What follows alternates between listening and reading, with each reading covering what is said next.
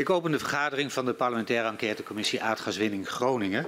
Aan de orde is het verhoor van de heer eh, Van der Meijden. En ik verzoek de griffier om de heer Van der Meijden en mevrouw Van der Meijden naar binnen te geleiden.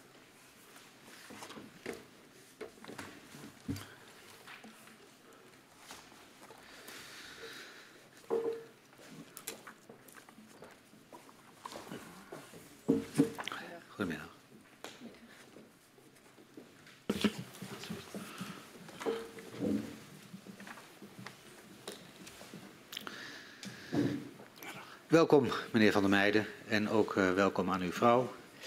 Um, het is uh, vandaag uh, het verhoor met u als voormalig NODM-directeur. 60 jaar gaswinning heeft Nederland veel gebracht, maar kent zeker voor gedupeerde schaduwkanten. De commissie onderzoekt hoe deze schaduwkanten hebben geleid tot het besluit om de aardgaswinning in Groningen te stoppen. We willen weten hoe de besluitvorming op cruciale momenten is verlopen. Hoe private en publieke partijen hebben samengewerkt bij de gaswinning.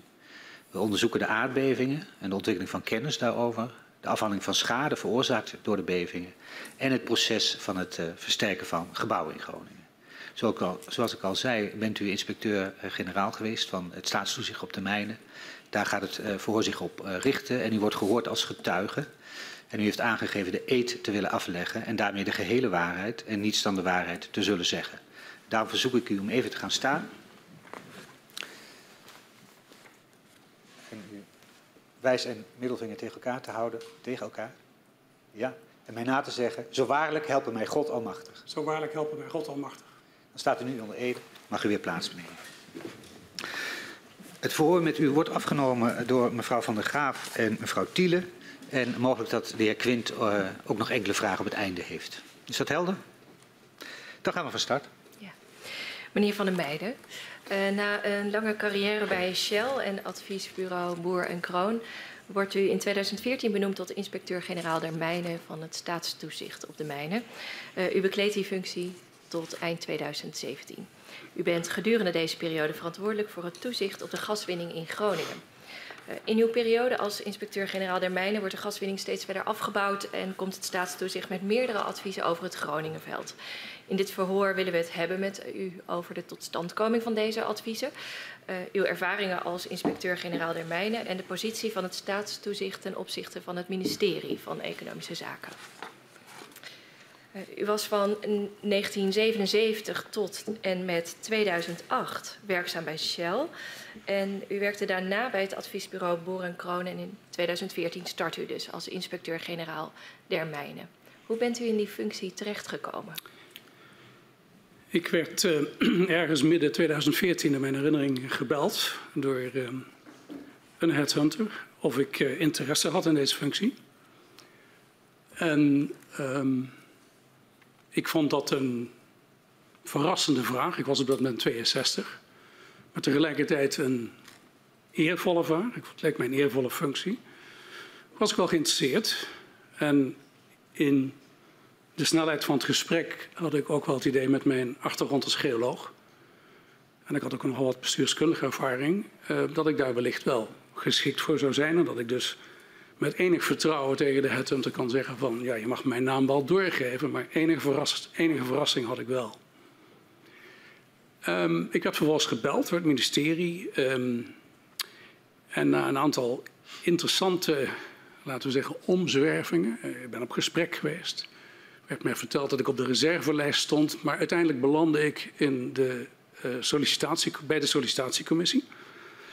En dat was een groep die groter is dan u hier zit. Vertelt u eens hoe dat uh, gesprek uh, daar ging en wie waren daarbij aanwezig? Ja, tegenover mij zat de secretaris-generaal. Maar ik later begreep, de IG is het eigendom tussen aanhalingstekens en de organisatietermen van de SG. Daar zat een directeur van EZ bij. Daar zat mijn de toenmalig plaatsvervangend inspecteur-generaal Roel van der Lind bij. Daar zaten ongetwijfeld wat personeelsmensen bij van economische zaken. En wat mij zeer verbaasde, zat ook de secretaris-generaal van NOGEPA. En NOGEPA is de brancheorganisatie de sector, voor de sector, de olie- en gassector. En ik vond het apart omdat een sollicitatiegesprek voor een toezichthouder waarbij de sector aanwezig is op wie toezicht wordt gehouden, dat vond ik bijzonder. Um, dat gesprek heeft ongeveer een uur geduurd. Kunt, kunt u aangeven uh, waarom u dat uh, zo bijzonder vond? Ehm, ik vind het niet per se vanzelfsprekend dat als je iemand bevraagt over zijn, eventuele, zijn of haar eventuele geschiktheid voor een functie als inspecteur-generaal, toezichthouder op de sector, dat degene op, uh, die de sector vertegenwoordigt, op wie jij eventueel toezicht gaat houden, in dat gesprek aanwezig is en dus bewust of onbewust daarin een rol zou kunnen spelen in de besluitvorming. Ik vind dat niet zuiver. Ja. Heeft uh, de vertegenwoordiger uh, van NOGEPA uh, dat was toen. Jo Peters. Jo Peters. Heeft hij ook vragen gesteld tijdens dat sollicitatiegesprek aan u? Niet dat ik me kan herinneren. Uh, heeft u contact gehad uh, met uh, de heer Peters en hem gevraagd waarom hij daarbij aanwezig was? Of heeft u dit aan het ministerie gevraagd? Ik werd, mogelijk ter plekke al? Ik weet niet meer of ik daar ter plekke een opmerking over heb gemaakt. Zover gaat mijn geheugen niet. Ik weet wel dat uh, sla ik even wat stappen over. Toen mij duidelijk werd dat ik gevraagd zou worden om voor een ruim drie jaar periode een soort van projectmatige benoeming als inspecteur-generaal, werd ik uitgenodigd voor een kopje koffie bij, uh, bij meneer Peters, bij Jo Peters. Een oud collega van me ook, Shell. En uh, tot mijn, en op dat moment was de benoeming nog niet bekend. toen heb ik met hem gedeeld wat ik daarvan vond van, uh, vond van ja, dat, hij ik dat dus eigenlijk niet zuiver vond. En ja. ik, wat ik mij herinner ging het gesprek toen, maar vergeeft u mij, dat is lang geleden. Van ja, maar uh, een beetje in de trant van we willen zeker weten wie daar komt te zitten. Uh, we willen daar capabele mensen hebben. Niet eens aan zich, sloeg niet per se op mij, maar niet eens zo heel onlogisch wellicht. En uh, op dat moment schoof even later schoof ook Jan de Jong aan terwijl mijn benoemer nog niet bekend was. Dus ik vond het al met al, ik vond dat wel een, een, uh, ja, een aparte procedure. Ja. Was u ook op de hoogte van dat de heer Peters in de selectiecommissie zat en invloed had uh, op de kandidatenlijst? Nee, dat was ik niet. Uh, waren er nog andere zaken die bij deze sollicitatie aan de orde waren waarover u zich heeft verwonderd? Ja, het zijn twee dingen. Er was één vraag ik meen van een van de directeuren van Economische Zaken uit het directoraat-generaal van, van Mark Dirks. Ik meen dat deze persoon mij vroeg. Um, stel dat u benoemd gaat worden. En uw advies, en u brengt een advies uit namens staatstoezicht. En dat advies wordt niet helemaal door de minister of niet door de minister overgenomen. Wat, wat doet u daar dan mee? Hoe stelt u zich dan op? Woorden van dergelijke strekking.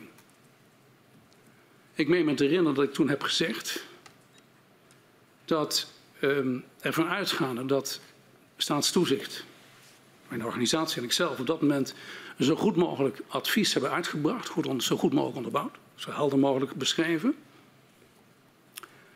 dat wij dat aan de minister communiceren. Want dat ik, ik beschouwde, ik wist toen nog niet zo, ik was een novice, ik had nog nooit in de overheidsoverheid gewerkt.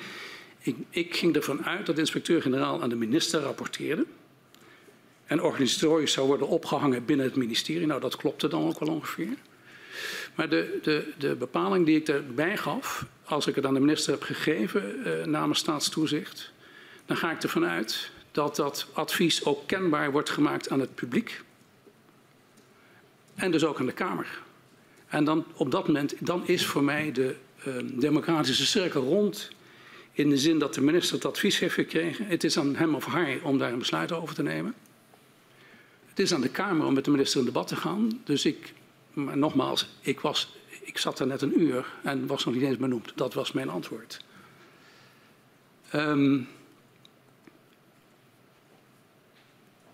het tweede wat mij.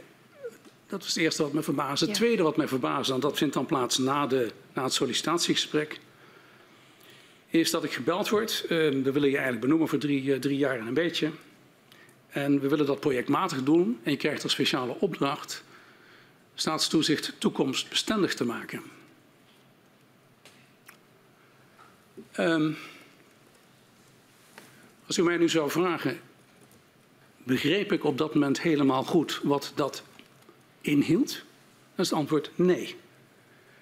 Um, we waren natuurlijk wel iets verder in de gesprekken. Ik had na dat sollicitatiegesprek nog wel een beetje een, een, een, een onderhoud daarover met, ik meen, Harry Paul, de toenmalige inspecteur-generaal van de NVWA, die dat proces begeleidde. Een buitengewoon plezierige interactie met hem.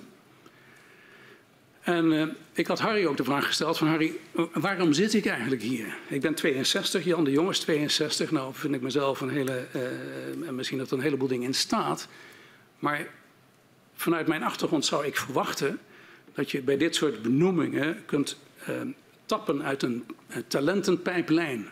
Dus waarom zit hier niet een, een, iemand van, van, van 50, een man of een vrouw die diezelfde die kan voldoen aan die eisen. En niet Harry van der Meijden die 62 is en al jaren uit het arbeidsproces. Dus dat vond ik apart.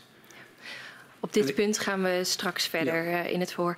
Waren er nog andere zaken waarover u zich eh, verwonderde? Um,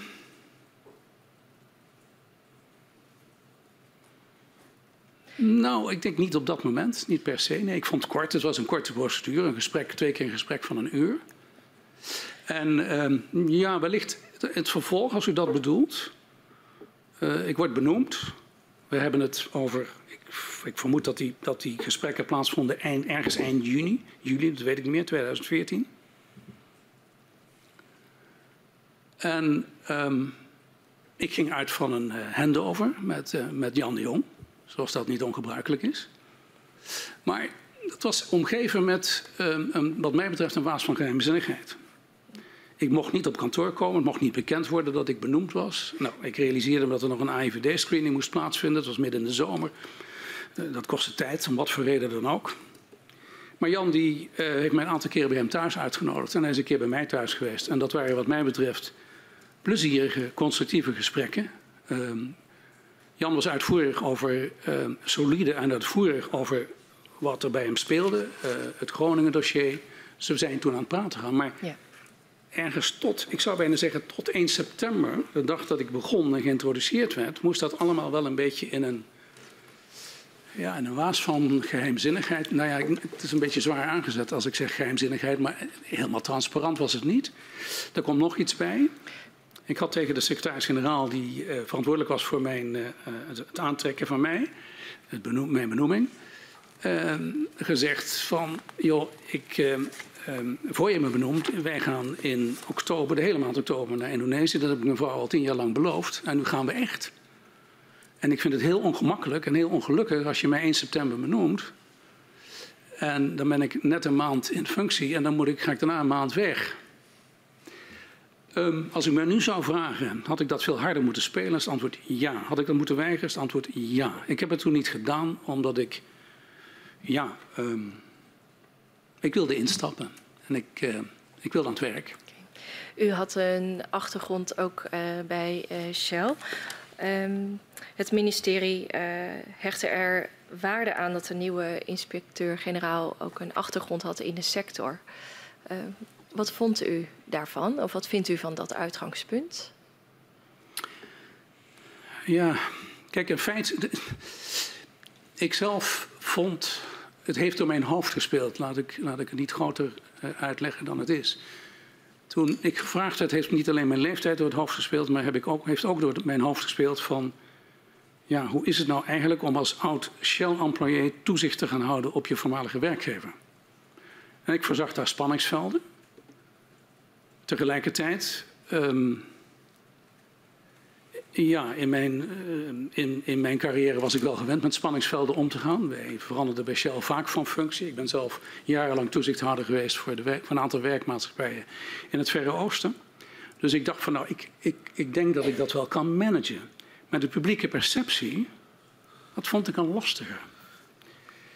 Dat de, uw vraag dat het ministerie iemand uit de sector wilde hebben, uh, dat vond ik op zich niet zo gek. Ik zou zeggen, ik vond het niet onlogisch dat je iemand wil hebben met een achtergrond, dan wel mijnbouw of geologie in mijn, in mijn geval of geofysica. Maar ja, tegelijkertijd, kijk, als we terugkijken, Jan de Jong kwam van Shell, de plaatsvervangende inspecteur-generaal van de Lint kwam van Shell, veel van mijn latere collega's bij staatstoezicht kwamen van Shell, Jans voorganger kwam van Shell. Het was jarenlang zo. Was het daarin per se slecht? Nee, dat denk ik niet. Maar ik denk wel dat met het, het Groningen-dossier en de focus en de schijnwerpers die toen op dat dossier kwamen te liggen en wat de rol van de aandeelhouders van Shell en Esso en de rol van NAM, werd dat wel gevoeliger. Ik heb ook ter afronding um, Toen ik de versterking, toen ik de opdracht kreeg voor de, voor de, de toekomstbestendig te maken, heb ik tegen de minister, de toenmalige minister Henk Kamp gezegd: Henk, ik ga proberen of ik een dusdanige organisatie kan opzetten dat jij meer vrijheidsschade of jouw opvolger meer vrijheidsschade heeft in het benoemen van mijn opvolger. En hoe doe je dat dan? Nou, ik wilde zorgen dat de tweede laag, de directielaag, net onder de IG, in ieder geval dusdanig bekend was en is met de sector en alles wat daar speelt, inhoudelijk vooral, dat je meer ruimte hebt om mensen die niet uit de sector komen te benoemen. En zie het resultaat van meneer Kokkelkoren die daar nu zit. Um, had u bij, op het moment van uw uh, benoeming ook nog uh, zakelijke uh, belangen bij Shell? Nee, helemaal en vroeg niet. het ministerie daarnaar? Uh, ik ben blij dat u dat vraagt. Ik was niet alleen verbaasd over de Nogepa-vertegenwoordiger, maar ik was ook verbaasd. Ik denk dat ik een dag of drie in, echt in functie was. En ik me realiseerde van, er is niemand die aan mij gevraagd heeft of ik wellicht aandelen bezit van bedrijven waar ik toezicht op houd. Nou, die had ik. Dus ik ben zelf naar uh, de SG Maarten Kamps gestapt. Ik zei, Maarten, dit lijkt me niet zuiver, wat, ga je er, wat gaan we eraan doen? Weliswaar stonden die dingen op afstand, dus ik kon er niet zo vreselijk veel mee. Maar ik denk dat jij, dat heb ik zo woorden van dergelijke strekking, tegen Maarten Kamps gezegd. Ik vind dat jouw organisatie mij daarover had moeten bevragen in het, in het proces en actie had moeten nemen. En van mij had moeten verlangen dat ik daar afstand van had gedaan voor ik benoemd werd. Want ik had zomaar kunnen zeggen van ja, dat, dat heb ik eigenlijk niet zoveel zin in. Ik heb het niet, dat heb ik dus niet gezegd. Ik heb daar afstand van gedaan. Maar ik vond het uh, niet passen bij een een zorgvuldige procedure, laat ik het zo formuleren. Als ik u zo samenvat, u, u heeft dus zelf die stap genomen om daar afstand uh, van te doen. Uh, het ministerie heeft u daar niet naar gevraagd en dat ook niet als een potentieel risico gezien wellicht. Dat potentieel werd denk ik gezien nadat ik het zelf had aangekaart, als ik het zo mag formuleren. Dank u wel. U zei al, hè, op 1 september 2014 wordt u inspecteur-generaal en dan volgt u de heer Jan de Jong op. Uh, meneer de Jong verklaarde in zijn verhoor uh, dat hij u van het ministerie van Economische Zaken niet in mag werken. Een gesprek bij de secretaris-generaal van het ministerie zou voldoende moeten zijn. Wist u dat? dat nee. Nee. Wat, wat, wat, vond u ervan? Wat vindt u ervan? Nou ja, wat ik u straks heb proberen te beschrijven is dat ik het een, een, een ongemakkelijk... Ik vond het een ongemakkelijke situatie. Uh, Jan was buitengewoon voorkomend, was solide, heeft mij een heleboel gegevens verstrekt. Maar dat was bij hem thuis en het was bij mij thuis. Mm -hmm. In mijn boekje, en ik denk ook wellicht in Jans een boekje, had het gepast om gewoon naar kantoor te gaan. En een soort van uh, overbruggingstijd te hebben. Kennis te maken met mensen. Um, en, en wellicht ook, maar dan ga ik verder dan dat u vraagt. Misschien was dat het moment geweest om mijn opdracht, SODM toekomstbestendig te maken, te delen. Niet alleen met Jan, maar ook met het zittende managementteam. Mm -hmm.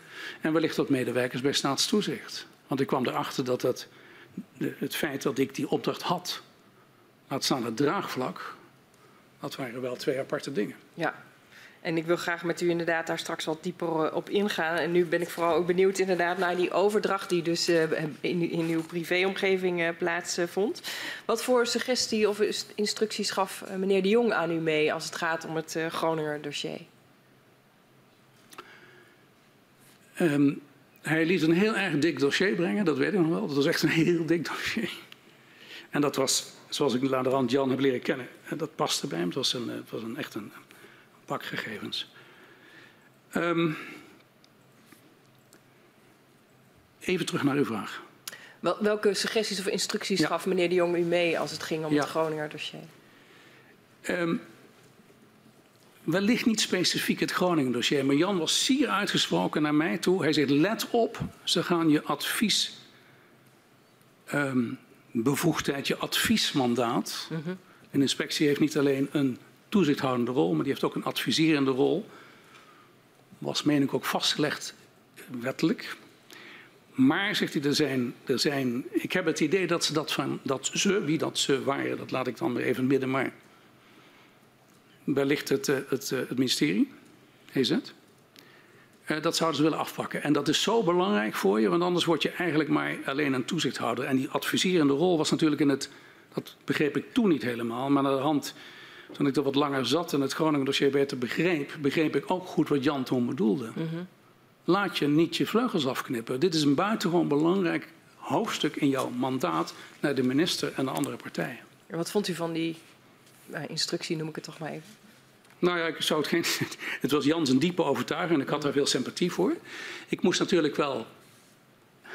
Ik kende toen het ministerie niet. Dus ik wist ook niet wat, er, wat, wat, wat voor spanningsvelden er waren, wat de interactie. Ik, ik, en ik kon nog niet goed taxeren dat Jans een opmerking, of Jans een opmerking volledig terecht was, of dat hij ja, vanwege de voorgeziendes rondom Groningen en alles wat er gebeurd was, wellicht daar heel heftig in zat. Het was duidelijk dat hij daar heftig in zat, maar ik kon niet taxeren. Ik, ik, vond het sympathiek wat hij zei en ik kon me intuïtief voorstellen -huh. dat het belangrijk was. Ik heb het in mijn herinnering ook bij mijn eerste gesprek bij eh, de minister in september aan de kaart gesteld en dat was totaal niet aan de orde. Okay. Maar um, mijn wantrouwen werd sneller gevoed dan ik had gewild, denk ik. Uw wantrouwen jegens? Jegens het ministerie. En waarom wellicht die vraag van Jan over laat je die adviestaak niet afnemen? In mijn herinnering zitten wij op een gegeven moment in Jans kamer. Of in mijn kamer, dat weet ik niet meer precies. In ieder geval, dat was, het was een soort van afscheidsgesprek -huh. van Jan en van mij samen met Mark Dirks. -huh. En het was in Jans kamer, ik weet het heel goed, ik weet nog waar ik zat. En op een gegeven moment hoor ik Mark Dirks zeggen... nee, of op, op een gegeven moment kwam aan de orde... laat ik het proberen zo zorgvuldig mogelijk te formuleren. Het werd duidelijk dat de DG werk van staatstoezicht had laten verifiëren... door externe partijen... en naar, ik begreep, achter de rug van Jan de Jong om. -huh. En ik heb, denk ik, nog eens gevraagd... hoor ik goed wat ik hoor? -huh. Ik vond dat schokkend. Ik vroeg me af, schokkend in de zin van... Kijk, dat je, dat kwam later, als u daar later wellicht in het voor op terug wilt komen... dan zal ik dat graag toelichten. Dat was de relatie met de DG en eh, de grootte van het Groningen-team, als ik dat zo mag zeggen. En wie is SODM? Kijk, dat er een behoefte kon, zou kunnen bestaan... om, om adviezen van staatstoezicht te verifiëren door externe partijen... Daar kon ik intuïtief, u moet bedenken, ik was daar pas twee weken, dus veel meer dan intuïtief kon het niet zijn. Daar kon ik me wel iets bij voorstellen. Maar waar ik me niets bij kon voorstellen, als het klopte wat ik hoorde, dat Mark achter de rug van Jan om die dingen liet verifiëren. Dat vond ik niet netjes. Dus u stelde toen die vraag, hè? hoor ik goed wat ik hoor? En ja. wat gebeurt daartoe in dat gesprek? Ja, het enige wat ik me kan herinneren is dat het aan de situatie niks veranderd heeft, omdat ik dat goed begrepen heb. Oké. Okay. En naar de hand, en daarom hecht ik eraan toch nog één of twee zinnen eraan toe te voegen. Dan zitten we iets verder in de tijd. Um, ik leer natuurlijk, zeker na mijn terugkomst van vakantie, uh, Mark Dirk steeds beter kennen. En we hadden gesprekken met elkaar over SODM-adviezen. En mijn taak en hoe ik die in ging vullen. En, en wat er aan de orde kwam, was van een, een beetje woorden à la... Ja, maar Harry, vergeef me het Engels. Hoe de hel is SODM? Hmm. Dat is een klein groepje mensen. Is toch niet onlogisch? En in mijn herinnering is mijn antwoord daarop geweest... Mark, in aantallen heb je gelijk. Voor zover ik nu kan nagaan, dat is een zeer competente groep mensen. Maar waarom heb je er dan zelf niks aan gedaan?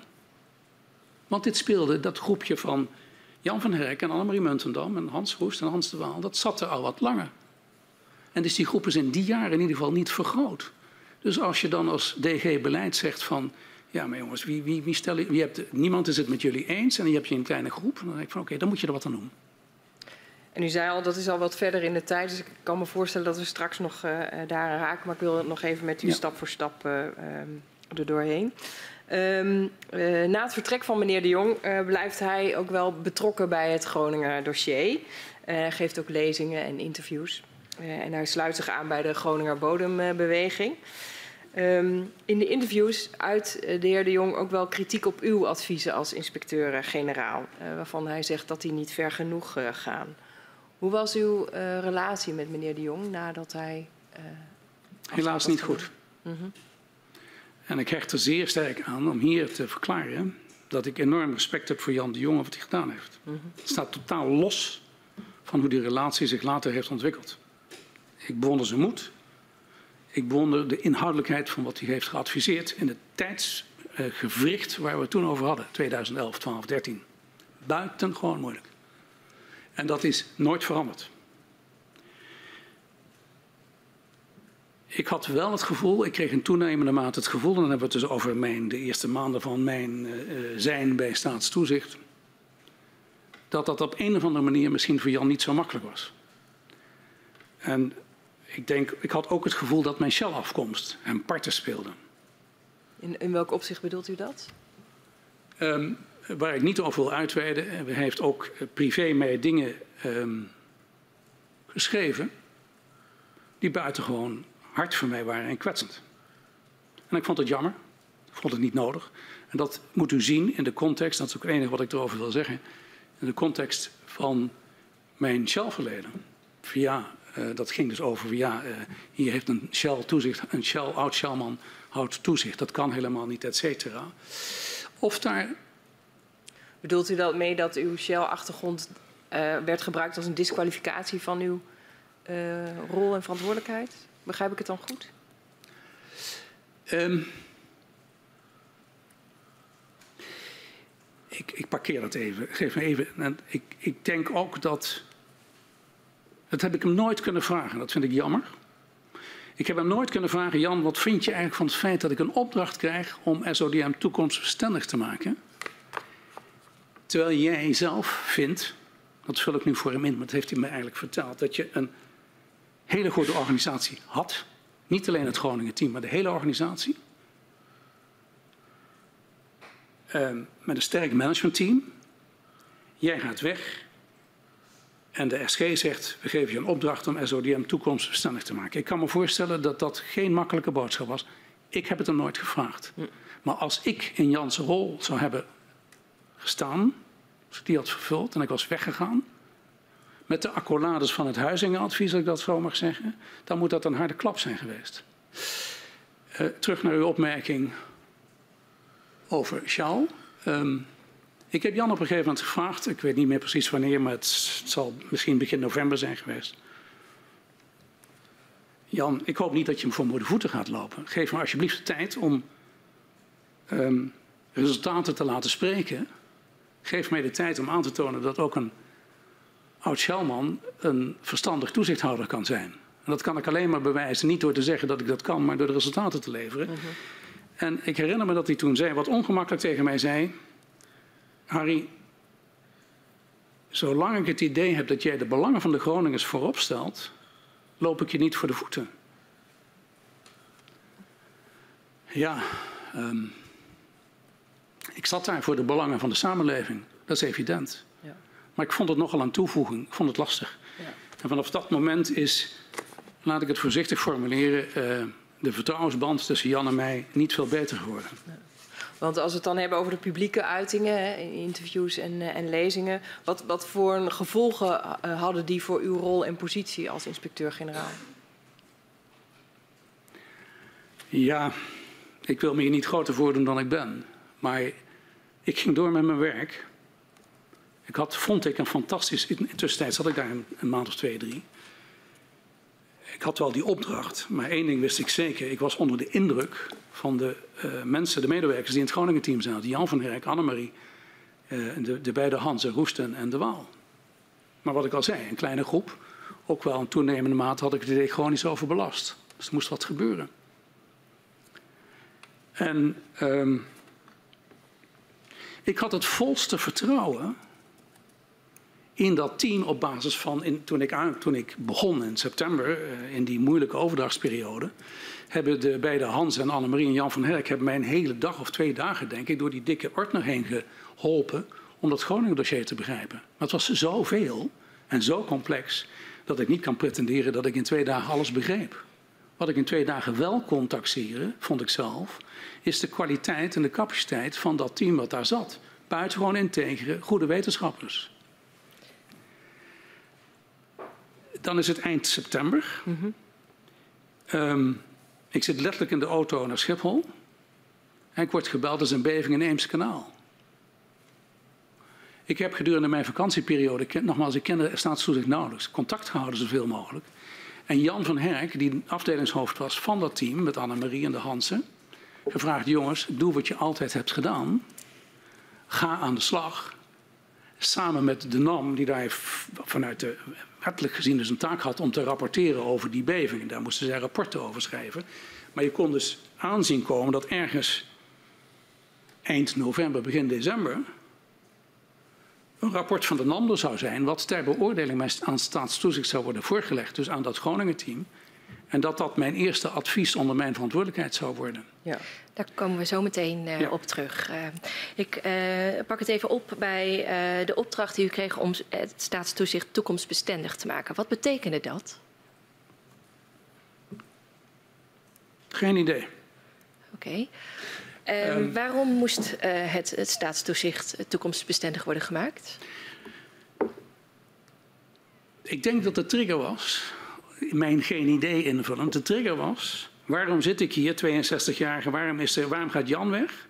En waarom is er geen opvolger? Is dit dan zo? Uh, komt dit zo uh, plomp verloren naar boven?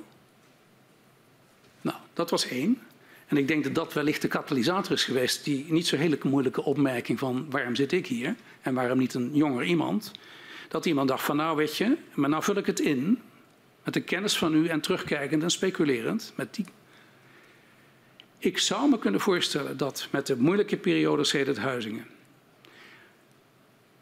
de besluitvorming door de minister, de hele, ik zou bijna zeggen, de, de gebeurtenissen die hebben plaatsgevonden van 12, 13 en 14, en Jan zijn vertrek, dat men dacht van, hé, hey, misschien moeten we eerst een buitenstaander naar staatstoezicht laten kijken. Er was één ding wat ik u vergat te vertellen. Tijdens mijn sollicitatiegesprek um, werd er of daarna, dat weet ik niet meer. Maar in ieder geval werd er toen gezegd door mijn plaatsvervanger, latere plaatsvervanger. Harry, wij zijn één grote familie. En niet veel later werd er door EZ tegen mij gezegd, met name Rick de Roy, de plaatsvervangend secretaris-generaal. Harry, we hebben eigenlijk SODM altijd een rustig bezit gevonden. Nou, veel was intuïtief eh, bij mij aan die, in die tijd. Als iemand, ik ben dol op familie, zeker mijn eigen familie. Maar als iemand zegt we zijn één familie. En je ministerie zegt jullie zijn een rustig bezit, weet ik niet of dat per se positieve kwalificaties zijn. Daar kan ik ook wel van allerlei andere dingen bij bedenken. Nou, um, ik heb geprobeerd in de eerste vier maanden, dus tot kerst 2014, die opdracht zodanig in te vullen dat ik laat ik beginnen met het bevragen van het managementteam en het bevragen van de medewerkers. Ja, want wat, wat was na die eerste paar maanden uw analyse van de organisatie? Hoe stond die ervoor? Ik noem u één anekdote. We hadden dus de wekelijkse managementvergaderingen. En aan het eind van zo'n managementvergadering, dat is bij een heleboel organisaties zo, denk ik. Dan is er een matrix, een stoplichtenmatrix. Met dingen, uh, rood zijn zaken die urgent opgelost moeten worden. Geel is opletten en groen is oké. Okay. En groen mag er één week op staan, moet het wegwezen. En zo'n lijst mag nooit te lang worden. Ik constateerde op een gegeven moment in december 2014 dat die matrix eigenlijk nooit veranderde. Er stonden dingen op die waren knalrood en die waren twee, drie jaar oud. En geel was twee, drie jaar oud. En dan vroeg ik van, maar als het nou zo knalrood, Pardon? Knalrood, dat stond Gewoon voor... urgent oplossen, urgent dit is een probleem. Dus het was, een, het was een soort van problemenmatrix. En geel? Geel moest je wel erg opletten. Dus rood en, rood en geel, en nou ja, dat, dat weet u ook in het verkeer. Bij rood en geel moet u echt wel even opletten. Er stond heel veel rood en geel op. Nou, waarom staat er zoveel rood en geel op? Laten we het even bij rood houden. Waarom staat er zoveel rood op? En waarom zijn die dingen al zo lang rood? Er waren dingen bij die al meer dan een jaar, twee jaar rood waren. En welke verklaring ontdekte u daarvoor? Um, ja, kort de bocht gezegd, onvoldoende. Er werd, want tegelijkertijd stelde men zich op het standpunt: wij zijn een zelf, wij zijn een lerende organisatie. Wij doen klanttevredenheidsonderzoeken. Nou, dat vond ik. Ik zeg maar, waar bestaat die dan uit? Nou, wij bevragen de onder toezicht gestelde. Ja, maar onder toezicht gestelde te bevragen over jouw functie als toezichthouder. Dan kun je wel afvragen of dat nou per se een gezonde verhouding is. Want wat, wat, daar kunnen belangen een rol spelen. Ik zeg niet dat het zo is, maar het kan. Dus ik vroeg me af wat de inhoud was van een lerende organisatie als ik daar een activiteitenmatrix op het hoogste niveau van staatstoezicht, het managementteam, vergadering onder mijn voorzitterschap, elke week weer diezelfde rode dingen tegenkwamen. Nou, dat is voor mij een voorbeeld van een, dat was voor mij een voorbeeld van een aspect in de organisatie waarvan ik dacht van nou, we hadden natuurlijk het Groningen dossier en dat ging wel door met, met het Groningen team. Met de restant van die organisatie, daar kreeg ik geleidelijk aan een beeld bij waarvan ik dacht van nou. Um, Want hoe, hoe, hoe, zag u het Groningen team in die organisatie in die eerste maanden? Um, het Groningen team het was een eiland wat mij betreft. Een eiland van, um, moet u me niet verkeerd begrijpen. Zij waren zo gefocust op het Groningen dossier. Dat was een, dus de, de focus van hun onderwerp was duidelijk, het was Groningen. Dat waren uh, een aantal echte wetenschappers.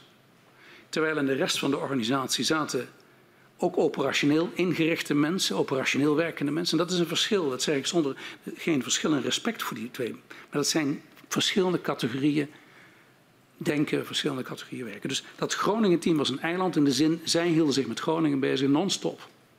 Er werd keihard gewerkt.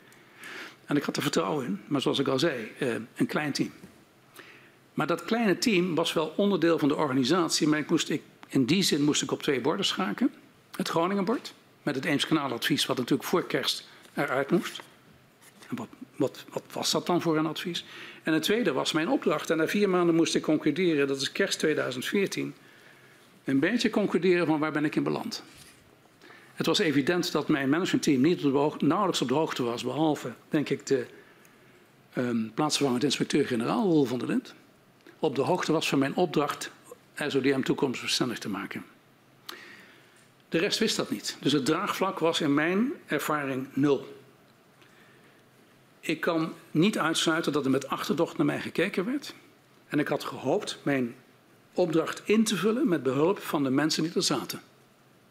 Ik kwam daar niet met de insteek, ik ga daar eens de, de, de, de, de matrassen opschudden en ik ga eens reorganiseren. Nee, ik ga luisteren en ik ben soms, ik kan heel ongeduldig zijn, maar ik had me wel voorgenomen, ik ga vier, vijf maanden echt luisteren. Wat speelt daar?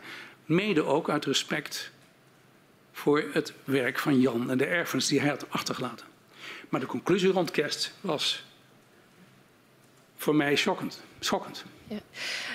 Uh, u, u, gaf net aan, die, die problemenmatrix. Uh, kunt u een voorbeeld geven van uh, zo'n zaak die daarop stond als ja. rood? Ja. Dan moet ik wel graven in mijn geheugen hoor. En als u, ga maar niet, ga maar niet uh, vastpinnen op, op, op punten achter de komma. Want dat kan ik gewoon niet hard maken.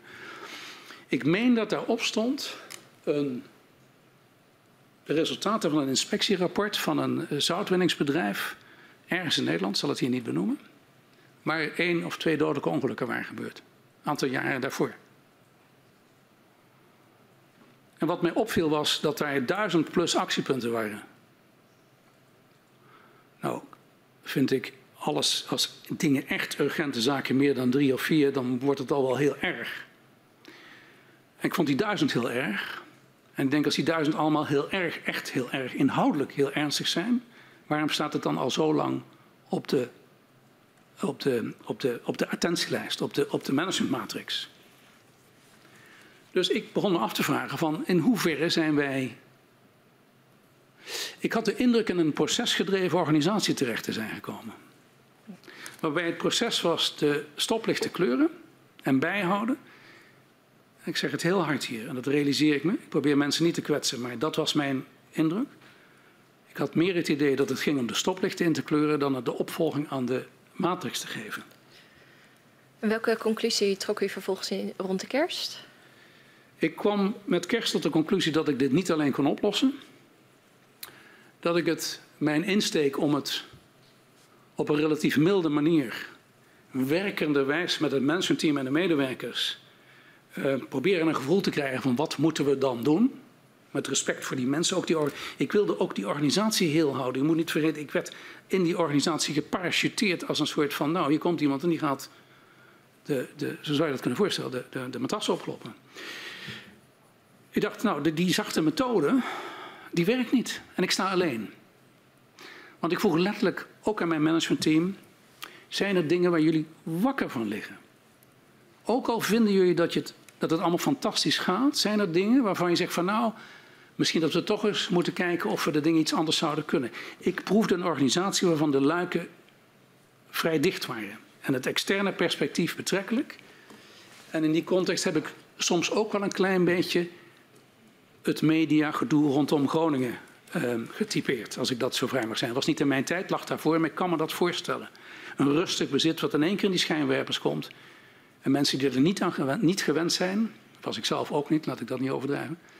Maar dan in één keer, nou, terug naar uw vraag. Um, dit ga ik niet alleen oplossen. De milde manier werkt niet. Ik heb toen meneer Lenny Vulperhorst van Andersen Elfers Felix, die ik uit mijn vorige uh, leven kende als uh, consultant, en wie ik zeer hoog vertrouwen had. Ik heb hem gevraagd mij te helpen. En dat moet ergens zijn geweest in, het, in, de, in de prille maanden van, uh, van 2015. En um, met Lenny heb ik toen besproken van hoe kunnen we dit aanpakken? Hoe kunnen we die organisatie laten spreken? En ik noem er één voorbeeld als u dat goed vindt. Um, wij kwamen overeen, hij zou twee dingen gaan doen. Hij zou een externe ronde gaan doen. Bestuurders in het noorden van het land, ministeries, de sector. En we zouden uit de organisatie een groep, een klankbordgroep formuleren van tien mannen en vrouwen. Van jong naar oud. Veel ervaring, minder ervaring. En die zijn allemaal handpicked. En ik hecht eraan hier te melden dat ook Annemarie Muntendam heel bewust onderdeel uitmaakte van die klankbordgroep. Waarom? A, omdat ik een zeer hoge pet van Annemarie op heb en had. En B, omdat zij in dat Groningen team een belangrijke rol vervulde. En C, omdat zij um, met haar relatief jonge leeftijd vond ik dat een, zou dat goed kunnen werken in die klankbordgroep. Okay. Een van de manieren om het staatstoezicht te versterken is om het kennisnetwerk uit te bouwen. Dat schrijft u ook in augustus 2015 in een ambtelijke nota, hebben wij gelezen. Het staatstoezicht mocht volgens u alle expertise en kwaliteit in huis hebben om gezaghebbend toezicht uit te oefenen. Een eigen wetenschappelijke onderzoekscapaciteit is vanwege de zuiverheid van rollen volgens u niet nodig. Ik wil dat even met u ontleden. Wat bedoelde u met gezaghebbend toezicht? En mag ik u vragen u de antwoorden iets bondiger te formuleren? Waar dat kan. Gezaghebbend toezicht. Ik vind dat gezag, ik vind en vond dat gezaghebbend toezicht begint met kennis van zaken zowel in competentie als in capaciteit. Dus je moet niet alleen de juiste mensen hebben met de juiste eh, kennis, maar ook het juiste aantal mensen. Een toezichthouder ontleent daar zijn, zijn, zijn, zijn mandaat aan. Ook, in de, ook als het niet wettelijk geregeld is, is kennis van zaken is buitengewoon belangrijk. Dat is één aspect. En uw andere vraag? Uh, waarom zou een eigen onderzoekscapaciteit niet zuiver zijn? Ik uh, verwijs even naar de Onderzoeksraad voor de Veiligheid, het rapport van februari 2015, februari maart 2015, die eigenlijk zegt, um, het SODM geweldig wat, je, wat jullie gedaan hebben, chapeau, maar het is een slager die zijn eigen vlees keurt. Je hebt het gebaseerd, je advies gebaseerd op eigen onderzoek. Strikt genomen was ik het daarmee eens. Maar de omstandigheden waarom Jan de Jong en zijn medewerkers toen besloten hebben toch dat te doen, rechtvaardig in mijn optiek wat hij gedaan heeft. Dus dat was de natte lap die ik vond OVV over het Groningen team heen legde. Wat ik daar wel van vond, is dat de OVV zegt van duister, en dat staat los van die onderzoekscapaciteit die je moet hebben.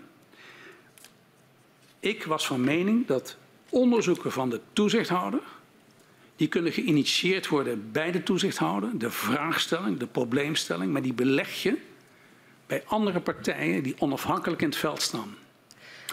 Je moet, om dat te kunnen, om de juiste vragen te kunnen stellen en problemen te begrijpen, moet je zelf kennis van zaken hebben. En snel kunnen schakelen. En moet je kunnen, op een goede manier kunnen interacten, als dat een Nederlands woord is, met instituten, organisaties, of het nou in Zwitserland, in Italië of in de Verenigde Staten is. Dus ik wilde wel die mensen die capaciteit en die kwaliteit hebben. Maar dat zelf onderzoek doen en op basis van het eigen onderzoek dan vervolgens een advies, dat maakt je kwetsbaar.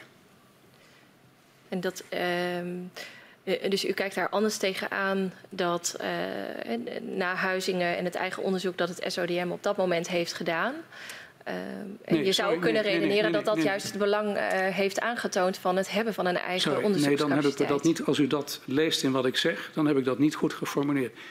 Ik heb zeer veel respect. En ik denk dat Jan de Jong, ik ben ervan overtuigd dat Jan de Jong op dat moment geen andere weg open stond dan te doen wat hij heeft gedaan.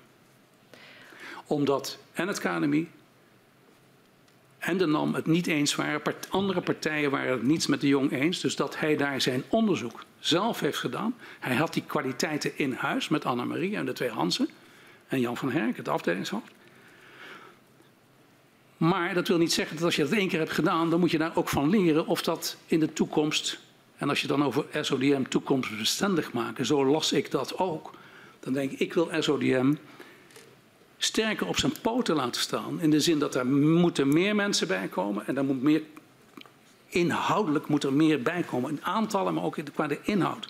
Maar zij moeten dus vooral kunnen beoordelen wat anderen doen, Ja. maar niet eh, zelf dat onderzoek doen. Uh, Ze moeten het onderzoek kunnen begeleiden, ze moeten het kunnen beoordelen, ze moeten lastige vragen kunnen stellen. Ja. Ze moeten de kwaliteit van het antwoord van de hoogleraar uit Napels of waar die ook vandaan komt, kunnen beoordelen van wat heb je daar precies mee bedoeld. Okay.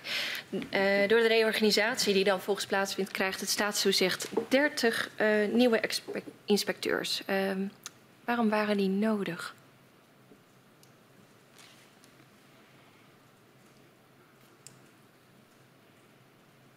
Die waren nodig omdat ik in de eerste plaats vond dat SODM overbelast was op, op bepaalde terreinen. Zeker wat betreft het Groningen-team, dat heb ik eerder benoemd.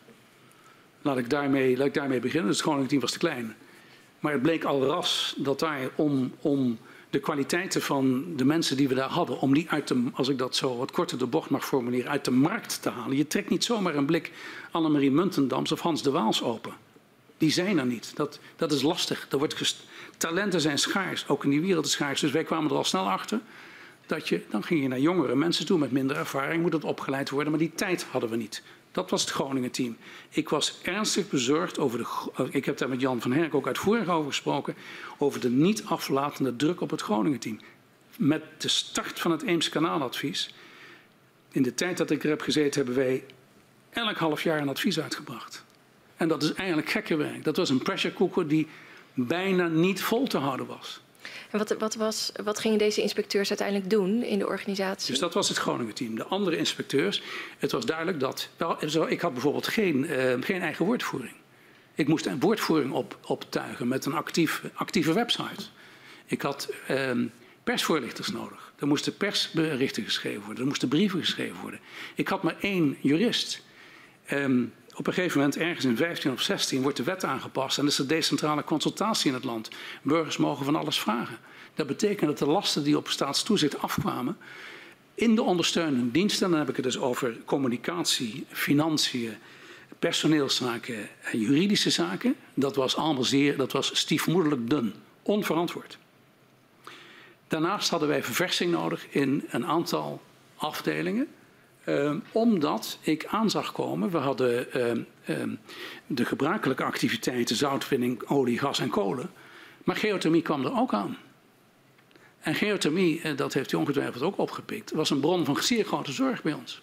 Ja. Ook richting het ministerie. Maar dan, uh, dan vraag ik u even, u gaf net aan, er stonden heel veel zaken stonden in het rood op die probleemlijst. Was u in staat om die rode zaken aan te kunnen pakken met die uh, uitbreiding op dat moment? Nou, dan vraagt u mij te veel, want dat kon ik op dat moment natuurlijk niet beoor beoordelen. Ik zag alleen, constateerde dat het een probleem was. Ik constateerde ook dat ik um, verandering in de top van de organisatie wilde.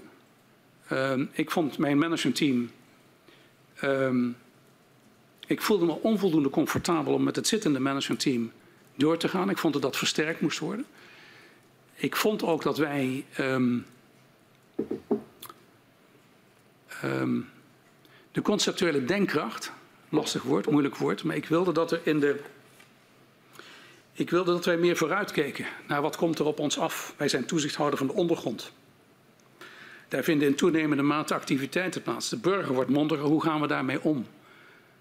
Dat moet je vooruit bedenken. Dat moet je niet als de situatie zich voordoet, dan gaan bedenken hoe doe ik dat. Dus ik wilde die capaciteit denkkracht, en dat zeg ik met alle respect voor de mensen die in de organisatie zaten op dat moment, er was gewoon versterking nodig.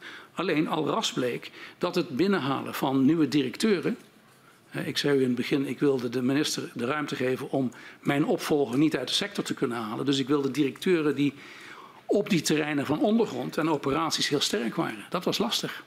We hebben daar een jaar, anderhalf jaar knetterhard werken met een headhunter aan gewerkt.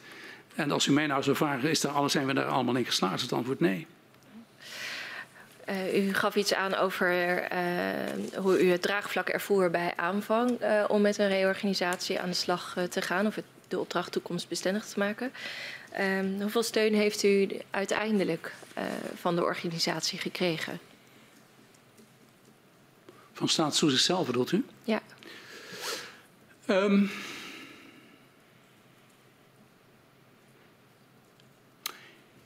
ik denk dat de reorganisatieperiode, 15, 16, 17, voor een aantal mensen binnen staatstoezicht een buitengewoon lastige periode is geweest. En um, uw vraag of ik daar steun heb ontvangen. Ik verwijs naar het voor van Annemarie Muntendam.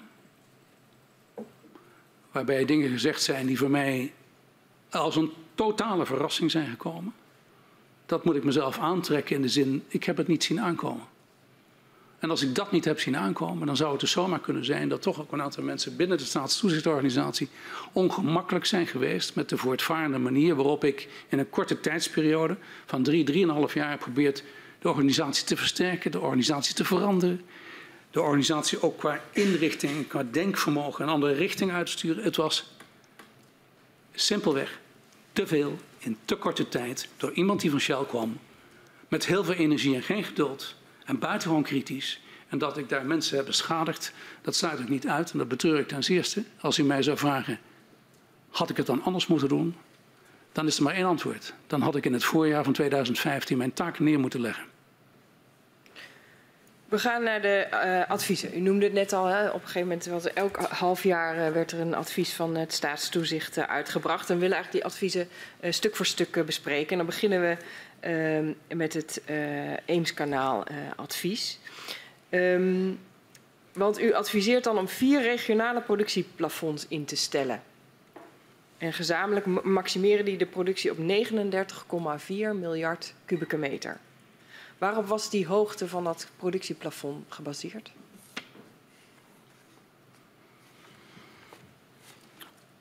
...42,5 min 3,1 is 39,4. En die 3,1, waar moet ik die vandaan? 42,5 was het plafond wat na, de, na het januari-advies rondom Loppersum werd ingesteld. Mm -hmm. Eind september beving in Eemskanaal, advies uitgebracht, bestudeerd. Toen bleek dat eh, in de regio Hoge Zand meer seismische activiteit was dan daarvoor. Het bleek ook van de rapporten van NAM die wij bestudeerd hebben, dat de productie in het Hoge Zandgebied hoger was dan daarvoor. Met andere woorden, er was ruimte. Ehm, de NAM had de ruimte benut in het plafond om meer te produceren. En wij zagen aanwijzingen dat de seismiciteit in het Hoge Zandgebied door de verhoging van de, product, van de productie ehm, was ontstaan. Mm -hmm. Wij zagen ook dat de seismiciteit in het Eemskanaalgebied relatief stabiel was. Mm -hmm. Ondanks die bevingen. Pardon. en dat de, ook in de regio Oost de seismiciteit relatief stabiel. Daar rolt een cijfer uit van 3,1 miljard kuub. En dat betreft productiebeperking in het Hoge Zandgebied. Ik kan u niet uitleggen waarom dat nou precies 3,1 is geweest. Mm -hmm. Maar feit was dat het 42,5 min 3,1 kwamen op 39,4 uit. Oké. Okay. Mevrouw Muntendam, u noemde het al dat u een aantal verrassingen in haar verhoor had. Maar die, had, uh, die zei in haar verhoor over die totstandkoming van dat uh, advies van 39,4. Uh, dat zo, zoals zij het had begrepen, minister Kamp dat toen al had uitgerekend op een papiertje. Wat is uw reactie daarop?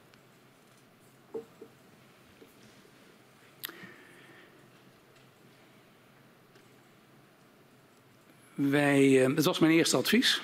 Mm -hmm. En ik vroeg aan mijn Groningen team van hoe gaan wij er normaal mee om? Sturen we dat per post naar de minister of krijgt hij dat van ons te horen of bel ik hem op? Hoe doen wij dat? Wat eruit kwam is dat ik toen heb voorgesteld, wij gaan, wij vragen, ik denk één of twee dagen voor we dat uh, advies openbaar wilden maken. Ik wilde de minister de gelegenheid geven van luister, minister, dit is ons advies. Dit staat erin, begrijp je dat? Staan er dingen in die je niet begrijpt, is het duidelijk, staan er, staan er dingen die niet kloppen. Het is niet de bedoeling om daar te zeggen van nou dat bevalt me niet en dat bevalt me niet. Dus dat was de insteek. Dus wij hebben daar onze eerste sessie gehad met de minister. Eerste sessie van deze soort. Naar de hand hebben we dat in de, de jaren erop hebben we dat steeds herhaald. En u zegt we en wie zijn Ja, daar we? kom ik op. Dat was ik. En omdat ik me realiseerde dat ik met mijn Shell-achtergrond buitengewoon kwetsbaar was, heb ik altijd erop gestaan dat de afdelingshoofd meeging. In dit geval was het Jan van Herk, later Bartelt Schoot en later Wouter van der Zee. En altijd één van het team. Dus dat kon Annemarie zijn of dat kon Hans de Waal zijn of ik- Hans Hoest, maar ik denk meestal of Annemarie of Hans. Als u mij nou vraagt, zat Annemarie daar in die specifieke sessie bij, dat weet ik echt niet meer. Maar dat we daar met meer dan alleen meneer Van der Meijden zaten, dat is zeker.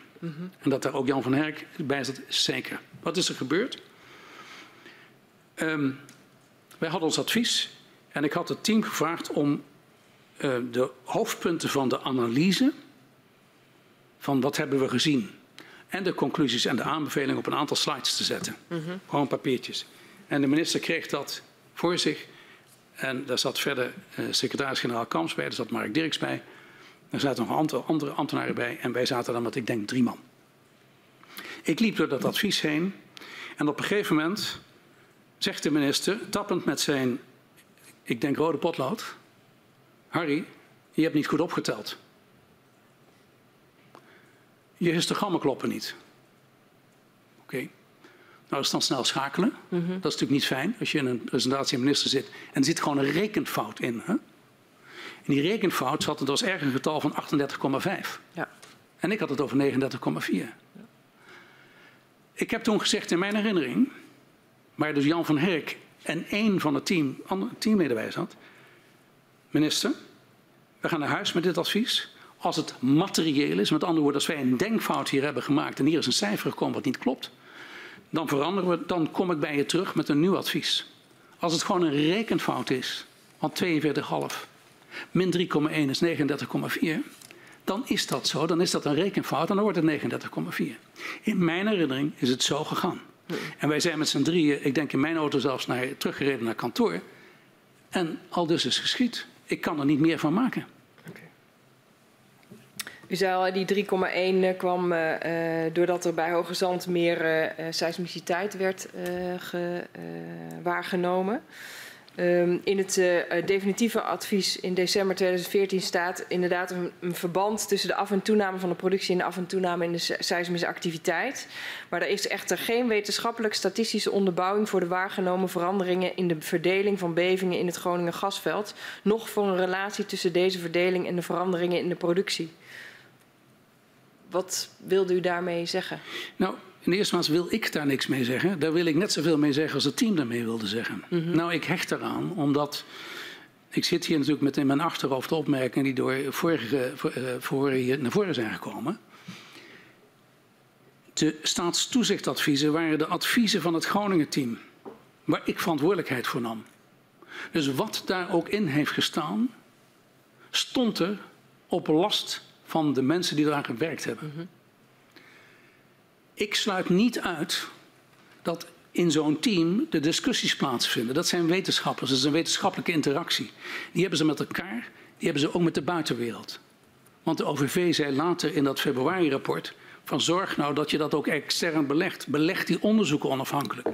Dan vinden die interacties plaats. Wij deden dat toen al wel een klein beetje... maar nog niet zoveel als dat we later deden.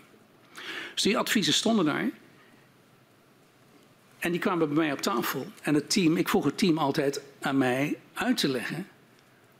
Dit was het eerste advies. Hoe ben je ertoe gekomen? Ja. Wat waren de voorgaande adviezen? En bedenk dan aan Jan van Herk, voor wie ik ook een zeer groot respect had. Buitengewoon goed, af, cruciaal lid van dat team, afdelingshoofd. In mei is hij volgens mij de eerste geweest die een rode draad in de SODM-adviezen heeft geïntroduceerd. En die rode draad was er specifiek op gericht om te zeggen van en ik, eh, Jan zei ongeveer in dat, in dat advies, hij zit, als je de context, om SODM's adviezen goed te kunnen begrijpen, is het belangrijk dat je de context van de voorgaande adviezen in hun verband ziet. Anders is het onmogelijk om te taxeren waar dit advies in past. Dus het Eems-kanaaladvies paste in het advies van januari 14. 14, de Loppersumsluiting. Zoals het team zei, dat is de machinekamer van de seismiciteit in Groningen en het huizingenadvies. Dus wij hebben in mijn optiek, en dat zal in alle vragen die u mij nog zal gaan stellen, terugkomen in die jaren stapsgewijs, steentje voor steentje gebouwd op wat er lag. Ja, want in de, in de jaren daarvoor adviseert Staatstoezicht vaak eigenlijk alleen een maximum voor de totale productie. Ja. Wat is dan de reden dat in 2014 die vier regionale productieplafonds komen? Ja, dat is een hele goede vraag. Um, en daar kan ik op verschillende manieren beantwoorden. Um, ik denk dat dat een eerste poging is geweest om risicogestuurd delen van het veld te, te laten opereren door de NAM. Mm -hmm. Want we zagen in één keer tot onze stomme verbazing dat het systeem leek. Stomme verbazing, dat klinkt een beetje raar. Loppersum leek succes te hebben. Succes in de zin dat de seismiciteit was enorm afgenomen. afgenomen. En veel sneller afgenomen dan we dachten. De aanname was 1 tot 1,5 jaar reactietijd. En we zagen daar, CBS min of meer gevalideerd, waren nog maar beperkte gegevens, hè, dat binnen het systeem binnen drie, vier maanden leek te werken. Nou, ik denk dat vanuit die, maar dat is terughalen. Is met, nogmaals, dat was mijn eerste advies. Dus ik moet ook terughalen wat ik toen dacht, of wat dat team toen dacht. Ik denk dat we toen hebben gezegd van nou, voortbouwend op dat Loppersum gebeuren. We zien het rustiger worden. Als we nou eens Hoge Zand dichtknijpen, gaan we weer kijken wat er gebeurt. Dat is één. Twee, als ik nu terugkijk, hebben wij met 39,4, en ik neem dat voor mijn eigen rekening, deze opmerking, een wellicht het idee van schijnveiligheid geïntroduceerd. Wat bedoelt u daarmee? Daar bedoel ik mee, hoe kun je in godsnaam een plafond benoemen in decimalen? Als de onzekerheden zo groot zijn. Maar dat zeg ik met de kennis van u. Van u. Dus we hebben, dus um, Eemskanaal was nog zo'n poging om een getal te noemen. We hebben ons toe laten verleiden. U ziet in 15, zowel in juni 15 als in december 15, dat we geen getallen meer noemen. Daar komen we zo op terug. Maar ik heb nog één vraag over dat Eemskanaal-advies. Um, met die vier regionale productieplafonds. Wat was de reactie van NAM op die specifieke vorm van het advies? Met de beste wil in de wereld, dat weet ik niet meer. Ik weet alleen dat NAM in alles volgde wat de minister besliste. De minister besliste 39,4 wordt het nu een plafond, dus gaan we het zo doen. Um, wat ik wel vermoed, is dat er gestoeid is. Kijk, de, de relatie tussen uh, de werkvloer van de NAM en de werkvloer van het Groningen-team bij staatstoezicht is in mijn, zoals ik dat heb kunnen beoordelen, altijd heel productief, heel, heel productief geweest, heel constructief geweest. Dat waren wetenschappers op de werkvloer die met elkaar stoeiden over aannames, over interpretaties. Um, en daar zal misschien wel gezegd zijn van ja, maar eh, dat, weet ik, dat weet ik niet. Laat ik niet speculeren. U maar weet dat, niet wat, wat Nee, maar dat zeggen van hoe kom je nou bij... Nee, daar, zullen ze, daar zal men wel gevraagd hebben hoe kom je nou met 39,4 en dan moeten we dat dan doen. Ja, dat zoeken jullie maar uit. Ja, maar op, zeg maar, u, u heeft geen uh, uh, nee, niet van, uh, van NAM nee. gekregen of Ik, ik kan me voorstellen dat ze er niet 100% gelukkig mee waren, maar dat is een ander verhaal. U gaf het al aan, in dat Eemskanaal-advies uit 2014 wordt heel specifiek een productieplafond genoemd, tot op de komma nauwkeurig uh, aangegeven. En daar wordt een jaar later van afgestapt. Uh, dan zien we een globaler uh, advies. Er wordt alleen in algemene termen gezegd dat het onder een niveau van 33 miljard kub per jaar veilig is. Um, waarom wordt op dat moment een globaler advies gegeven? Nou ja, ik begrijp dat u die vraag stelt zoals ik eerder probeerde te zeggen, wij waren lerenderwijs stapje voor stapje. Huizingen, Loppersum, Eemskanaal. We leerden dat de reactiesnelheid van het veld. We, kregen de indruk van, goh, het zou, het zou kunnen reageren. Het zou sneller kunnen reageren op productie ingrijpen. Daar moet ik opmerken dat. Um, ik heb zeker wel eens een keer gezegd dat de onzekerheden groot waren. Er was natuurlijk heel vroeg de vraag van kunnen, kan gasproductie bevingen veroorzaken. Daarna kwam de vraag, helpen jullie ingrepen wel? Staatstoezicht. De NAM, directeur-generaal Dirks. Ja, hoe kun je nou, je kunt helemaal niet wetenschappelijk hard maken dat als ze die kraan gaan dichtdraaien, dat dan die, dat dan die bevingen gaan teruglopen. En dat de kans op zwaardere bevingen kleiner wordt. Dat kun je niet wetenschappelijk onderbouwen. En daar hadden ze misschien wel gelijk in, maar tegelijkertijd heb ik toen tegen zowel Dirks als tegen Schotman, Gerald Schotman, de directeur van de NAM, als tegen meneer Benschop, als publiekelijk in de pers gezegd dat ik als inspecteur-generaal uiteindelijk niet 100% wetenschappelijke onderbouwing nodig heb om in bepaalde situaties toch een oordeel uit te spreken en een advies te geven. En dat was in de tijd dat de, uh, het dichtknijpen van de productie, het verminderen van de productie steeds pijnlijker ging worden.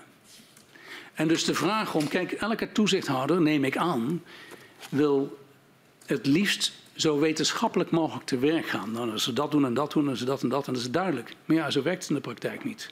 En nooit. En ik zag aankomen dat het wetenschappelijk bewijs van ingreep in de productie, en later zijn daar fluctuaties bij gekomen, of lak produceren en al die aannames, daar zaten heel veel grijze zones omheen. Een aantal van die dingen waren redelijk intuïtief, maar dat ontsloeg mij niet, het team niet en mij niet om toch wikkend en wegend te zeggen en toch gaan we het zus en zo doen. Dat betekent wel dat we dus van die concrete plafonds afgaan. En hoe reageert de minister daarop? Ik denk dat het, uh, uh, die 33 significant onder 33 gaan zitten. Dat was het advies van juni 2015. Uh, dat was ook wel in, ik vond dat ook behoorlijk in lijn met de voorgaande adviezen. In de zin, je moet zo laag mogelijk gaan zitten en je moet versterken. We hadden een tweeledige benadering. Je moet er bij de bron aanpakken, productie naar beneden en je moet ook snel versterken. Dus dat advies van ga significant onder 33 zitten was het resultaat van scenarioberekeningen die NAM had gedaan bij 39,4, 33, ik meen 27 en 20 miljard. Het is een periode 2015 waarin wij werkenderwijs, denkenderwijs, ik kom zo bij de vraag van de minister bij, het idee kregen van nou, kunnen we die risico's, kunnen we, kunnen we dat veld beter, kunnen we de risico's beter sturen. Um, fluctuaties kwamen er op een gegeven moment in. Dus we hebben toen tegen de minister gezegd van nou, wij kunnen niet specifiek, we hadden geen normen. Dus we hebben ook geroepen, laat, kom met normen. Commissie, commissie Meidam in 2015. Een toezichthouder zonder normen kan geen toezicht houden. Wat ik me toen niet realiseerde is dat die normen wel kwamen, maar wij die normen daar niet komen konden we, Daar komen we zo meteen op. Zou, zou wij komen bij de minister uit uw vraag. Ja. 35, onder de 33 significant. En ik denk dat de minister um, mij aan heeft gekeken. Van ja, maar wat moet ik dan? Want ik, er was duidelijk een behoefte aan een concreet getal. Nogmaals, ik weet niet zeker of dat een die bijeenkomst is geweest, maar ik weet in ieder geval wel zeker dat een een van die bijeenkomsten, en ik vermoed ergens in 2015 is geweest dat de minister, omdat wij geen concrete getallen meer noemden, heeft gezegd waar moet ik dan gaan zitten. En toen hebben wij dus, ik denk, zoiets gezegd, wij, dus dat is het team, dat ben ik namens het team. Um, dit is het beste wat wij kunnen adviseren. U moet zo laag mogelijk gaan zitten. Rekening houden met, u heeft een aantal andere aspecten waar u rekening mee moet houden in uw rol als minister. Leveringszekerheid, waar ik me niet mee wilde bemoeien. En u kunt die afweging maken, die kunnen wij niet af. En die kunnen wij niet maken voor u. In het advies eh, van 2015 komt voor het lopende gasjaar ook nog een ander uitgangspunt eh, naar voren. Uh, namelijk dat niet alleen het totale volume belangrijk is voor het reduceren van aardbevingen, maar ook de wijze waarop dat volume wordt gewonnen. Ja. Als er weinig schommelingen zitten in de winning, is er minder kans op aardbevingen. vlak winnen gaat het dus over. In het advies staat onder meer onder, dat er onderzoek gedaan moet worden op korte termijn naar het effect van kortdurende enkele weken sterke productiefluctuaties in verschillende regio's. Waarop was dat advies gebaseerd?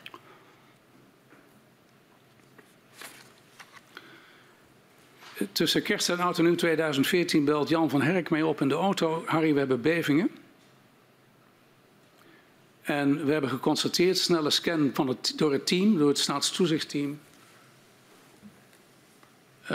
wij zien dat daar waar de bevingen uh, zijn opgetreden, is er door de NAM in hele korte tijd heel veel geproduceerd. Of heel veel, er is heel snel aan, het, aan, het, aan de putten getrokken.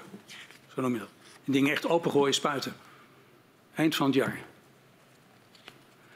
En wij denken, staatstoezicht, dat er wellicht een kausaal verband kan zijn, op dat moment niet meer dan empirisch, tussen die bevingen en het gebied waar die putten zijn en die bevingen. Dat is in mijn herinnering de start van de fluctuatiegedachte. Die heb ik niet bedacht. Die komt tot mij via Jan van Herk. Ik kon daar niks van vinden, maar ik vond Jan zijn verhaal niet onlogisch, intuïtief gezien. Gedurende 2015 is het team, het Groningen team, aan fluctuaties gaan werken. In een krachtenveld, extern, dus niet een NAM, maar ook onze externe wetenschapspartners. Maar ook bij de NAM was er twijfel in hoeverre die fluctuaties wel of niet een rol konden spelen. Wij vonden in toenemende mate, vooral empirisch denk ik, dus proefondervindelijk, um, dat en nogmaals, intuïtief kon ik me daar wel iets bij voorstellen. Als je nou maar heel rustig produceert, niet te hard die kraan opendraait en niet te hard dat gas laat ontsnappen. Misschien dat dat beter is om die seismiciteit te controleren. Dat was ook de periode dat er, er was, een, er was een, een ik wil niet zeggen een sterk wetenschappelijk onderbouwde theorie, maar er was een wetenschappelijk denkspel die ervan uitging dat het zou zomaar eens mogelijk kunnen zijn dat. Kijk, die bevingen die ontstaan omdat er energie opbouwt in de ondergrond door compactie. Drukverlaging, compactie, energie. Veel van die energie vindt zijn weg doordat die bevingen plaatsvinden. Denk maar aan de, de, de, de, de, hoge drukketel thuis als u een soep maakt en dat ding begint te fluiten, dan moet de stoom eraf. De ware gedachte in het team bij ons, het Groningen team, dat het niet uit te sluiten was dat als je nou heel veel zou het nou zo kunnen zijn dat als je nou heel voorzichtig produceert en niet te hard trekt en niet te laag, en niet en dus dat je bij een bepaald volume niet, niet, te, on, niet, niet, te, niet te brusk laat reageren, dat die energie zich werkenderwijs in de ondergrond zijn weg vindt en niet een beving veroorzaakt. Is dit een heel wetenschappelijk betoog? Nee, dat is het niet. Intuïtief vond ik het. Het kwam uit het team, ik heb het niet verzonnen. Is er ook onderzoek gedaan naar uh, de fluctuatie uh, ja, naar sterke productiefluctuaties? Er is. Het Groningen team zelf heeft daar naar gekeken. En er staan in een van de adviezen staan. Ik meen autocorrelaties, dat is een wiskundige, uh, wiskundige theorie. Ik meen dat het, het, de mei 15 of december 16 advies is. En ik herinner me nog dat een van de teamleden, ik weet echt niet meer wie, bij mij kwam en zei van als je dit ziet, dan zou dat kunnen wijzen, wetenschappelijk, een wetenschappelijk bewijs kunnen zijn, dat fluctuaties zin hebben. Vraagt u mij niet, want daar ben ik wiskundig onvoldoende voor geschoold, maar ik weet wel dat die wiggeltjes in dat rapport staan. Dan schuif je dat en dan. Nou, ik weet ook zeker dat, de, dat de, de, het Groningen-team overleg heeft gehad met hun externe collega's in de VS en in Zwitserland. En ongetwijfeld met TNO, uh, AGE, de, de, de Economische Zakengroep. Van hoe kijken we daar nou tegenaan? Maar het was niet zo dat dat in één keer gepresenteerd werd. Zo is het. Het was een gedachtentrein. En die gedachtentrein was zo um, belovend potentieel, veelbelovend, dat, want bedenk in 2015 kwamen we erachter dat het, het veld werd steeds rustiger. We hebben ons in 2015, als ik in 2016 terugkijk, denk ik van nou, het is echt rustig geworden. Zou het dan toch kunnen? Zouden we het veld kunnen managen? Zouden we het veld kunnen opereren? En er hoorden al die dingen bij, wetenschappelijk of niet, intuïtief of niet. Maar voor uh, 2016 zitten we nog eind uh, 2015. Op 18 november namelijk vernietigt de afdeling bestuursrechtspraak van de Raad van State de winningsbesluiten van het ministerie van Economische Zaken. En de Raad van State vindt dat Economische Zaken ten onrechte uitgaat van een koud jaar. Uh, in hoeverre vindt u dat de Raad van State in die uitspraak voldoende rekening hield met risico's door grote seizoensfluctuaties? Laat ik aan de achterkant beginnen. Um, de uitspraak van de Raad van State dat je moet naar 27 gaan, mm -hmm. kwam mij eigenlijk helemaal niet slecht uit. Want wij hadden gezegd, ga maar significant onder 33, 33 zitten. Ja. En 27 was in mijn boekje wel behoorlijk onder de 33. Um, de overwegingen van de Raad van State rondom fluctuaties, ja. En in feite zie je een, in mijn optiek een, eenzelfde soort van gedachtentreintje in het, uh, de Raad van State uitspraak van november 17. Het gaat over modellen, het gaat over onzekerheden rondom modellen, input en output. Gebruik je wel of geen model? Als je een model niet goed genoeg vindt, gebruik je het dan helemaal niet? Of gebruik je er een stukje van? Als je fluctuaties denkt dat het werkt, maar je kunt het niet in je model stoppen, zeg je dan laten we fluctuaties maar vergeten, want het past niet in het model? Als u mij kunt volgen. Mm Dat is mijn beleving geweest van die. Ik begrijp die uitspraken wel en ik begrijp die overwegingen wel van. Um, ja, eigenlijk wat maak je maar nou? Je hebt dat niet, niet zorgvuldig, onder, niet voldoende onderbouwd. Mm -hmm. Ja, dat is ook heel erg lastig. Ja. En dan kom ik terug bij mijn wikkend en wegend toch een advies uitbrengen. Ja, dus u zegt die 27 uh, kuub was in lijn met het advies dat u eigenlijk al gegeven had, namelijk significant onder de 33. Ja. En u zegt uh, fluctuaties, daar hadden we wel even in mijn woorden gevoel bij, maar daar konden we nog geen berekeningen op maken. Dus daar vond ik ook eigenlijk en het niet van. tegen de druk in, hè, die fluctuaties. Want de NAM zag daar niks in. Oh. Dirk zag daar niks in. Oh. Dat waren allemaal, ja, maar je hebt geen poot, letterlijk, je hebt geen poot om op te staan. Dat is wetenschappelijk niet bewezen.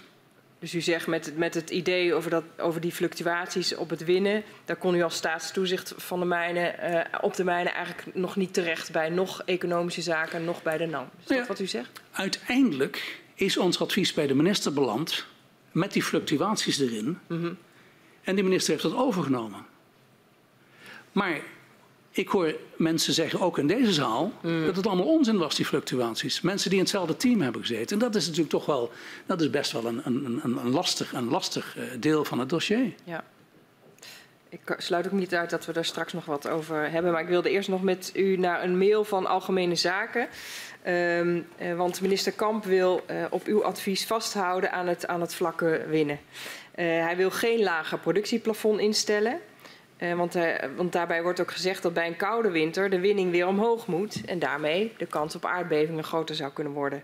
In de mail van Algemene Zaken wordt een uitspraak van u in een gesprek met minister Kamp aangehaald over dat wenselijke winningsniveau. En mijn vraag is of het klopt dat u minister Kamp eind 2015 mondeling hebt geadviseerd om het winningsniveau verder terug te brengen dan die 33 miljard, maar wel ruim boven de 23 miljard te blijven. In mijn herinnering heb ik nooit één op één met minister Kamp een overleg gehad over winningsniveaus. Het enige overleg, inhoudelijk overleg, dat ik met minister Kamp heb gehad in al die jaren, als het ging over productie, over Groningen adviezen, was dat in aanwezigheid van mijn teamleden. En hij was vergezeld van zijn mensen. Mm -hmm. En dus minister Kamp heeft in het, ik kan, uh, die, die adviezen die we hebben uitgebracht, dat weet u, dat zijn rapporten van tientallen pagina's. Um, ik kan me niet exact herinneren wat aan al die, al die rapporten heeft gestaan, maar de essentie van het rapport van, 15, van juni 15 en december 15, dat ging over fluctuaties en vlak winnen en zo laag mogelijk, maar niet te laag, dat je dan, omdat je dan eventueel moet gaan fluctueren. Mhm. Mm -hmm. Dus het was een, zo staat het denk ik bijna letterlijk in die adviezen. Mm -hmm. Dat is ook het, zo heeft minister Kamp ook die adviezen van ons gehoord. Dat heeft hij gehoord in een advies setting zoals ik u dat eerder heb beschreven. Ik heb niet naar de hand daar um, nog eens ooit een telefoontje aan gewijd of nog eens een gesprek aan gewijd. Nee, ik vond alleen dat wij, en dan ga ik terug naar dat stapsgewijs het ontwikkelen van adviezen. Als het zo is, als je insteek is, onze insteek van staatstoezicht, zo vlak mogelijk produceren, zoveel mogelijk fluctuaties vermijden, zo voorzichtig mogelijk. Mm -hmm. Dan is de logica dat je aan het eind van die trein zegt van maar als leveringszekerheid, waar ik niet over ga en ging, als leveringszekerheid dan in het gedrang komt die je toch dwingt om te gaan fluctueren, dan moet je daar heel goed naar kijken. Ja. Maar, maar, uw antwoord is op mijn vraag of het klopt dat u de minister mondeling heeft geadviseerd. Uh, is, is uw antwoord dus eigenlijk nee? Niet op de manier zoals ik uitleg hoe vaag is. Nee. Dat dat in een één op één gesprek is. Het antwoord is nee. nee.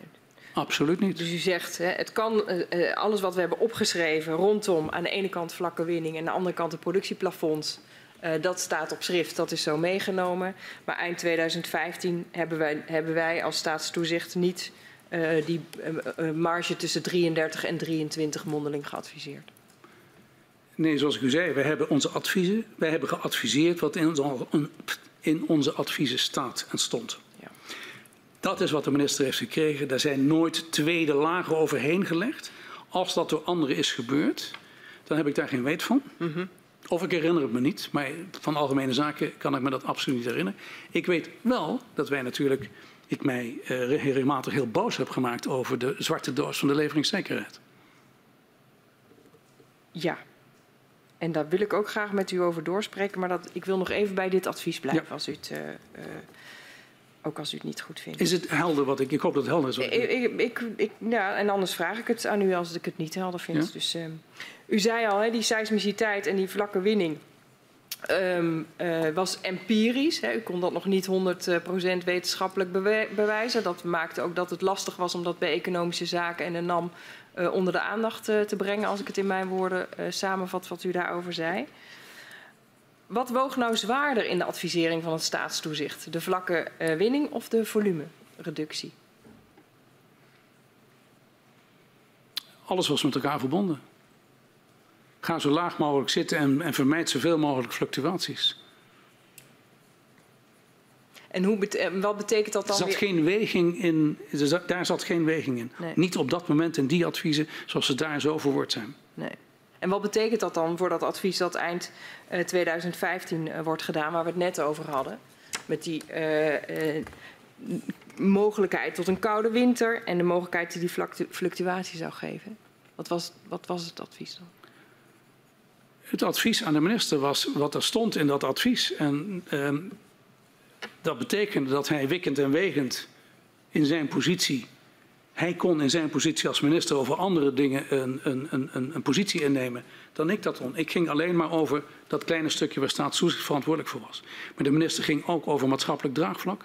De minister gaat ook over leveringszekerheid. Mm -hmm. Ik had geen zicht op leveringszekerheid. Dat wilde ik ook niet, maar ik was wel geïrriteerd dat ik het niet begreep. Mm -hmm. um, Kijk, toch even daar heel kort over die leveringszekerheid. Als het nou zo was, want waarom wilde ik dat begrijpen, die leveringszekerheid? Als het nou zo was dat er toch wat meer flexibiliteit in die leveringszekerheid zat,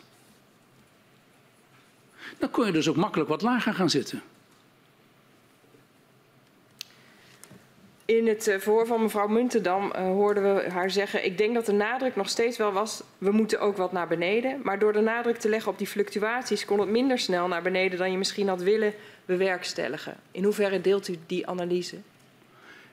Um, ik denk dat ze, als ze dat zo sec gezegd heeft... heeft slaat ze de spijker op de kop. Mm -hmm. Want als er een ondergrens zit in, de, in, het, in, het, in het volume... omdat je anders moet gaan fluctueren... dan is dat feitelijk correct ja. weergegeven.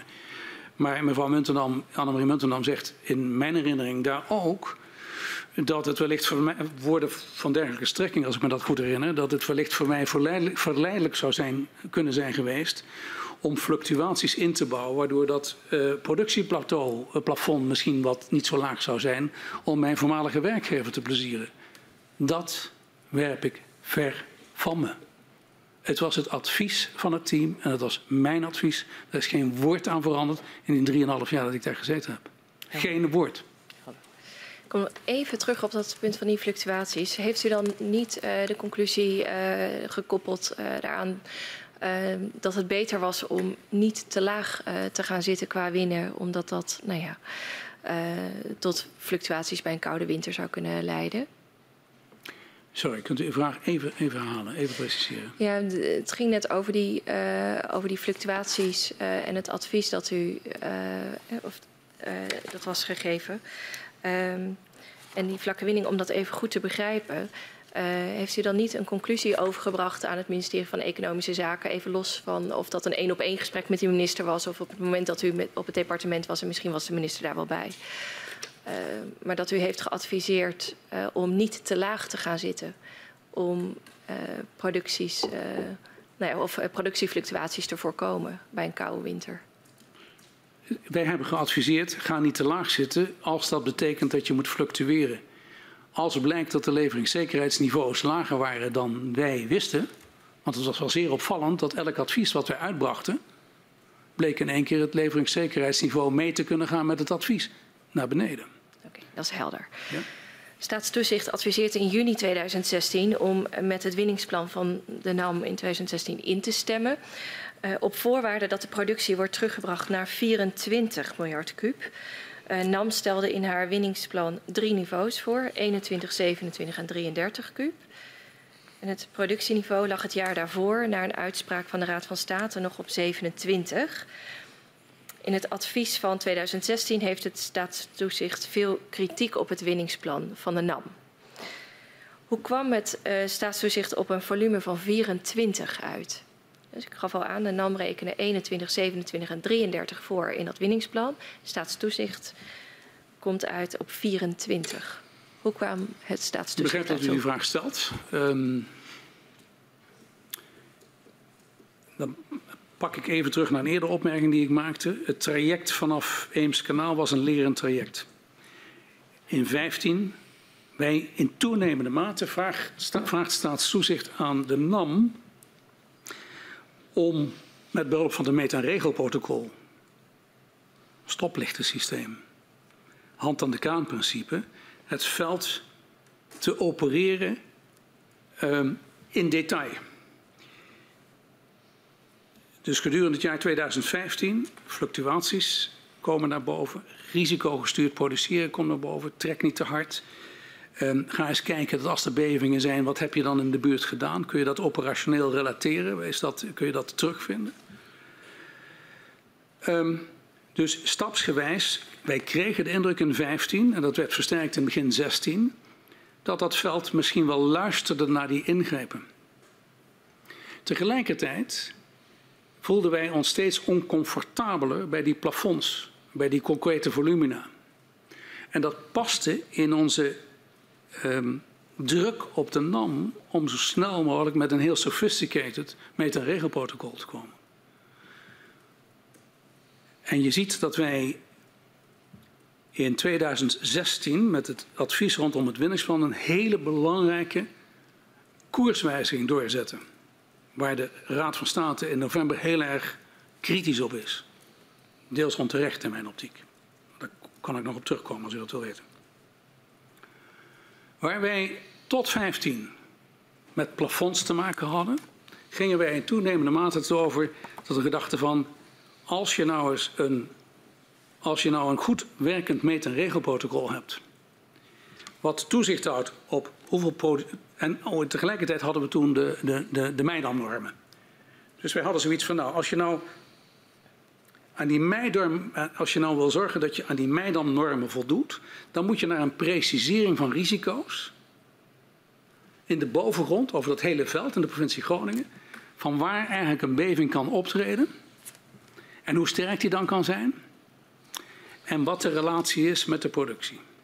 Dus een set van productieparameters en geografische parameters, waar ben je? Um, dat noemden wij risicogestuurde productie. Dus met andere woorden, je neemt waar en hoeveel heb ik geproduceerd, er was een beving, et cetera. Maar op veel kleiner niveau dan bijvoorbeeld de insteek die daarvoor was van we hebben een halfjaarlijks, op een gegeven moment een halfjaarlijks plafond. Ze van nee, wij gaan met een meterregelprotocol naar een situatie toe dat we gaan uit van het, het, het, het advies van 2014 is, is uh, van 2017 is 24 miljard. En um, daar hoort het meet- en regelprotocol bij. Ik stap nu eventjes over naar, zeven, naar het jaar 2017. Er hoort een meet- en regelprotocol bij. En als dat... Um, um, als, dat, als je merkt dat de bevingen optreden, moet je onmiddellijk met een, met een, met een respons komen. Ja, maar dan even naar het advies van 2016. Want ja. dat is het advies waar ik naar vraag. Hoe komt u op dat moment als staatstoezicht op die 24 uit? Ja, uh, de NAM had die uh, scenario's, de productiescenario's, ge, ge, in kaart gebracht. En kwam met de conclusie dat er dus, ik meen bij 33 miljard en het versterken van 4000 huizen, dat het dan wel veilig zou zijn. Wij betwisten dat. Wij betwisten A, de, uh, de conclusie dat het bij 33 miljard je veilig zou kunnen produceren omdat we die risicomodellen, de uitkomsten van de modellen door de NAM gebruikt. Wat betreft de risicogegevens, dat vertrouwden we, dat we niet. En B, uh, vonden wij de aanname dat je 4000 huizen zou versterken in no time, want dat moest dan heel snel gebeuren, volstrekt ongeloofwaardig. Dus 33 zou het niet worden? Pardon? 33 zou het dus niet 33 worden? 33 zou het niet worden. Ik wil jullie vragen om naar de 24 toe te... En toen is er een correlatie, een, een, een, een verband gelegd tussen... Um, de, tussen 27 en 21 zeiden we nou, als je nou, en dat was, een, een, dat, was een, dat was bijna een schaakspel, als je nou heel voorzichtig gaat produceren, die fluctuaties vermijdt, ga dan eens op 24 zitten en kijk wat er bij 24 gebeurt. Als wij gelijk hebben, dan zou het wel eens zo kunnen zijn dat als die fluctuaties echt effect hebben, dat je in een situatie komt waarbij je ehm, de rustige periode zoals we die in het jaar 2015 hebben gehad, met relatief weinig bevingen, dat we die um, uh, bewerkstelligen. U zou me kunnen vragen waarom bent u niet meteen naar 21 gegaan? Um, wij dachten dat 24 op dat moment paste in onze stapsgewijze benadering van de controle van het veld en dat dat verantwoord was. Uh, u zei al uh, iets over het metaregelprotocol. Waarom uh, vond u dat dat niet voldeed op dat moment? Het was niet sophisticated genoeg, het was niet slim genoeg.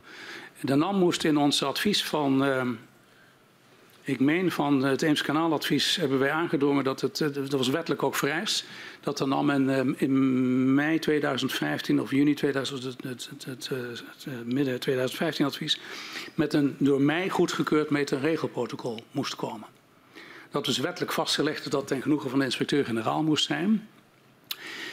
Um, wij hebben uiteindelijk twee jaar, dat is staatstoezicht in, een hele lastige interactie met de NAM, twee jaar erover gedaan om een adequaat meet- en te krijgen. En met, kijk, als u een meet- en maakt, hetzelfde met een model waar alles in past, dan is de voorspellende waarde heel betrekkelijk, want dan zijn die bandbreedtes zo groot. Uh, we zijn daar, uh, onze interactie met de NAM is in toenemende mate onvriendelijk over het uitblijven van het meet- en. Ik heb ook een aantal brieven gestuurd, die zult u ongetwijfeld gevonden hebben, dat ik het niet goedkeurde. Het is op, een gegeven moment gaat het zover dat ik meen wij in, uh, ik denk in de tweede helft van 2016, een alarmeringsprotocol formuleren. Kan zelfs zijn dat het zit in het, in het, uh, in het winningsplanadvies van, van midden 2016. En dat bestaat, dat heeft twee parameters, als ik me goed herinner, aardbevingsdichtheid en aardbevingsintensiteit. En dat was een poging van staatstoezicht om in de lacune te voorzien uh, die de NAM liet. De NAM had een jaar tevoren al dat meet- en regelprotocol moeten hebben. Um, u zou zich misschien afvragen hoe kan het dan dat dat dan allemaal zo lang duurt. Dat zult u aan de NAM moeten vragen. Feit is dat wij vonden dat het, uh, wat ze produceerden was vaak niet goed genoeg. Was niet sophisticated genoeg. En uiteindelijk hebben wij gezegd, nou dan doen we het zelf wel. En dan lever je per mei in het voorjaar van 2017 een meet- en regelprotocol aan. En waarom was dat nou zo ongelooflijk belangrijk? Omdat een meet- en regelprotocol, een sophisticated meet- en regelprotocol, uiteindelijk is het gekomen, essentieel was bij de risicogestuurde operaties van het veld. Een totale afwijking van de, van de, de, de plafonds die in de voorgaande jaren uh, uh, uh, van kracht waren. Hoe reageerde de NAM op de productieverlaging in het advies? Ik kan me herinneren, ik denk dat het het uh, winningsplanadvies is geweest van 2016, woedend. Woedend. En waarom? Dat zult u in de NAM moeten vragen. Ik vraag het aan u. ja, dat begrijp ik. Um, we hadden een van die sessies die, we, die ik u eerder beschreef, waarbij wij de minister informeerden van wat gaat het advies worden. En ik meen me te herinneren dat het dit winningsplanadvies is geweest dat niet alleen de minister er zat en de secretaris-generaal en DG Dirks en een aantal andere ambtenaren. En wij zelf met ons Groningen team. Maar daar zat ook de NAM. En daar zat ook meneer Benschop en ook meneer Joost van Roost van ESSO. Dan moet u bedenken, dit was bedoeld te zijn het informatiemoment van mij als inspecteur-generaal naar de minister, dit gaat het advies worden. Een kans voor de minister om kennis te nemen van het advies voordat het publiek werd. Ik kan me alleen maar herinneren dat ik me totaal overrompeld voelde. Want daar hoorde de NAM, laat staan haar aandeelhouders, gewoon niet bij. Dat was een zeer ongemakkelijke vergadering, herinner ik me nog, voor ja, iedereen die erbij was. Kunt u aangeven wat werd er gezegd door de NAM, maar ook door de vertegenwoordigers van Shell en Esson? Die op de moment... vertegenwoordigers van Shell en Esson hebben in die vergadering niet veel gezegd. Ik deed mijn gebruikelijke verhaal, maar het werd uh, toch wel redelijk ongemakkelijk. Ik kan me die details niet meer herinneren, anders dan dat het onaangenaam was. en mij is toegebeten de wandelgangen na afloop door de directeur van de NAM. Je, wil, je bent alleen maar tevreden als de productie nul is.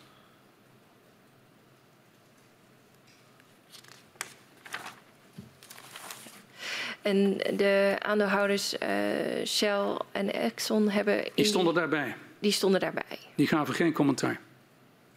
Die hebben gezwegen ook tijdens die vergadering?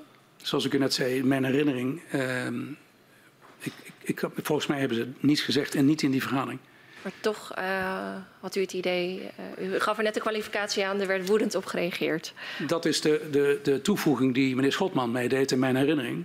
Na afloop in de wandelgang en na afloop van die bijeenkomst. Het was, een, het was een, in zijn geheel. Een on, kijk, soms heb je bijeenkomsten en dan hoeft er niet zo heel veel gezegd te worden door iedereen. Dan is het buitengewoon, het is een buitengewoon ongemakkelijke atmosfeer. Die hing er toen. Ik sprak, de minister sprak. Zullen ongetwijfeld een aantal andere mensen gesproken hebben. Ik denk dat Schot, meneer Schotman als directeur van NAM ook wel iets gezegd zal hebben. Ik weet dat niet meer. Wat ik wel weet is dat het ongemakkelijk was. Dat het zeer ongebruikelijk was. Dat ik me zeer overvallen voelde. En dat mij na afloop in de wandelgang is toegevoegd. Je bent alleen tevreden als het nul is. En wat zei u toen? Ik zei toen, het gaat mij om de veiligheid. Het gaat me hier niet om getallen.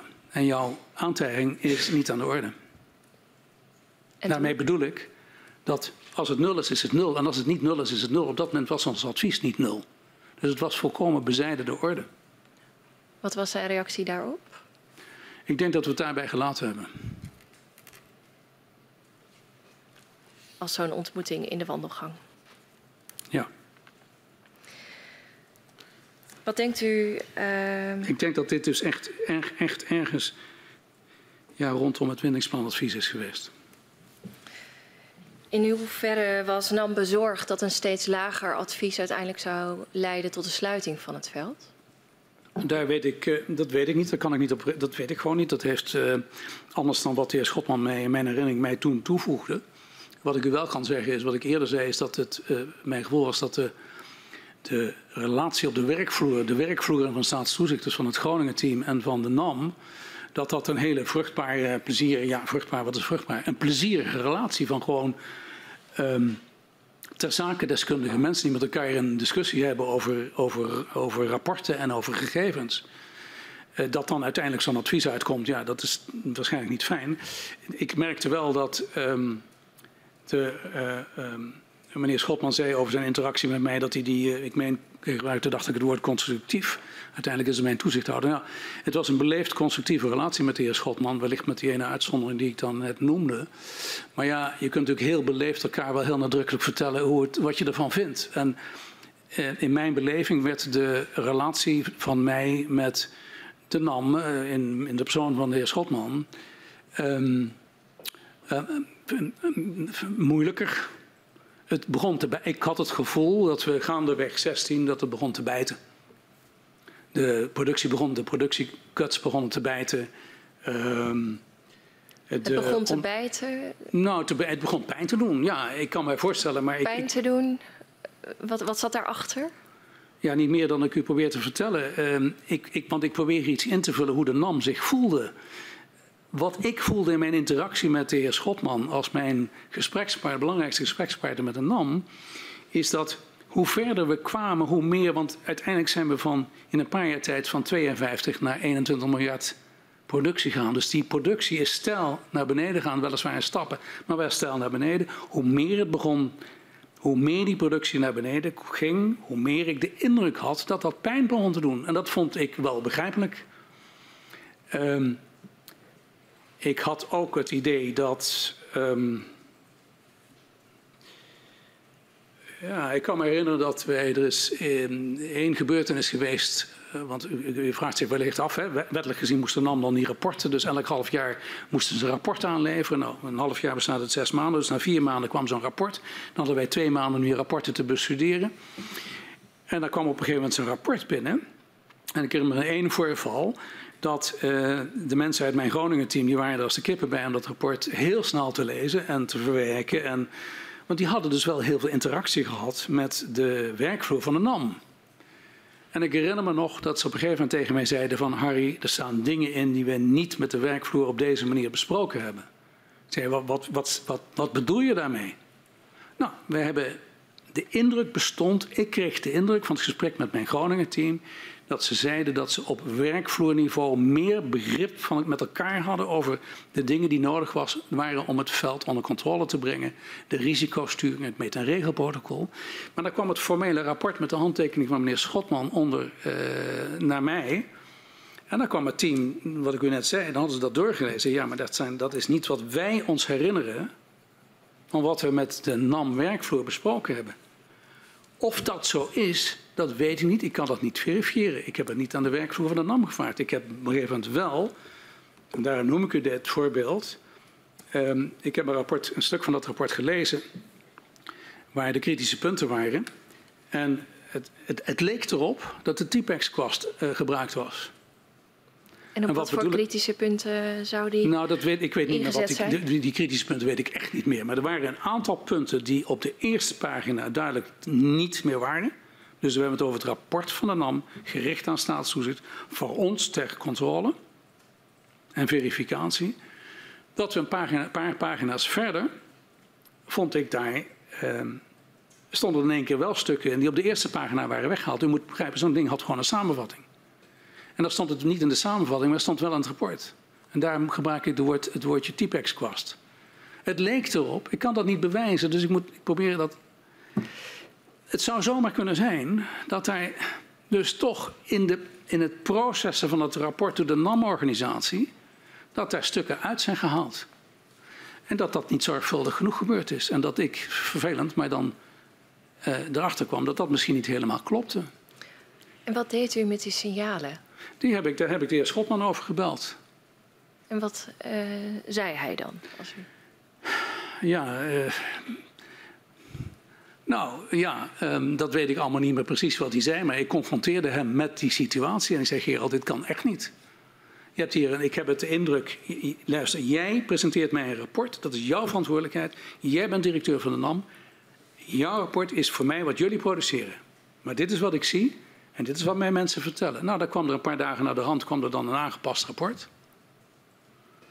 Een Waar dat dan al die aanpassingen, dat kan ik niet meer precies uh, aangeven. Dat weet ik niet meer. Maar daar vond dus dan een tweede, um, een tweede loop plaats. En dan stonden die punten die uh, uit de samenvatting waren gehaald naar achter in het rapport waren verschoven weer in de samenvatting? Nou ja, ik begrijp dat u die vraag stelt. En nogmaals, ik kan dat, dat is een verfijning die ik niet. Ik kan u alleen maar zeggen, rapport kwam binnen, ik had mijn opmerking, had mijn interactie met Schotman. Dan kwam zo'n rapport een paar dagen later weer terug.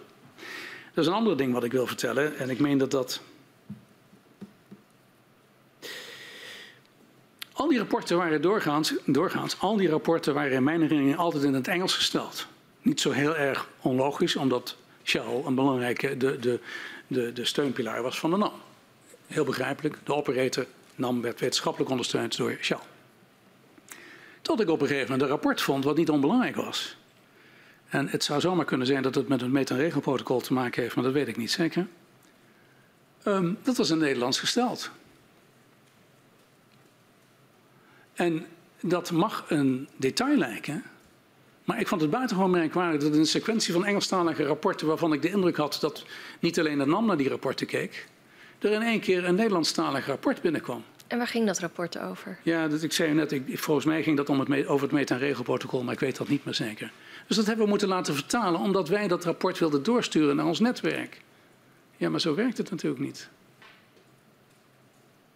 Dus het zijn twee voorbeelden. U vroeg mij heel, een, paar, een, paar, stappen terug van hoe was, hoe was nou die relatie met de NAM en wanneer, en, en, en uh, zijn mijn woorden, ging het pijn doen? Hoe ontwikkelde zich dat? Wat vonden ze van die productiebeperkingen? Dat zijn dingen waarvan ik dus dacht van hé, hey, dat is een organisatie die mogelijk onder druk staat. Ja. Um, er zit dus heel veel kritiek uh, van het SODM op dit winningsplan. Uh, op dit moment uh, in de tijd. Maar toch adviseert het SODM de minister om in te stemmen met het winningsplan. Waarom? In mijn herinnering zaten er twee aspecten aan het winningsplan. Het ene plan is dat wij het niet technical best vonden. En um, niet technical best? Niet technical best. Ik meen dat dat ook letterlijk zo in het advies staat. Ja, en waar, waar richtte zich dat op? Ja. Um, het is heel terecht dat u dat vraagt, maar dat kan ik u niet zo beantwoorden in de zin. Kijk, technical best, je hebt. Ik denk dat onze verwachtingen van een aanbindingsplan ook wel heel hoog waren. Technisch gezien, beschrijvingen. Kleine onzorgvuldigheden. Waarvan wij klaarblijkelijk, want dit was het advies van het team. Kijk, het, mijn, het Groningen-team het vond het niet technical best. Maar het was klaarblijkelijk niet zodanig ernstig dat op grond van niet technical best. dat rapport, dat rapport niet met een positieve aantekening voor dat gedeelte naar de minister kon. Tweede aspect was het aspect van 33 miljard en 4000 huizen versterken. Daarvan hebben we dus gezegd, we gaan op 24 zitten, waar we het eerder over hebben gehad. Dat was een andere discussie en dat viel samen met de gedurende 2016 met onze verandering in filosofie wat betreft de advisering, hoe dat veld te, uh, te opereren, hoe te managen. Dit zouden ook twee redenen kunnen zijn om de minister te adviseren niet in te stemmen. Waarom adviseert het SODM de minister om wel in te stemmen met het winningsplan?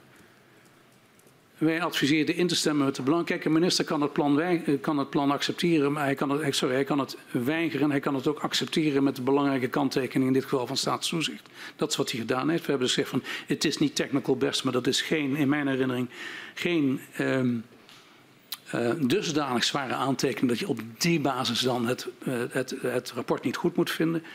Het tweede is, wij vinden dat u niet, dat u het advies, dit is ons advies met betrekking tot de productie. En dat advies heeft hij overgenomen. Helder. Um, wij zijn nu zeven kwartier bezig. We hebben toch nog een vraag aan u, maar ik stel voor dat we even gaan pauzeren. En ik verzoek de griffier om u en uh, mevrouw van uh, de, me, de meiden sorry, uh, naar buiten te geleiden.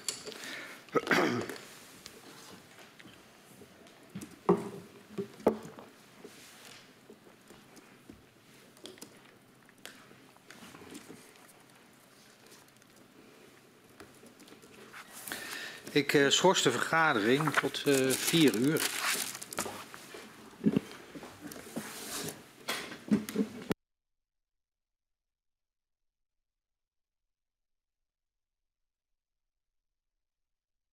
Ik heropen de vergadering van de parlementaire enquêtecommissie Aardgaswinning Groningen. Aan de orde is het vervolg van het verhoor van de heer Van der Meijden. En ik verzoek de griffier om hem uh, en zijn steunverleder naar binnen te geleiden.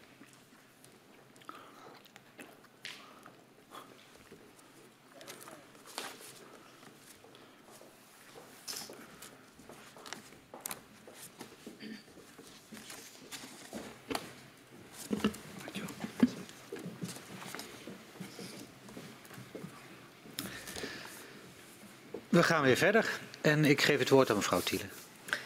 Ja, want we gaan dan naar 2017. In april 2017 brengt Staatstoezicht op de Mijnen een nieuw advies uit over het winningsplan van 2017. En hierin adviseert het Staatstoezicht opnieuw het maximaal te winnen volume op 24 miljard kubieke meter te stellen.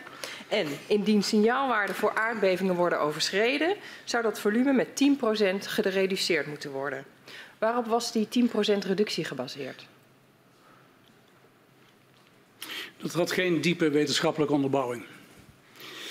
Het, uh, het, uh, het, advies van uh, 17, wat in 16 al werd ingezet, mm -hmm. dat risico gestuurd met een meet- en regelprotocol, dat kreeg steeds meer vorm. En we stapten dus af van die halfjaarsplafonds. Nou, dan was het letterlijk van je moet. Um, je, je meet per 24 uur, bij wijze van spreken, hoe gedraagt het veld zich. En daar heb je een aantal parameters. Ik meen dat het er vijf waren en vier, vier signaalwaarden zijn, rood, groen en geel weer. En daar stond heel nadrukkelijk in beschreven wat de NAM zou moeten doen als er dus um, bepaalde gebeurtenissen plaatsvonden. Ja.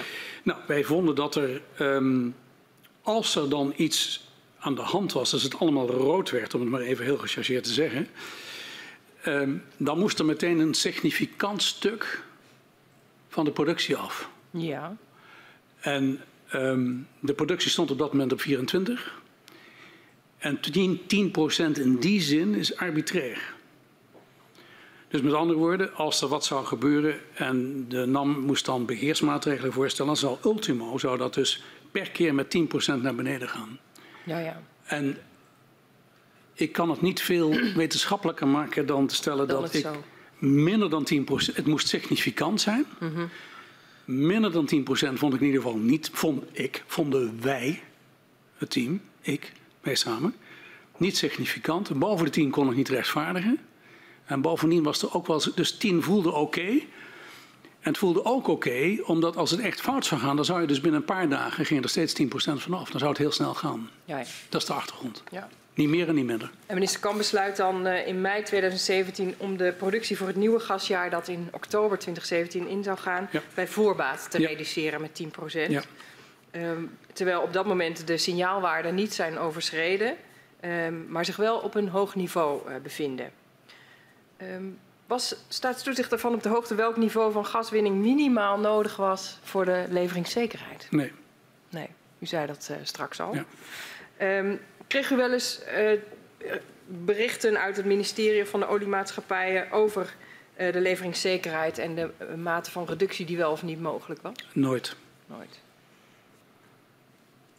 En in hoeverre was u dan verbaasd dat in 2017 die 10% reductie probleemloos mogelijk was? Nou ja, het was verbazing op verbazing. Hè? Dat was de stapeling van twee, drie jaar IGM zijn. En dat ik, wat ik eerder voor de pauze tegen u, aan u vertelde. Ehm, ik vond de leveringszekerheid een zwarte doos. Eh, ik zat met een dilemma dat ik me eigenlijk niet wilde weten. Want dat zou invloed op mijn gedachtentreintje kunnen hebben. Van als ik wist wat het zou moeten zijn, minimaal, zou ik me daardoor kunnen laten leiden. Dat wilde ik niet. Ik wilde dat Op voorkomen. welke manier had u zich dan daardoor door laten leiden? Nou ja, als je weet dat. eh, ehm, ik noem maar een voorbeeld. Als je stel dat we zitten op 27 miljard. En als je weet dat 27 miljard het absolute minimum is in een warm jaar. En, ehm, en wij vinden eigenlijk dat het minder moet zijn dan 27. Ik doe nu, het is nu een, mentaal gewoon een Ja, gedachte. dat was ook wat ik u Ja? vroeg. Ja. Uh, dus dit is niet een, een verhaal van de werkelijkheid. Het heeft niet zo plaatsgevonden. Maar ik dacht dus, van, nou, noem maar voorbeeld 27. 27 is een minimum. Stel dat het zo zou zijn dat in een, in een, in een, in een warm jaar je 27 nodig hebt. En wij zouden ze 24 willen adviseren. Nou, dan zit daar dus een spanningsveld. Ik wilde voorkomen. Ik ben ook maar een mens. En mijn team zijn, alleen, zijn ook maar mensen. Dat wij zon, onbewust ons zouden laten leiden door iets wat we zouden weten wat je niet zou moeten willen weten. Ik kan het niet anders uitleggen. Dus daarom zegt u, hè, die leverings, leveringszekerheid, dat wilde ik ook eigenlijk niet weten. Ja. Maar het was wel een eh, black box en daardoor stapelde het verbazing op verbazing. Het chagrijn aan mijn kant zat hem in het feit dat ik niet begreep. A, het chagrijn, omdat ik elke keer dat het vond dat het wel ogenschijnlijk heel gemakkelijk naar beneden ging. In tandem met onze adviezen. Dat heb je de eerste keer niet door, maar de tweede keer begint het op te vallen. En wat maakt dat u verbaasd bent dat dat makkelijk ging dan? Nou, heel simpel. Dat blijkbaar het, de minister nam ons advies over en leveringszekerheid was geen issue. Het chagrijn zat hem in het feit dat A, dat ik. Ik, zit zo in elkaar als ik iets, iets niet goed begrijp. En ook al wil ik het niet weten eigenlijk, wil ik het wel begrijpen. Want ik wil, ik wil weten wat de gevoeligheden zijn rondom het totstandkoming van iets wat heel belangrijk kan zijn, zo'n getal. Zo'n leveringszekerheidsgetal. zekerheidsgetal. En waarom begon dat nou op een gegeven moment belangrijker te worden? Nou, rondom die fluctuaties natuurlijk. En dan kom ik terug op die vraag die u mij terecht voor de pauze stelde. Van ja, als wij hier te makkelijk in zijn. Want waar zit dat niveau dan van die absolute minimale leveringszekerheid? Nou, ehm, ehm, ik vertelde u van onze sessies met de minister. Er zat dan meestal wel iemand bij. Uit, het, uit, de, de, uit de organisatie, ik denk van Mark Dirks. En die had het dan over, die deed dan een korte presentatie over graaddagen en nog wat van die dingen. En voor zover ik dat begreep, denk ik van ja, man. Ik kon er de vinger niet achter krijgen. En dat heb ik in drie jaar niet gekregen. En het meeste irritatie ontstond toen wij in. Um, ik, denk, het moet het, ik denk dat het het winningsplanadvies is geweest van 16. Ik denk dat daar een paragraaf in staat dat wij de NAM aanmoedigen, en niet alleen de NAM, maar dus eigenlijk de facto ook de, de ministerie en GTS, van ga nou eens even kijken, we hebben leveringszekerheid, maar ik ben geen ingenieur, maar ik ben wel bekend met de ingenieurbandbreedte. In ons land, en ingenieurs met name, willen altijd alles zo goed mogelijk geregeld hebben. Dus alles is, is gold standard. Mm. Dus als u s ochtends de douchekraan opendraait, dan moet er meteen heet water zijn. En dan moet u niet een half uur hoeven te wachten omdat dan pas de gaswinning opstart. wat ik daar een beetje gechargeerd mee wil zeggen. Ik wilde een gevoel krijgen van zijn er nou, is er laaghangend fruit bij de operatie van het Groningenveld? Waakvlammetjes, noem ik dat maar even. Een grote of een kleine waakvlam. Hebben wij die dingen zo gold standard ingericht om omdat we het nou eenmaal zo gewend zijn. Omdat er geen ijsbloemen meer op de ruiten mogen komen. Dat het altijd en onder alle omstandigheden gewoon geleverd moet kunnen worden. En zit daar ruimte in om wellicht nog een klein beetje naar beneden te gaan. Zo fijn ging ons advies. Ik heb daar, en ik, kijk, wij, een toezichthouder opereert niet. Wij kunnen niet op de stoel van de NAM of op de stoel van GTS gaan zitten. Maar dit was wel een stuk waarvan ik dacht, hier moet je partijen, dus ook economische zaken, en ook de NAM en ook GTS, hier moet je iets mee doen. Als u mij vraagt, heb jij daar dan iets mee gedaan? is het antwoord nee. Dus u zegt, hè, leveringszekerheid, ik wist het niet. Ik wilde het eigenlijk ook niet weten, omdat het, het eh, onbewust zeg maar, onze uh, adviezen als staatstoezicht zou kunnen beïnvloeden. Uh, tegelijkertijd zou ik het wel hebben willen begrijpen om te kijken waar onze advies zit. Zo, zeker ook omdat het gaat om zowel volume als de fluctuaties en de vlakke winning. En waar zit dan uh, de ruimte? Uh, maar u zegt ook, ik ben verbaasd en ik, ik, ben er eigenlijk nog steeds niet achter hoe nou die leveringszekerheid was opgebouwd. Dat, dat is juist. dan, dank u wel. Als inspecteur-generaal moest u uh, toezien op een veilige en doelmatige gaswinning. Uh, wat was een veilige winning?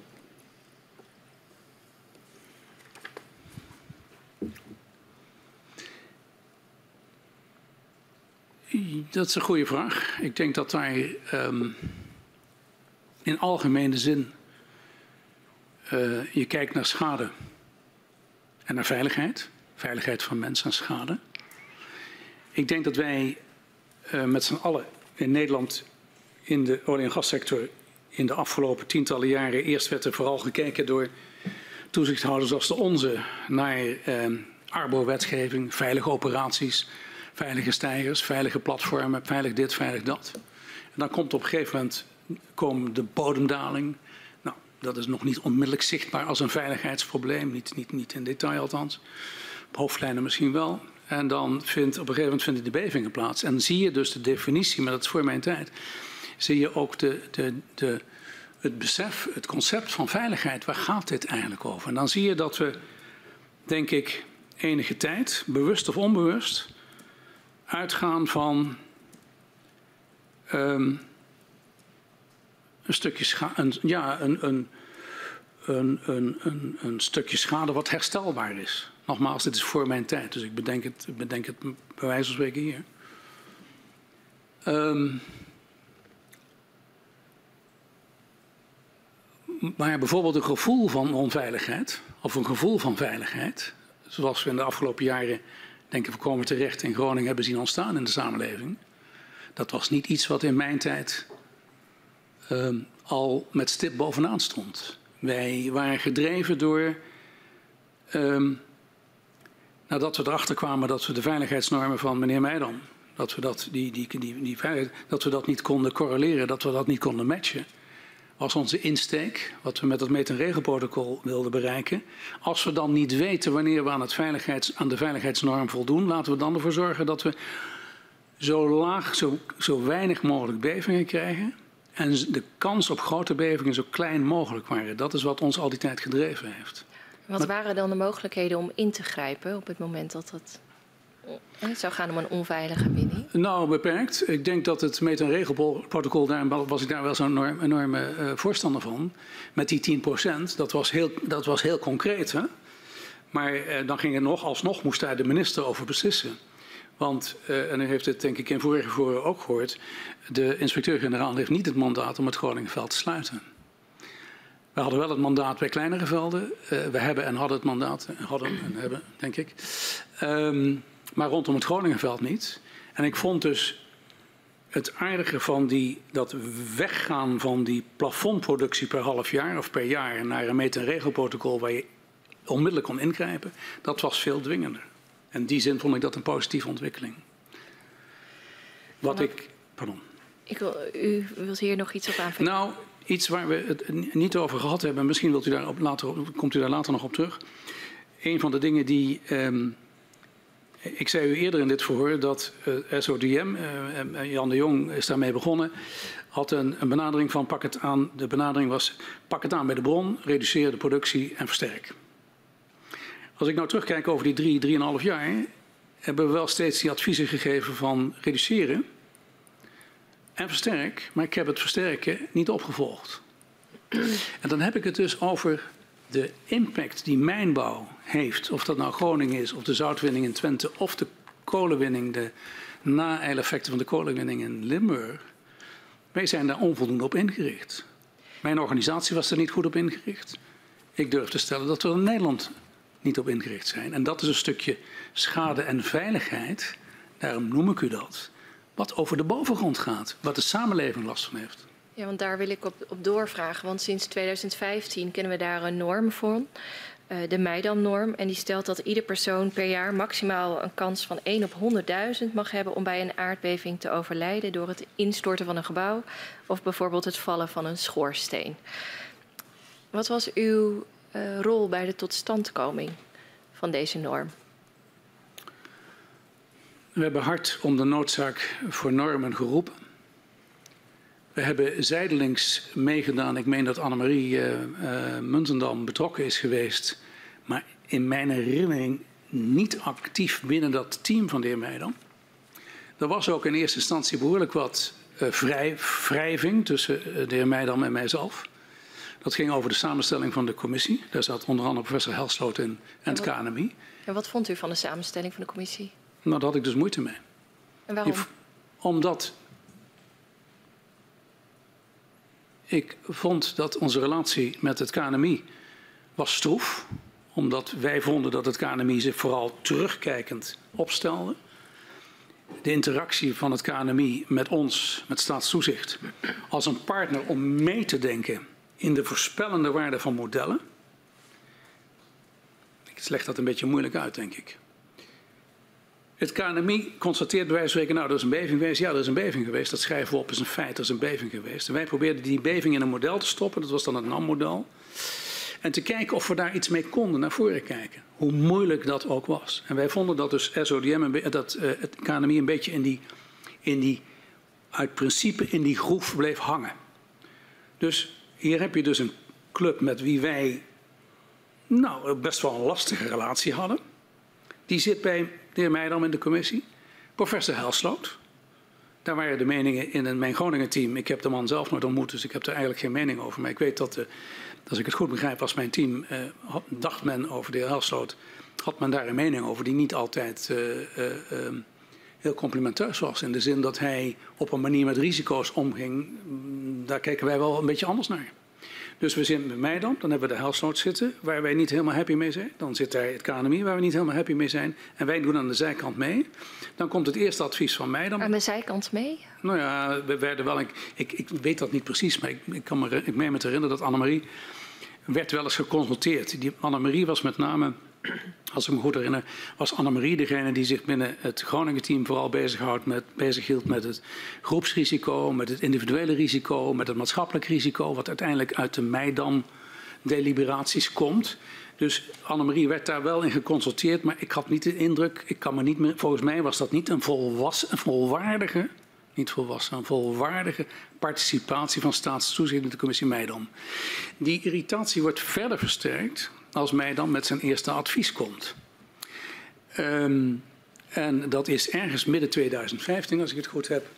En de animositeit ontstaat omdat, ons, omdat de commissie Meidam stelt... wij werken met de feiten.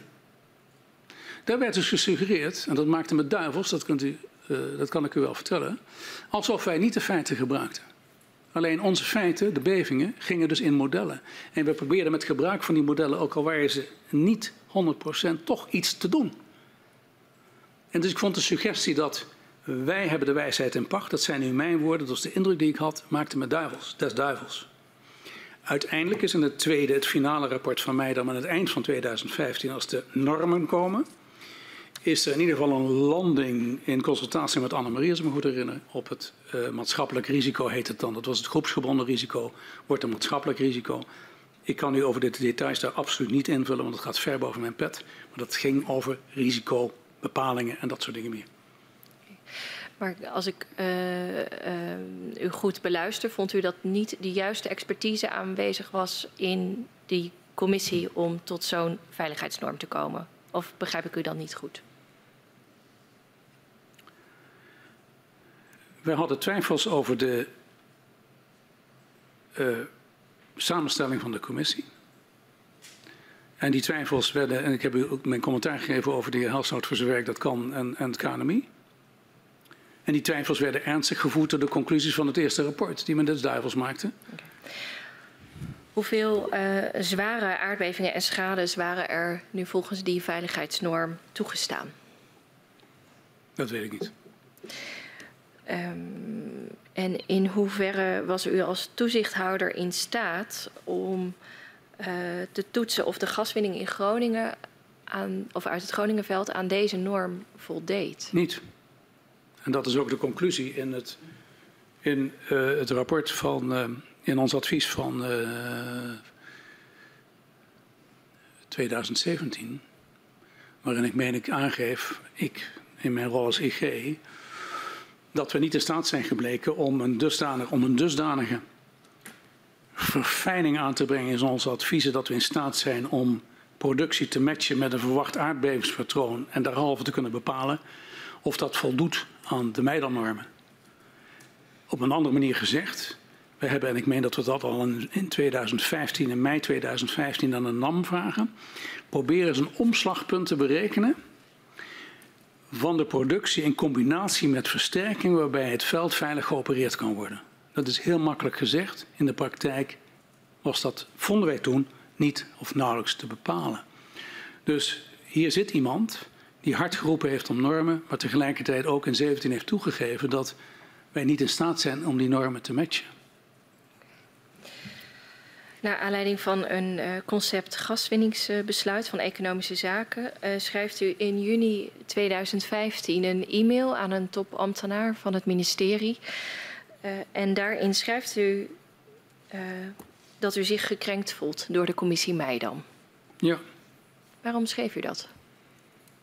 Nou, ik denk om de reden die ik u net heb proberen te geven. Ik was gekrenkt door de samenstelling van de commissie. Ik was gekrenkt door de, de nogal aparte formulering dat wij gaan over de feiten alsof wij niet over de feiten gingen. Ik vond dat staatstoezicht, zo heb ik dat gevoeld. En dan kunt u zeggen dat was misschien een emotionele reactie. Maar ik heb, ik heb me aan de kant geschoven gevoeld, ja, niet serieus genomen. En wat heeft u met uw kritiek op de commissie en ook op de Meidan-norm zelf gedaan? Ik heb uh, overleg gevoerd met, uh, met de minister daarover dat ik de insteek van de commissie Meidan een lastige insteek vond. U heeft dat bij de minister Dat aangekaart. heb ik bij de minister aangekaart, ja. En wat was de reactie van de minister? Um, ik, kan, uh, ik denk dat ik het beste kan zeggen dat uiteindelijk het tweede rapport van uh, voor ons een, een, een, prima rapport was waar wij uitstekend mee konden leven. Dus er is een boel gebeurd in die tijd. Ik ben kritisch geweest op de heer Meidam. Ik heb hem dat ook in, in, in niet onduidelijke termen, denk ik, laten weten. Ik heb dat aan het ministerie laten weten. U citeert dat net. En ik heb, daar, ik heb dat zeker met, met de heer Kampen, de minister, in, ik meen in, een, in de coulissen van een, van een, van een, een, een trip naar Groningen, waarbij wij, het was zo de minister ging regelen om die advies, als een advies was uitgebracht, de minister had een besluit genomen over de productie, dan ging hij naar Groningen om dat uh, kenbaar te maken aan de bestuurderen in Groningen. En um, wij zijn daar in, denk in de meeste gevallen uitgenodigd om daar een toelichting te geven op ons advies aan de bestuurders. Dus een rechtstreekse communicatie. Is het nou ook zo, als ik u goed beluister, dat, je, dat we... Sorry, en dat was, ook een, dat, was ook een, dat was ook een presentatie in Groningen waar ik meen de heer Meijdan met zijn normenpresentatie kwam. Ja, maar, ja. maar is het nu zo dat, dat als, als we u goed beluisteren, dat dat de samenstelling van de commissie ertoe heeft geleid dat er een te soepele norm is gekomen? Nee. Nee, dat mag u niet constateren. Als ik dat gezegd zou hebben, als ik de indruk geef dat dat het is wat ik bedoel, dan is dat niet juist. Nee, ik, heb daar, ik denk dat de Meidam-norm, ik heb geen commentaar op de uiteindelijke Meidam-norm zoals die gekomen is aan het eind van 2015. Maar u vroeg mij in uw eerdere vraag, uh, u citeerde een, een, mail van, van een van de ambtenaren bij, van, van een ministerie, ik neem aan EZ. dat ik gekrenkt was. En ik heb u proberen uit te leggen waarom ik gekrenkt was. En ik was gekrenkt omdat ik vond dat mijn organisatie niet serieus genomen werd. En mijn mensen niet serieus genomen worden. En daar ga ik pal voor staan. Uiteindelijk is het goed gekomen, maar niet alles komt goed door heel vriendelijk te blijven, kan ik u verzekeren. Dat is wat ik ervaren heb in de afgelopen jaren, in die jaren. Eh, met, toch, u had uh, kritiek op de samenstelling, maar u gaf ook aan over de norm. Um, uiteindelijk was u wel tevreden met de norm die er later kwam. Jawel, zeker. Ik kon daar geen, dat is de norm van 1 op 100.000. En, en, en de, de nuancering daarbij, als ik me goed herinner, die gebouwen, die infrastructuur die nu voldoet aan 1 tot de macht 10 tot de macht, 1, uh, 10 tot de macht min 4, als die binnen afzienbare tijd opgewaardeerd konden worden naar 10 tot de macht min 5, is het oké. Dus dat soort dingen, daar kon ik wel mee leven. Maar dat was wel na een. Kijk, uw, uw citaat, als ik me goed herinner, is ergens midden 2015. Dat is in de periode dat mij dan begint. Dat ik dus kritiek heb op de samenstelling, dat ik kritiek heb op zijn eerste presentatie, die toen dus ook in Groningen gegeven werd, waar ik bij was. En in de aanloop naar die presentatie heb ik dus aangegeven, luister, ik, uh, het, de manier waarop je, zoals je het nu formuleert, dat wij, waarbij je zou kunnen suggereren dat wij niet over feiten gaan en ons alleen maar bezighouden met een soort van cloud cuckoo modellen, ja, daar, heb ik, daar teken ik bezwaar tegen aan. Dus dat is ook de reden van de toonzetting van mijn mail naar economische zaken. En, Helder. Ja? U zei net uh, uh, dat het uh, gevoel van onveiligheid in de tijd dat u inspecteur-generaal was, dat dat gevoel van onveiligheid nog niet echt een rol speelde in het werk en in de adviezen. Um, in hoeverre had u zelf contact met, met, met, mensen in de regio over hmm. veiligheid en het gevoel van veiligheid? Um, terugkijkend te weinig, denk ik. Ik heb, ben vrij snel ben ik op bezoek gegaan bij burgemeester van Loppersum, eh, Albert Rodeboog. Heel plezierig gesprek. Um, zoals ik eerder aangaf, um, gingen wij regelmatig naar Groningen om een presentatie aan de, aan de bestuurders -hmm. te geven. Um, we zijn daar nog wel een of twee keer geweest voor informatieavonden, dat wel. Ik heb ook op een gegeven moment vanuit het gemeentehuis in Loppersum een interview gegeven in Dagblad van het Noorden, omdat ik dat vond passen bij het naar buiten treden van. Mm -hmm. Dat hebben we allemaal wel moeten leren, dat heb ik moeten leren, want ik erfde een organisatie die dat niet van nature had, als ik het zo mag formuleren. Dus die dat naar buiten treden met, met uh, interviews, et cetera. We hadden ook geen eigen woordvoering, dus dat werkende wijs. Maar als u mij nou zegt, bent u de boer opgegaan, om het zo te formuleren. En bent u bij burgers in Groningen gaan luisteren wat er speelde? Is het antwoord nee. Had ik dat moeten doen? Ja. Um, waarom heb ik dat niet gedaan? Um, ik denk, om de, daar is nooit een goede reden voor natuurlijk. Maar de enige reden die ik kan bedenken, ik werkte 24 uur per dag, 7 dagen in de week. Ik had mijn opdracht SODM toekomstbestendig te maken. En ik heb u eerder aangegeven dat dat bijna een brug te ver was. Ik had het Groningen dossier, wat mijn team was overbelast, maar ik ook. Dus dat ging allemaal net. Dus het paste allemaal net. Is dat goed genoeg? Nee, dat is niet goed genoeg. Maar het was wel de waarheid zoals ik die op dat moment gepercipieerd heb. Ja. De NAM is in uw periode verantwoordelijk voor het inschatten van die risico's op aardbevingen door gaswinning. En zij gebruiken daarvoor de Hazard and Risk Analysis, de zogenoemde HRA. Um, maar bij elk model dat je maakt, en de HRA is ook een model, moet je keuzes maken over welke waarden gebruikt worden voor variabelen. Ja. In, wat voor rol speelden die risicomodellen bij het inschatten van de risico's eh, van gaswinning bij het staatstoezicht? Ja.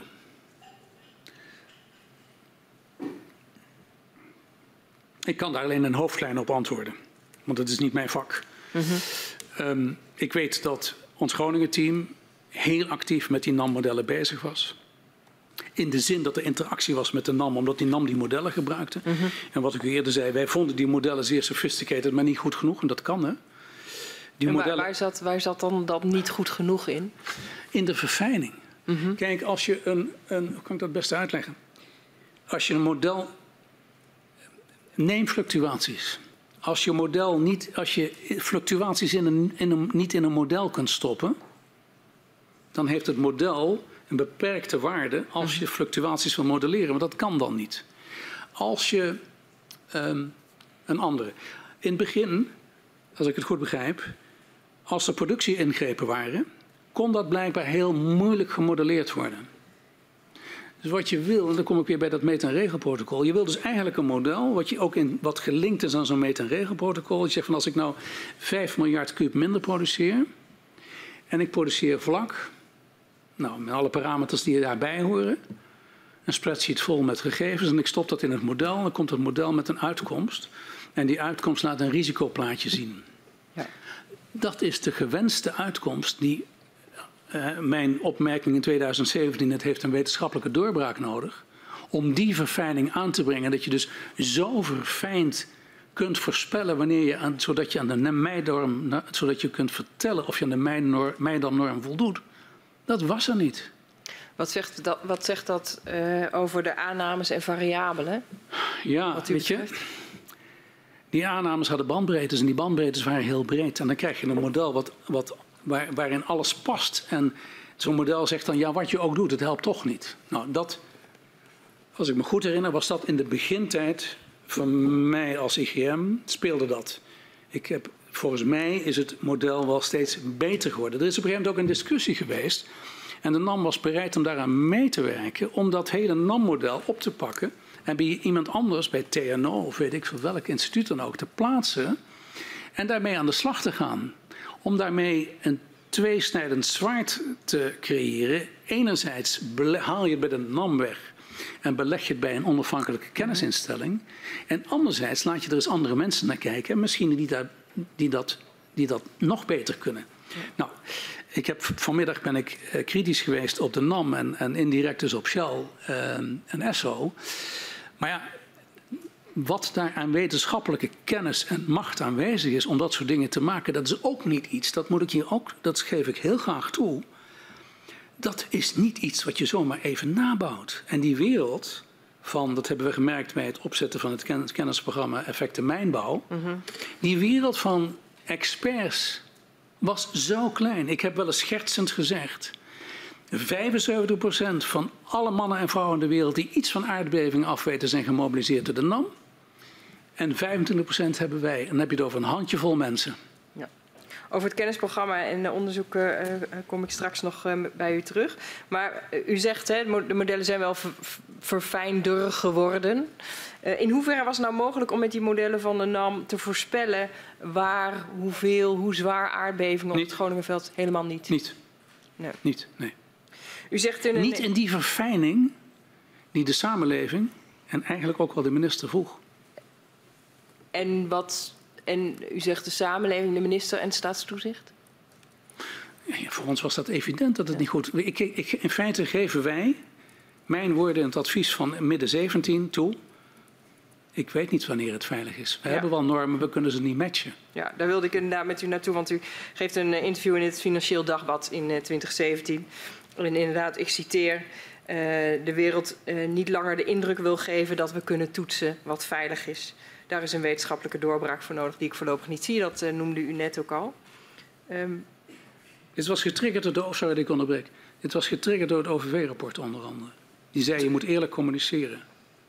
En dit was voor mij mijn poging om, om eerlijk te communiceren. We weten het niet. En u, u noemde het al, al, een beetje, maar welke specifieke wetenschappelijke kennis was nou niet aanwezig die nodig was om die toetsing wel te kunnen doen? Van, voor het Groningen dossier bedoelt u? Ja, voor, het, voor het kunnen voorspellen hoe veilig of onveilig de ja. gaswinning was. Dan vraagt, ik begrijp die vraag dat u die stelt, maar ik kan daar niet een volledig antwoord op geven, omdat ik ga ervan uit, ik ging en ik ga ervan uit dat de Annemaries van deze wereld en de Hans de Waals van deze wereld, die hadden connecties met het hoofd van de seismologische dienst in Zwitserland, professor Wiemer volgens mij in Zurich, met een vergelijkbare positie in de US, in de Verenigde Staten, met professor uit uh, Jervolino uit Napels, ik noem die maar even, dat waren, het zijn niet mijn woorden, mm. dat waren in de wereld van toen de absolute experts op dat gebied. Wij hadden ook experts, maar het wereldje was klein. En blijkbaar waren we dus de NAM met zijn kennis, mm -hmm. wij met onze kennis en de instituten daarbuiten onvoldoende in staat om in die verfijning te voldoen aan de, aan de verlangens van de samenleving die zegt: kun je ons vertellen wanneer het veilig is? Ja, want hoe belangrijk was dan die causale relatie hè, tussen aan de ene kant uh, de voorspellingen van het uh, model, aan de andere kant uh, de, de winning um, in de adviezen die nou, SODM ja. gaf? Nou, die, die, die, die modellen, die NAM-modellen, zijn met name, denk ik, in 15 en 16 in de aanloop naar dat winningsplanadvies gebruikt om risicokaarten te maken seismische risico- en seismische dreigingskaarten. Dat was de, uh, dat was de output van, van, van de modellen. En hoe verfijnder die modellen zijn, hoe beter en hoe, hoe nauwkeuriger die kaarten zijn. En op basis van die kaarten kon de NCG, was de bedoeling, zijn versterkingsprogramma uitvoeren. Maar hoe de, de aard van verfijning die nodig was om dat te doen, dat was misschien wel een brug te ver. Maar hoe belangrijk was het dan voor NAM om, om, die, om dat aantoonbaar die causale relatie te leggen in het SODM-advies? Nee, er was wel een causale relatie tussen. Uh, ik, begrijp, ik, denk dat ik u niet helemaal begrijp. Het was natuurlijk... In hoeverre moest u bewijzen zeg maar, dat uw uh, SODM-advies uh, klopte? Oh, dat, dat NAM het nou. accepteerde? Oh. Wat ik geprobeerd heb te zeggen is dat mijn insteek als toezichthouder was: alles wat ik zeg, alles wat wij zeggen als organisatie, dient zo goed mogelijk wetenschappelijk onderbouwd te zijn. Mm -hmm. Daar heeft de samenleving recht op, want we hebben een set van wetten en regels en normen zijn erop gebaseerd. Dus daar wil je als toezichthouder aan meten. Ja. Als je dat niet hebt, heb ik ook gezegd, heb ik ook publiekelijk gezegd, ook in de krant gezegd, dat ontslaat een IG niet van wikkend en wegend toch een advies te geven met alle mhm. onzekerheden. Uw vraag. Hadden we, in welke zin hadden wij last, als ik dat zo mag formuleren, hadden wij last van die onzekerheden? Mm die onzekerheden waren in de eerste plaats lastig voor ons om dus een, een, een zo goed mogelijk advies te formuleren. Want je moest, wij moesten die onzekerheden wikken en wegen. Klinkt heel makkelijk, maar dat is niet makkelijk. Uh -huh. Wikkend en wegen moet je kijken wat weet ik wel, wat weet ik niet. En hoe weeg je dat dan? U had eerder aan mij de vraag van... heb je nou fluctuaties meer gewogen dan, dan productieplafond? Ja, dat soort dingen. Ja. Dat is allemaal niet zo heel eenvoudig.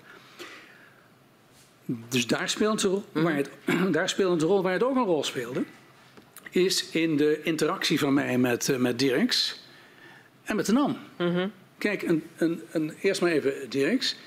Um, ik heb u eerder gezegd, daar neem ik geen woord van terug uiteraard, dat al onze adviezen, met de uitzondering van het rode potlood van de minister rondom het Eemskanaaladvies, mm -hmm. alle adviezen van het Groningen-team, van mij, van ons team, van onze orde, zijn door de minister overgenomen. Um, in de, in de aanloop tot zo'n advies had ik natuurlijk wel eens gesprekken met DG Dirks. Uh, waar gingen die gesprekken over dan? Oh, die gingen over van alles. Um, maar laat ik even dit, dit, dit specifiek. Wat is de reden dat u het nu noemt? Nou, oh, dat, ja, ja, ja, dat heeft natuurlijk verschillende redenen. Dan halen we die even uit elkaar als u dat goed vindt. Dus de reden waarom ik het nu noem is omdat uh, ik bij hem was om over het KNMI te praten. En over commissie Meidam te praten en over normen en over productie. En het was Mark die in eerste instantie zei, helemaal aan het begin van ons verhoor heb ik u dat verteld, van hoe de hel is SODM? Mhm. Klein groepje, niemand is het met jullie eens. Ja Mark, maar dan ga je niet achter mijn rug om verifiëren. Dat doe je niet. Uh uh, en als jij vindt dat het te klein is, had je er eerder wat aan moeten doen. Nou, die taak kreeg ik in mijn schoot ge, gespeeld met mijn opdracht SODM toekomstbestendig te maken. Want dat was dus de hele SODM-organisatie. Maar ook dat Groningen-team moest, moest ontlast worden in de zin dat het was veel, erg veel. Nou, in die gesprekken met Mark Dirks ja, kwamen natuurlijk die dingen te sprake. Van, uh, je, hebt geen, je hebt bij wijze van spreken geen benen om op te staan. Want het is wetenschappelijk niet bewezen en we kunnen wel die productie dichtdraaien. Mm Maar de NAM zegt dat het een uitstel van de, de, van de film, de vertraagde film is. Dus die bevingen komen allemaal terug. Ik kon dat niet allemaal keihard weer leggen. Maar ik had wel mijn team achter me. Die zei, en zo moeten we het doen. Mm Want wikkend en wegend vonden wij dat we die kant uit, gaan, maar uit, uit moesten gaan. Maar Dirks was daar een, een, speelde daar een tegenspel in. De NAM, in mijn herinnering, um, ja, daar speelde dat natuurlijk ook. En ik vond, ik vond mezelf wel kwetsbaar. Kijk, we hebben het nu over de samenleving gehad. Van de samenleving heeft normen of een veiligheidsnormen mhm. nodig. Maar ik vond het ook de sector Ik zat er voor de samenleving, maar ik zat ook voor de sector. We moeten in dit land hebben wij wetten en regels. En dat betekent dat wij, in dit geval de olie- en gassector, die, die moet zich aan wetten en regels houden. Die moeten duidelijk zijn. Maar die, die, die organisaties, die bedrijven, die moeten ook weten waar ze aan toe zijn. Dus ik vond het, het, het, het um, dat heeft overigens geen rol gespeeld in mijn adviezen, laat ik daar heel helder in zijn. -hmm. Maar ik vond wel dat de NAM recht had om te weten waar ze aan toe waren. Ja. Maar dat is makkelijker gezegd dan gedaan. Ja, dus u zegt hè, vanuit econ uh, economische zaken uh, ervoer u tegenspel hè, als het gaat om de, ja, de modellen. Het heeft uiteindelijk geen effect gehad, maar het was wel lastig. Ja, ik denk dat, u, dat, dat het goed is dat u dat toevoegt. En met de NAM zegt u, ik, ik voelde me verantwoordelijk om wel duidelijke, duidelijkheid te geven. Maar wat betekende dat dan in uw relatie met de NAM als het gaat om de modellen onder de adviezen? Oh, niet. Nee. Helemaal niet. Nee, ik heb er uiteindelijk, ik heb altijd gezegd, kom ik terug op dat wikkend en wegend. Ik zal wikkend en wegend toch een besluit moeten nemen. Want dat is, wat daar, dat is waarom ik daar zit in die functie. Mm -hmm. Ook al is het niet wetenschappelijk onderbouwd. En ook al kan ik het niet matchen aan veiligheidsnormen. Uh, ik zeg niet hier dat de NAM tegen mij heeft gezegd: ja, maar je kunt, wij denken dat we aan de veiligheidsnormen voldoen. En wij hebben in ons advies gezegd en wij denken dat het niet zo is. Mm -hmm. Nou, daar bleef het dan bij, want dat zijn onze adviezen geworden, die zijn overgenomen. Maar om die spagaat wel even een korte toelichting te geven.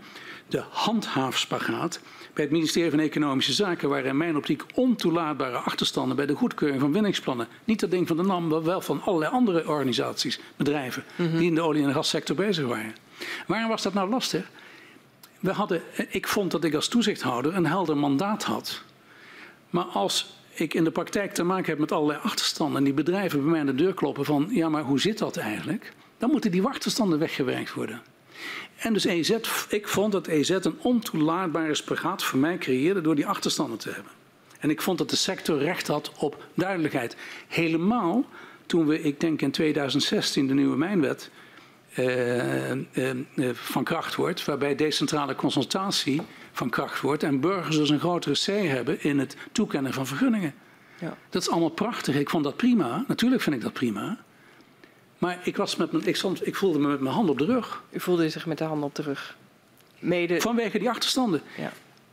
En, en ik dus bij EZ dat heel regelmatig heb aangekaart dat zij snel moesten versterken. Ook zij moesten versterken in de zin, sorry voordat er verwarring komt met de versterking in Groningen. Mm -hmm. Reorganiseren. Extra mensen. Er was maar één geoloog in die hele organisatie.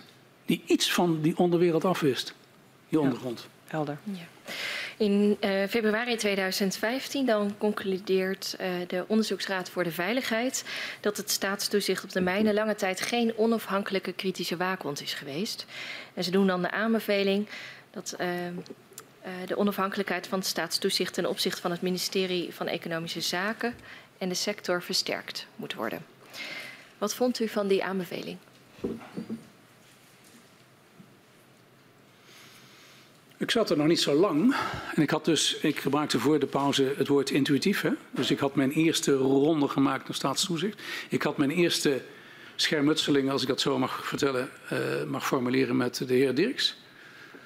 Um, ik, had geen, ik, kwam tot de conclusie, ik, kwam, ik was al tot de conclusie gekomen dat ik geen woordvoering had, dat ik geen actieve website had. Dat ik voor woordvoering leentjebuur moest spelen bij EZ. Dat wij voor EZ soms naar het noorden gingen om daar verhaaltjes te houden over beleid. Dus er was een totale vermenging van rollen. En dat past, dat is dus, komt ongeveer allemaal in die tijd samen. Dus ik heb het, eh, het OVW-rapport in mijn functie omarmd, omdat ik het vond passen in mijn opdracht SODM toekomstbestendig te maken. Ik had geen transparant budget. Ik had geen sturing, onvoldoende helderheid op de sturing van ons onderzoek.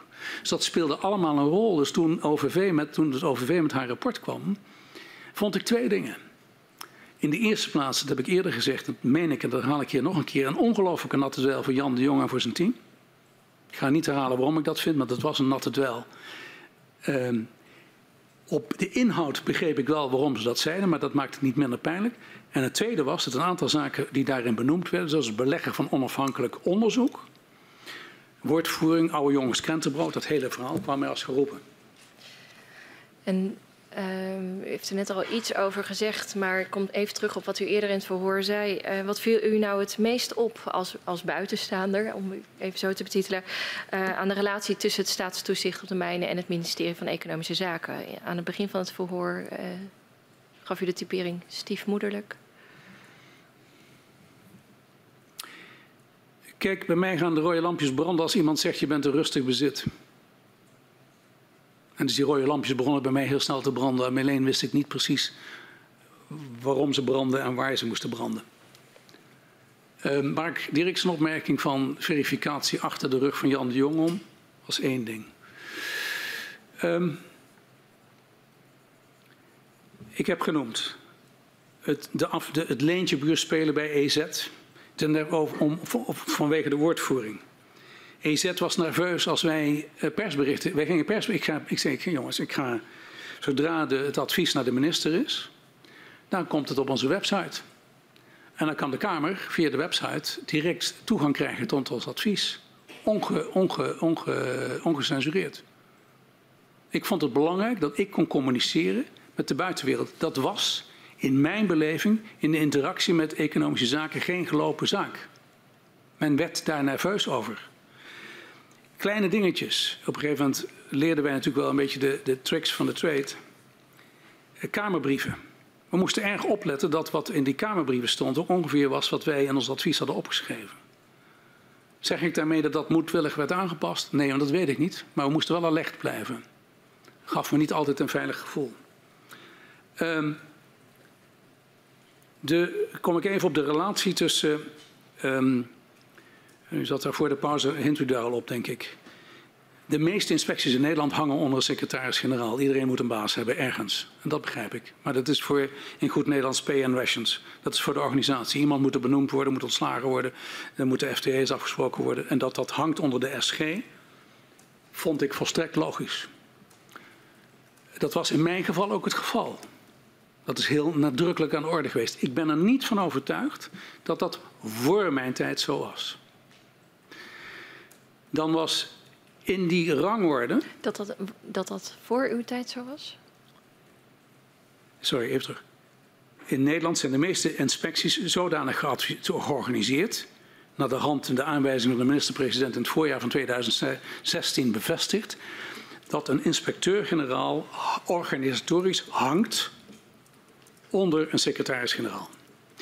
Hij rapporteert, hij of zij rapporteert niet inhoudelijk aan die secretaris-generaal. Die rapporteert inhoudelijk aan de minister. Om de onafhankelijkheid te waarborgen. Dan zit er in, dat, in de, in de CICAS, dat heb ik ook moeten leren als novice ambtenaar. Beleid, uitvoering en toezicht zit een, zit een, zit een plat gezegd een pikorde. Het is zo dat, en dat beschrijft de minister-president in zijn aanwijzing van, ik meen januari 2016, dat de IG op gelijke voet staat in belang, in status, in positie met de directeur-generaal. Dus je hebt een directeur-generaal die het beleid uitvoert, die het beleid formuleert. En dan heb je een inspecteur-generaal die toezicht houdt. Hoe heeft u um, jou, dit signaleert u. Hoe heeft u de onafhankelijkheid van de, het SODM ten opzichte van het ministerie in uw periode versterkt?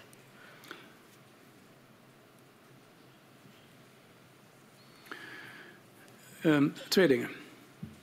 In de eerste plaats heb ik uh, mijn analyse van de situatie bij Staatstoezicht op de mijnen, de organisatie zelf, maar ook de interactie met Economische Zaken, de relatie met de DG, vervat in een analyse die ik zeer uitvoerig met SG Kamps besproken heb. Hij was mijn opdrachtgever, de minister, via de minister, mijn opdrachtgever om SODM toekomstbestendig te maken. Um,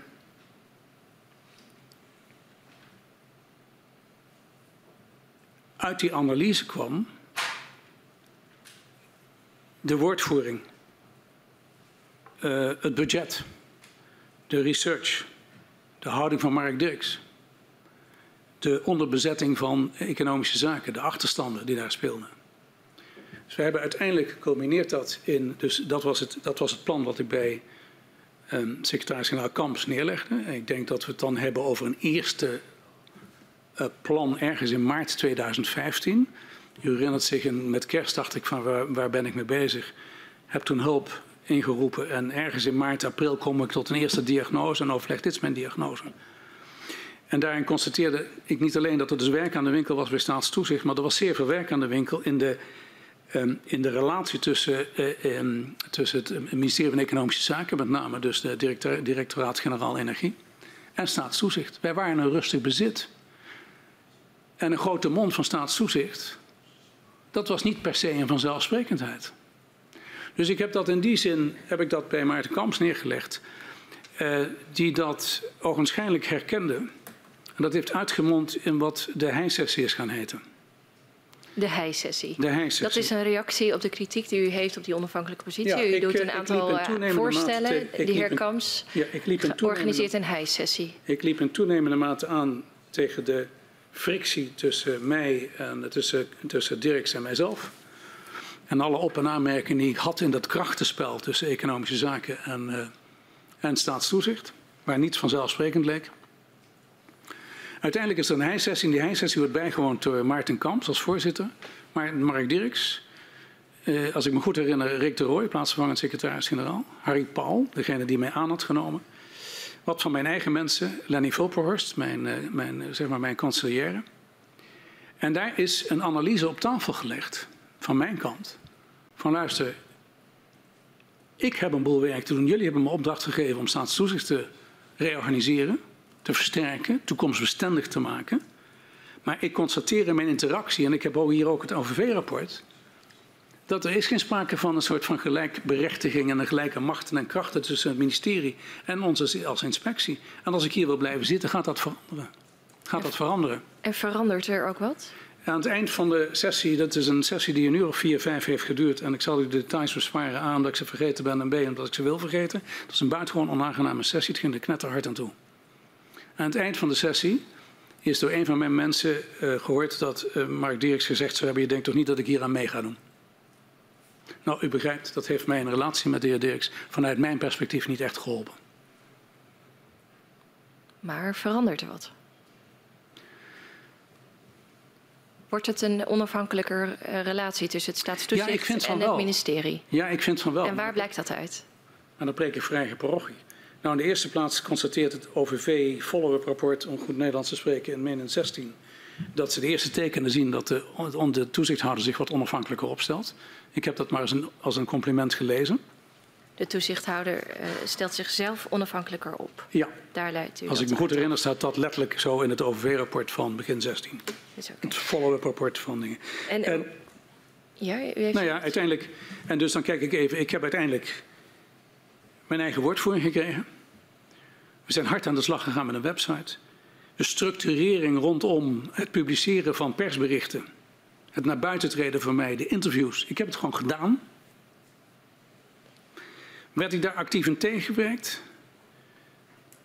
Moi, zorgde wel voor, voor nervositeit van tijd tot tijd, maar we hebben het gewoon gedaan. Dus uw, uw vraag is, een terechte vraag. En te beantwoorden in de meest categorische zin een stuk moeilijker. Ja, het gebeurde zoals ik het wilde. Maar het kwam niet zomaar. Ik heb mijn eigen budget uiteindelijk gekregen. Want dat budget, dat lijkt een detail, maar dat kwam uit de koker van Mark Dirks. Was dat helemaal onlogisch? Dus het budget, het onderzoeksbudget, dan heb ik het niet eens over de, de organisatie, de mensen, de, de salaris en zo.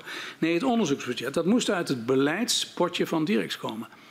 Vanuit de organisatie van, de, van, de, van het departement niet onlogisch.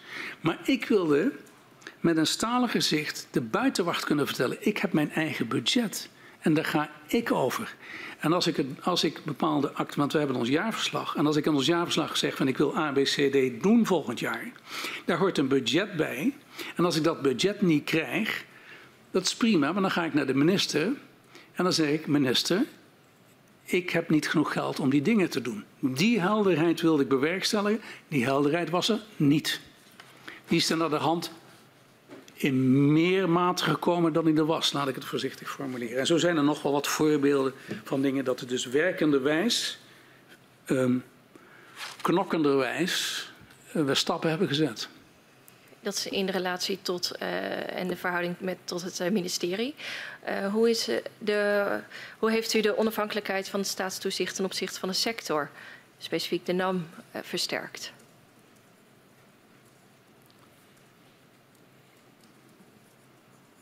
Ik weet niet of die versterking nodig had. Um, ik vind dat mijn organisatie, voor zover ik kan nagaan, dus mijn, sorry, mijn eigen mensen via een inspectierapport, dus niet alleen over Groningen, maar over andere zaken, um, een volwassen professionele relatie hadden met de, met de hele sector. Maar, um, wellicht gaat dat meer in de beantwoording, naar de beantwoording van uw vraag. Ik heb een aantal presentaties bij NOGEPA gegeven, dus de, de sectororganisatie, de olie- en gassector, brancheorganisatie. En ik denk dat ik daar geprobeerd heb uh, de positie van staatstoezicht uh, nadrukkelijker neer te zetten. Ik herinner me nog, ik denk dat het uh, NRC-interview is geweest van kerst 2015, waar ik spreek over een ontje meer argwaan. En in dat interview ga ik in op wat ik constateerde is dat um, een geloofwaardige inspectie. Um, sorry, anders formuleren. Mijn insteek is dat belangen van onder toezicht gestelden en de belangen van een toezichthouder in de samenleving niet per se parallel hoeven te lopen. Als het pijn gaat doen, dan worden de belangen steeds lastiger te verdedigen. En dan heb je een, een inspectie nodig met tanden. Een inspectie nodig die durft te bijten. Maar ook een inspectie die, ik zou dat noemen, een gezond niveau van argwaan heeft. En daar bedoel ik niet mee dat je mensen niet moet vertrouwen. Maar als je inspecteur bent, dan kijk je om je heen. Dan hou je je ogen ver open. En dan moet je wel aardig zijn en beleefd proberen te zijn. Dat is altijd wel, wel plezierig. Maar tegelijkertijd ook wel kritisch blijven. En ik vond in mijn organisatie dat we dat waren competente, maar in mijn ogen soms te aardige, te vertrouwende mensen. En ik weet dat ik in de inspectieraad niet alle handjes op elkaar heb gekregen toen, ik dat interview, had, toen dat interview gepubliceerd was. En de inspectieraad is de, raad van alle verzamelde inspecties in Nederland. Want vertrouwen in de markt, vertrouwen in de bedrijven was het uitgangspunt van de inspecties. Mevrouw, ik geloof het niet. U uh, heeft woorden laten vallen als uh, schermutseling, het ging er knetterhard aan toe. Knokken. Als u. In overdrachtelijke zin, uh, we blijven netjes. Oh, dat had ik vermoed. Maar in die drie jaar dat u inspecteur-generaal der mijnen bent, hoe zou u die relatie tussen het staatstoezicht en het ministerie karakteriseren? Sluimerende oorlog.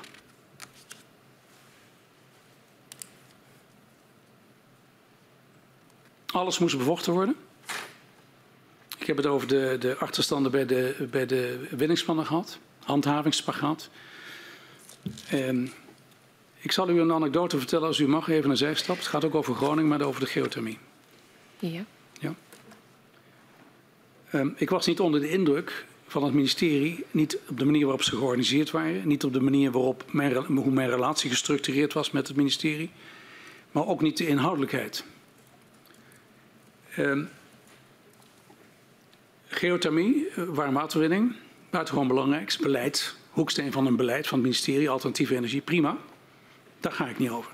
Maar waar ik wel over ga is over veiligheid. Alleen hadden we het niet goed, we in Nederland, niet goed georganiseerd. Die ondergrond, dat is een asset, daar gebeurt een heleboel. Maar wat daar gebeurt is tamelijk risicovol en daar moet je hele verstandige mensen op zetten. Ik noem het voorbeeld van Groningen. Ik kwam er op een gegeven moment achter dat de, dat de uh, stad Groningen, de gemeente Groningen, was bezig met een geothermieproject. En ik had, zoals ik al zei, ik had, de Groningen, ik had mijn Groningen gasdossier en ik had mijn reorganisatiedossier. En dit kwam in mijn ooghoek. En ik dacht op een gegeven moment, wacht even, maar waar halen ze dat warm water vandaan? Dat warm water zou moeten komen uit dezelfde gasvoerende laag waar de NAM een kilometer verderop de gas, het gas won.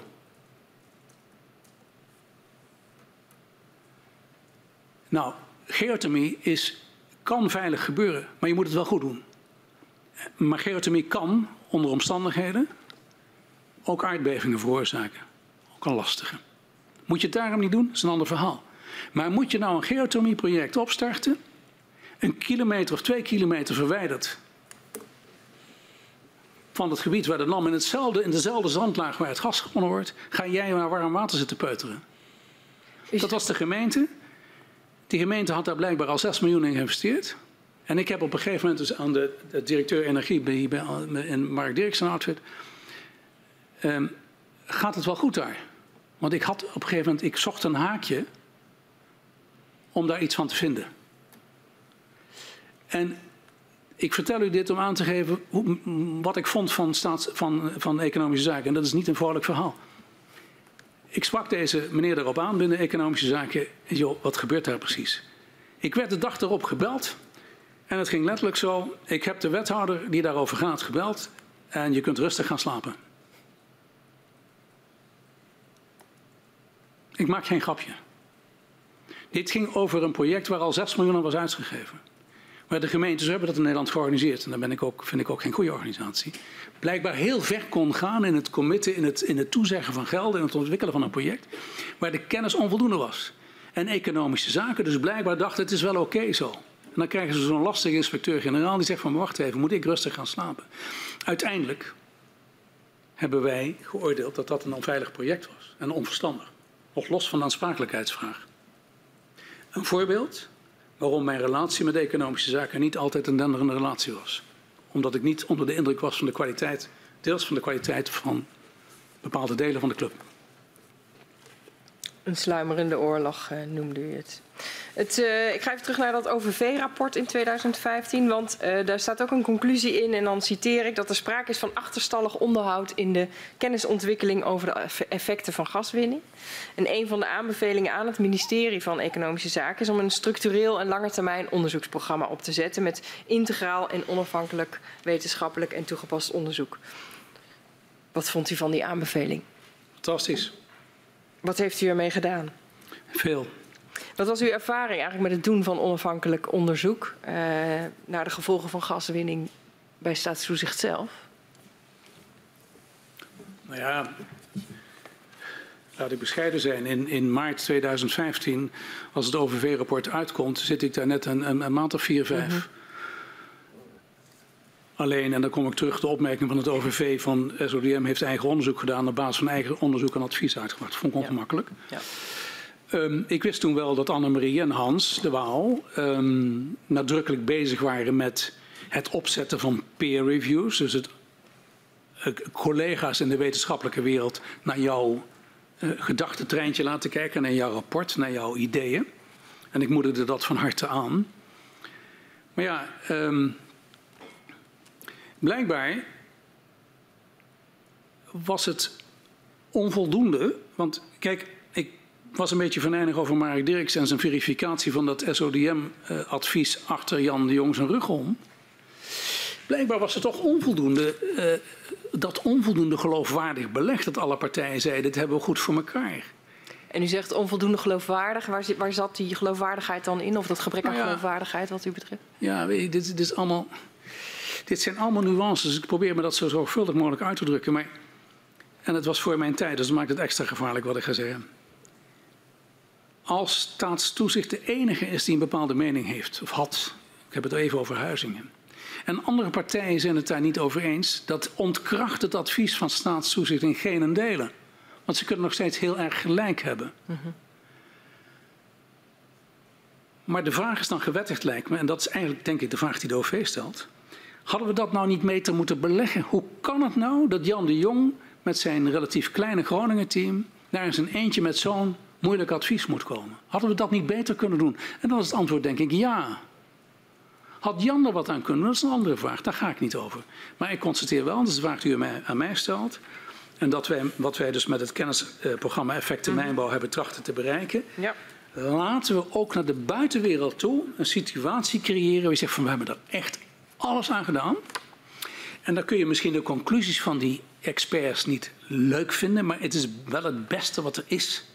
En dan is uiteindelijk nog steeds de politiek die op basis van het is het beste wat er is, dan moet zeggen van we gaan linksaf of rechtsaf. Ja. Nou. En u, noem, en u noemde eerder al hè, dat uh, er eigenlijk maar een handjevol uh, paar handjes vol wetenschappers Ja. zijn eh, die er verstand van hebben. Dat drie kwart daarvan verbonden is eigenlijk aan de NAM, eh, zei u. En één kwart Ja, aan de staatstoezicht. Eventjes, eh, ja, snap ik. En u zei ook dat u al bezig was met peer review. In, ho- in hoeverre is onafhankelijkheid zeg maar, van het onderzoek nou onderdeel geweest van die geloofwaardigheid van het wetenschappelijk onderzoek en de kennis bij staatstoezicht? In mijn tijd? Ja, in uw tijd. Ja, ik vond dat ontzettend belangrijk. Ik vond het heel belangrijk dat. Ehm, dan laat ik mijn woorden proberen zo zorgvuldig mogelijk te kiezen. Ik had groot, ik heb en had groot respect voor de opvolgende afdelingshoofden van Herk Schoot Zee, eh, van de Zee. Ik had erg groot respect voor de kwaliteit van Annemarie, Hans de Waal en Hans Roest. Ik vond het wel kwetsbaar, dat heb ik eerder gezegd. Dus ik vond het belangrijk dat wij die, die netwerken, die peer reviews, dat we dat gingen structureren. Op een zodanige manier dat het minder afhankelijk werd van een relatief klein team. Dat het ook minder kwetsbaar werd voor maatschappelijke meningen en adviezen van het zijn maar een handjevol mensen die het zeggen. Ik wilde dat verbeteren. Maar het was een,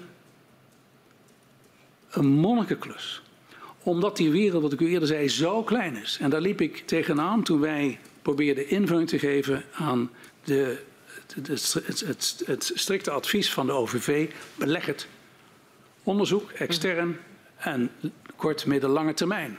Waar liepen wij tegenaan? Eerst maar even wat we niet wilden. We wilden niet een nieuwe universiteit creëren. We wilden niet een subset van TNO creëren of een subset van, eh, van, van, van Delft. Ook al had dat, zelfs al had dat gekund, of van het KNMI. We wilden het daar nergens onderbrengen. Dus wat wilde u wel dan? Heel snel een, zo geloof, een, de best mogelijke groep bij elkaar brengen.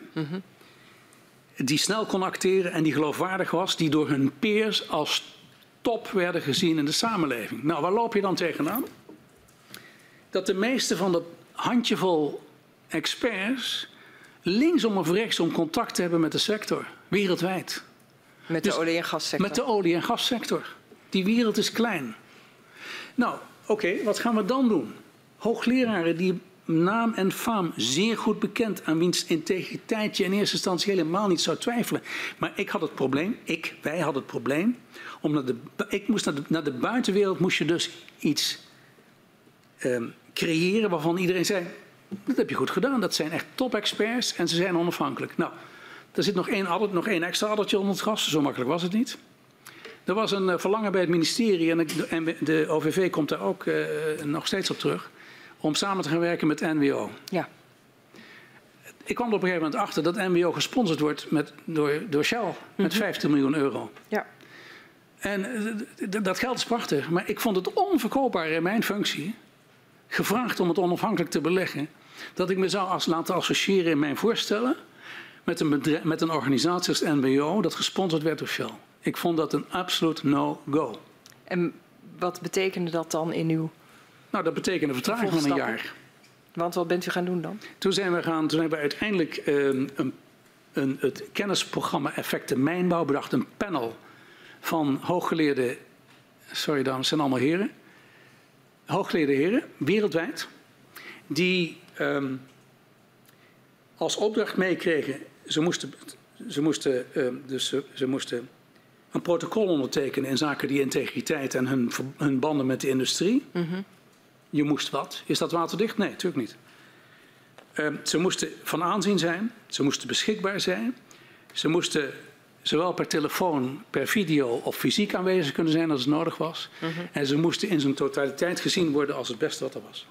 Uiteindelijk is dat gelukt.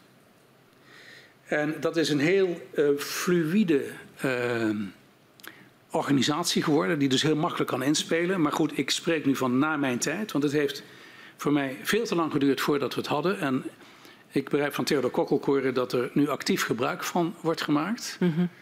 Eh, maar nogmaals, ik kan dat zelf niet meer invullen, dus hoe het nu werkt. Maar ik, ik heb begrepen dat de concepten ongeveer hetzelfde zijn. Alleen, ik heb er twee jaar over gedaan. We hebben er twee jaar over gedaan. Dat is in interactie, we, dat is mijn interactie met economische zaken. Ehm, om dat voor elkaar te krijgen. En dus we liepen tegen die dingen aan die we niet wilden. Nee. Dus, dus er waren twee uh, onderzoeksprogramma's in ontwikkeling. Kennisprogramma Effecten Mijnbouw en dat Diep, Diep NL heette dat, naar de diepere ondergrond. En u zegt dat werd gefinancierd eigenlijk via het MWO door de Shell. En dat wilde ik niet Shell, zomaar. Ik, er is mij verteld dat Shell voor 50 miljoen bijdroeg aan NWO, Diep NL denk ik. Ja. En ik wilde. U wilde dat? Ik twijfel niet uit principe aan Shell, maar ik kan dat niet uitleggen aan de buitenwereld. Dus daarom wilde ik het niet.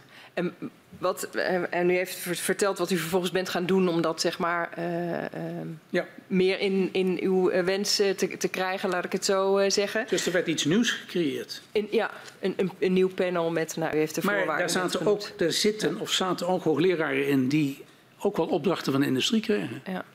Wat heeft u gedaan met, met uw bezwaren over die financiering bij het ministerie van Economische Zaken?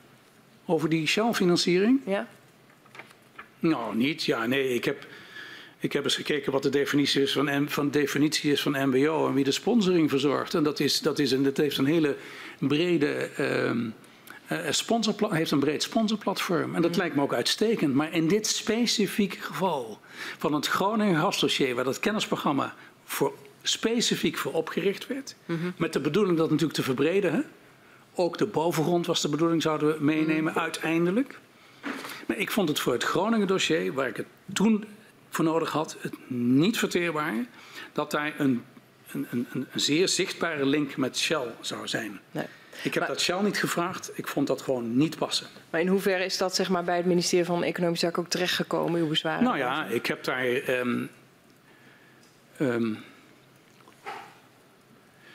ik heb dat met uh, directeur um, energie van, eh, van marktdirecteur Meijnerd Smallenbroek uh, uitvoerig over gehad. En ik vrees dat dat voor vertraging heeft gezorgd. Op welke manier bedoelt u dat? Nou, ik had het gevoel dat er weerstand was om dat niet op die manier te doen. En ik was ook teleurgesteld dat, het, dat de OVV naar de hand wederom kwam met in zijn follow-up rapport dat zij teleurgesteld waren dat we dat met de MWO niet hadden doorgezet. Terwijl ik de man in kwestie die mij interviewde over dat follow-up rapport van de OVV had verteld waarom ik dat in mijn rol als IGM per se niet wilde vanwege de sponsoring door Shell. Betekent dat dat uw bezwaren niet als zodanig werden eh, herkend door het ministerie? Nou, klaarblijkelijk had het ministerie het idee dat doen we maar met MWO en dat vond de OVV ook en ik wilde dat niet. Helder. Ik neem u mee naar 2017. Op 26 oktober start een nieuw kabinet, het kabinet Rutte 3. Uh, en tijdens het formatieproces wordt u in augustus 2017 uitgenodigd om het nieuwe kabinet, of de onderhandelaars van advies te, te voorzien over de gaswinning in Groningen. Ja. Op wiens initiatief bent u daarvoor uitgenodigd? Dat was niet mijn initiatief, weet ik niet. Ik denk van de. Ik werd op een gegeven moment gebeld door. Ja, weet u iemand die de, een van de secretarissen die zo'n zo'n formatieproces begeleidt. Ja, en hoe vaak bent u geweest? Eén keer, één middag. Eén één middag. En is van tevoren aangegeven op welke punten nee. de onderhandelaars advies wilden? Nee, sorry, nee. nee. Heeft niets mee. Nee, ik ben daar blanco heen gegaan. In, uh, ik had natuurlijk wel een beetje een idee waar ze me over zouden kunnen bevragen. Maar... Okay. Uh, in een notitie ter voorbereiding van het uh, kabinetsformatiegesprek lezen we dat u adviseert dat het snel verlagen van de productie vermoedelijk zal leiden tot een verlaagde seismiciteit, maar wel andere problemen kan veroorzaken. Op welke problemen doelde u? Fluctuaties. Dat was nog steeds, dat, was, dat, dat veranderde niet. Okay. In dezelfde notitie pleit u ook voor de hand, uh, aan de, het hand aan de kraan principe met stapsgewijze productieverlagingen. Ja. Waarom adviseerde u dat principe? Wat ik u eerder heb geprobeerd uit te leggen was, ik was erg uh, gecharmeerd van de koerswijziging die wij in 2017 hebben ingezet met het meta-regelprotocol. Lees hand aan de kraan. Omdat ik dat elegant vond, dat dat 24 uur per dag meten wat het veld doet. En dus heel snel kunnen ingrijpen in plaats van een halfjaarsplafond of een, lang, een langjariger plafond. Dus ik vast dat, nog steeds vond ik dat het beste op dat moment het model. Niet wat kon vertellen wanneer je de veiligheidsnormen zou voldoen, maar wel het model wat de kans op het verminderen van bevingen en de kans op het krijgen van zwaardere bevingen uh, zou faciliteren. Ja. En die stapsgewijze productieverlagingen, hoe groot moesten die stappen zijn volgens u? Nou, dit was het verhaal van, het, eh, van, het, eh, van, de, van de 10% Dus het meet- en regelprotocol als een signaal, dat, was, dat is bedoeld met de stapsgewijze vermindering. Heeft u op dat moment ook een lange termijn afbouwpad besproken? Ik heb in mijn herinnering, en daar ben ik vrij zeker van, op een gegeven moment, ik werd de, de, de sessie openen met de vraag van de heer Zalm, de toenmalige kabinetsformateur. Meneer Van der Meijden, kunt u ons vertellen wanneer het veilig is? En mijn antwoord is daarop geweest, nee, dat kan ik u niet. Vrij aan het eind van dat gesprek heb ik aan de uh, mensen die om de tafel zaten gevraagd of gesuggereerd dat het wellicht verstandig was om een plan B te bedenken. En met plan B bedoelde ik de situatie voor het geval Groningen helemaal zou moeten sluiten. Omdat het onveilig werd. Of een combinatie van onveilig worden en een samenleving zegt tot hier en niet verder. En mij werd toen toegevoegd, is het zo serieus? En tot de dag van vandaag vind ik dat een, vond ik dat een schokkend, een schokkende vraag. Ik ging ervan uit dat ik zat daar met een groot aantal mensen van de politieke partijen. Allemaal mensen met verantwoordelijkheid. Het Groningen dossier was niet van vandaag of morgen. En dat er gereageerd werd op mijn vraag van het plan B, getriggerd door de noodzaak om als het sociale, als de onderbouwing, als het draagvlak onder de winning wegvalt, of een combinatie van genoeg is genoeg, het is niet veilig meer. Wat ga je dan doen? Is het zo erg? Nou, dat kan een spontane uitroep zijn geweest. Laten we het daar maar op houden, maar dat is mijn meest positieve uitleg eraan. En er was geen plan B. Toen is mij gevraagd, hoe zou uw plan B, uw plan B eruit zien? Ik zei, daar ga ik niet over, ik ben IG. Maar als Harry van der Meijden heb ik wel een idee. Ik zou nu gaan nadenken over LNG. We zien dat dan in het regeerakkoord onder andere staat... volgens de huidige inzichten verkleint zowel minder winning als een vlakkere winning het aardbevingsrisico. Aan het eind van de kabinetsperiode zal de winning naar verwachting circa anderhalf miljard kub lager uit kunnen liggen dan volgens het meest recente winningsbesluit van 21,6 miljard kub aardgas per oktober 2017. In hoeverre was dat in lijn met uw advies? Nou, niet als ik, goed naar u luister. Um, onze lijn was heel simpel. We hadden een meter regelprotocol met die stoplichten en die 10%. En dus wat er ook afgesproken werd over plafonds. Ja, dat, ik realiseer me dat dat heel veel onzekerheid creëert. Maar in feite wat wij zeiden is van 24 was het uitgangspunt en minister Kamp verlaagde dat naar 21,6 geloof ik in oktober. En als er daarna dus bevingen zouden optreden en die signalen zouden op springen, dan zou er weer ingegrepen moeten worden. Nou, ik ben in december 18 17 weggegaan. En daarna zijn er nog bevingen geweest. Ik vermoed dat dat met een regelprotocol daar zomaar een rol in zou hebben kunnen ingespeeld heeft. Dus de relatie met wat u daar uh, leest, citeert, uh, die zie ik dan niet. En heeft u ook die specifieke productiegetallen genoemd in dat overleg? Welke productiegetallen? Ja, de, uh, dat aan het einde van die uh, kabinetsperiode de winning naar verwachting circa nee. anderhalf miljard nee, nee, lager zou kunnen liggen ten opzichte van 21,6 nee, ik miljard. Dat, ik herken dat ook niet. Ik kan me dat niet. Ik weet niet of ik dat überhaupt. Ik denk dat ik het überhaupt niet gezien heb eigenlijk. Heeft u suggesties aangedragen, tekstvoorstellen gedaan voor. Uh, ik heb een tekstvoorstel gedaan, maar daar stond dit niet in. En dat tekstvoorstel. Wat stond er wel in? Ja, dat is een goede vraag.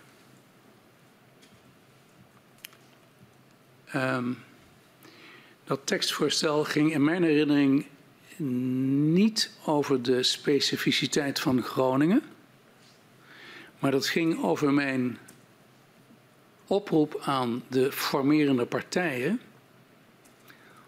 om de ondergrond in Nederland beter in te richten. Wat bedoel ik daarmee? We hebben, ik zei u eerder al, er zijn in de ondergrond in Nederland doen wij heel veel dingen. We winnen water, we leggen kabels, we winnen gas, olie, zout, kolen, eh, geothermie, noem maar op, kernafval, CO2. En daar gaan een heleboel mensen en organisaties over. Bovengronds hebben we bestemmingsplannen. In de ondergrond ben ik het niet tegengekomen. Ik noem nu het voorbeeld van de geothermie in Groningen. Ik vind dat een voorbeeld. En die mensen hebben dat natuurlijk met de beste bedoeling gedaan. Maar dat een gemeente zich bezighoudt met een zeer risicovol, project. Waar je wellicht de capaciteit en de competentie niet voor in huis hebt. En als je die competentie niet in huis hebt, kun je ook niet het gesprek voeren met de ingenieur die je inhuurt om jou een advies te geven. Want je kunt het advies niet beoordelen. Nou, dus even terug naar mijn suggestie voor wat er in dat, uh, in dat regeerakkoord zou kunnen komen. Is meer langs de lijn geweest. Maar nogmaals, ik weet dat niet meer precies, maar ik heb me daar wel mee bezig gehouden. Kijk nou eens even naar die ondergrond. Regel dat beter. Zorg dat, er, zorg dat dat gestructureerd wordt, dat daar een regiemodel komt. En in combinatie daarmee, die ondergrond heeft een, kan een impact hebben op de bovengrond. Zie kolen, zie gas, zie zoutwinning en andere dingen. Organiseer dat nou ook en versnipper dat niet. Beleg kwaliteit, kennis en kunde en zorg dat er goed gestuurd wordt. En dat is in de context van de, uh, het besluit om een decentrale consultatie, om burgers te betrekken bij al dit, soort, al dit soort beslissingen. Dan vind ik, maar dat was mijn persoonlijke mening, als je burgers daarbij betrekt, dan moeten die burgers ervan uit kunnen gaan dat die kennis en die kunde goed belegd is. Dat die risico's goed in beeld zijn. En ik vond dat onvoldoende. Langs deze wegen heb ik volgens mij één of twee zinnen aangereikt voor inclusie in het, in het eh, kabinets, eh, in het uh, regeerakkoord. Okay. Dank u wel. Uh, de heer Quint heeft nog een aantal vragen voor u. Ja, ik wilde helemaal met u terug naar het begin van dit gesprek. U komt binnen bij uh, SODM, u treft daar een prestatiematrix aan waar heel veel bolletjes al heel lang op rood staan, om het maar even huiselijk samen te vatten. Uh, ook na een dodelijk ongeval. Wat betekenen die rode bolletjes? Zijn dat zaken die directe opvolging van de operator vereisen of van de toezichthouder? Nee, het, was de, het waren de, de, de, de het waren de, de, hoe zeggen we dat nou? De, het waren de, u had een prachtig woord net, sorry. U opende een prestatiematrix? Ja, de prestatiematrix ja. met de, de, de, rode bolletjes. Het was specifiek ja.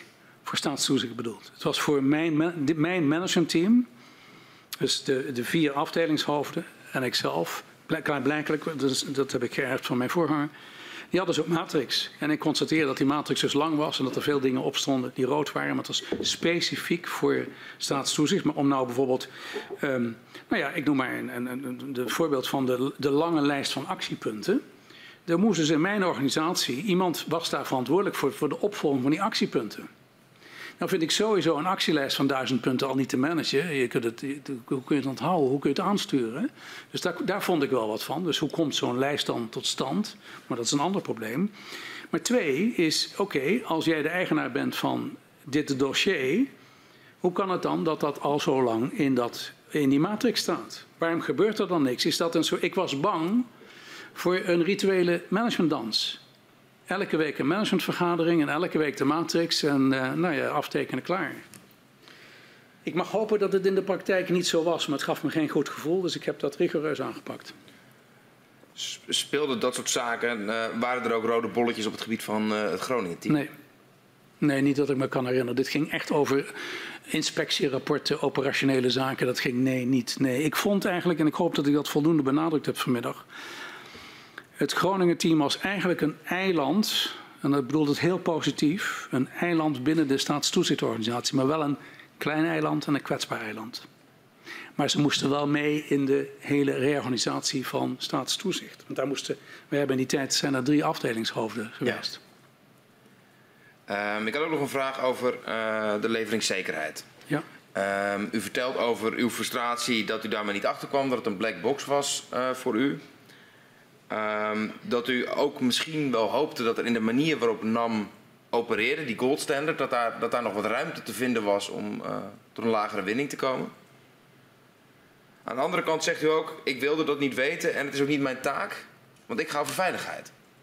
Hoe, hoe verhouden die twee zaken ja, zich dat tot elkaar? Is, ja, dat is, het, het is, het heel goed dat u dat, dat, u dat uh, zo oppikt. Dat was natuurlijk een dilemma en ik heb eerder proberen aan te geven dat... Um, ik om Ik wilde niet bevooroordeeld zijn, daarom wil ik het eigenlijk niet weten. Maar het feit dat het met elk advies klaarblijkelijk het, het, het leveringszekerheidsniveau naar beneden kon, dat wekte mijn achterdocht. Het ging te makkelijk. Ogenschijnlijk. En mijn vragen om verduidelijking leverden niet veel op. En al helemaal toen ik op een gegeven moment dacht, want nogmaals, ik ben geen ingenieur en ik weet dat die dingen allemaal zijn vastgelegd in operations manuals en weet ik veel meer en moet dit en dan moet dat. Maar wat ik wel weet, is dat dat wel, dat het kan wel een golden standard zijn. En dat je daar dus in nood, nood breekt wet in zekere zin. En ik miste de proactiviteit en bij het ministerie en bij de NAM, maar dus eigenlijk ook met, met GTS, maar ik had geen contacten met GTS. De proactiviteit om te kijken, verdorie, dat, ja, oké, okay, laten we daar eens naar kijken. Elke kuub, korter de bocht, elke kuub was er één. En als we een kuub konden sparen, waarom zouden we dat niet doen? Maar u kreeg niet de indruk dat, daar, uh, dat aan de andere kant van de lijn diezelfde urgentie zat? Nee. Uh, ten slotte, u had het over um, de wat vrijzinnige samenvatting van uw rapporten zoals die soms terecht kwam in Kamerbrieven. In Kamerbrieven, ja. ja.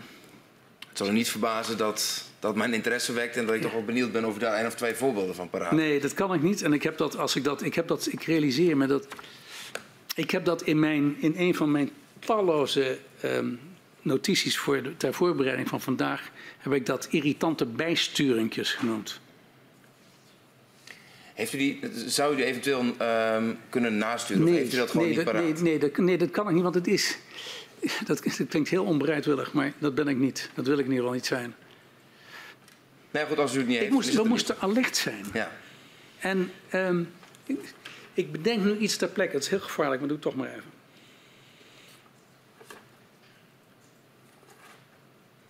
We hebben vanmiddag met elkaar heel veel gehad over fluctuaties en over nuanceringen. En heeft hij het zus of heeft hij het zo gezegd? En ik heb u een aantal keren misschien een beetje onvriendelijk proberen te, te bij te sturen, omdat ik het niet precies zo zei. Maar een zin van staatstoezicht vindt iets wel of niet veilig, of iets wel of niet een veilig winningsniveau.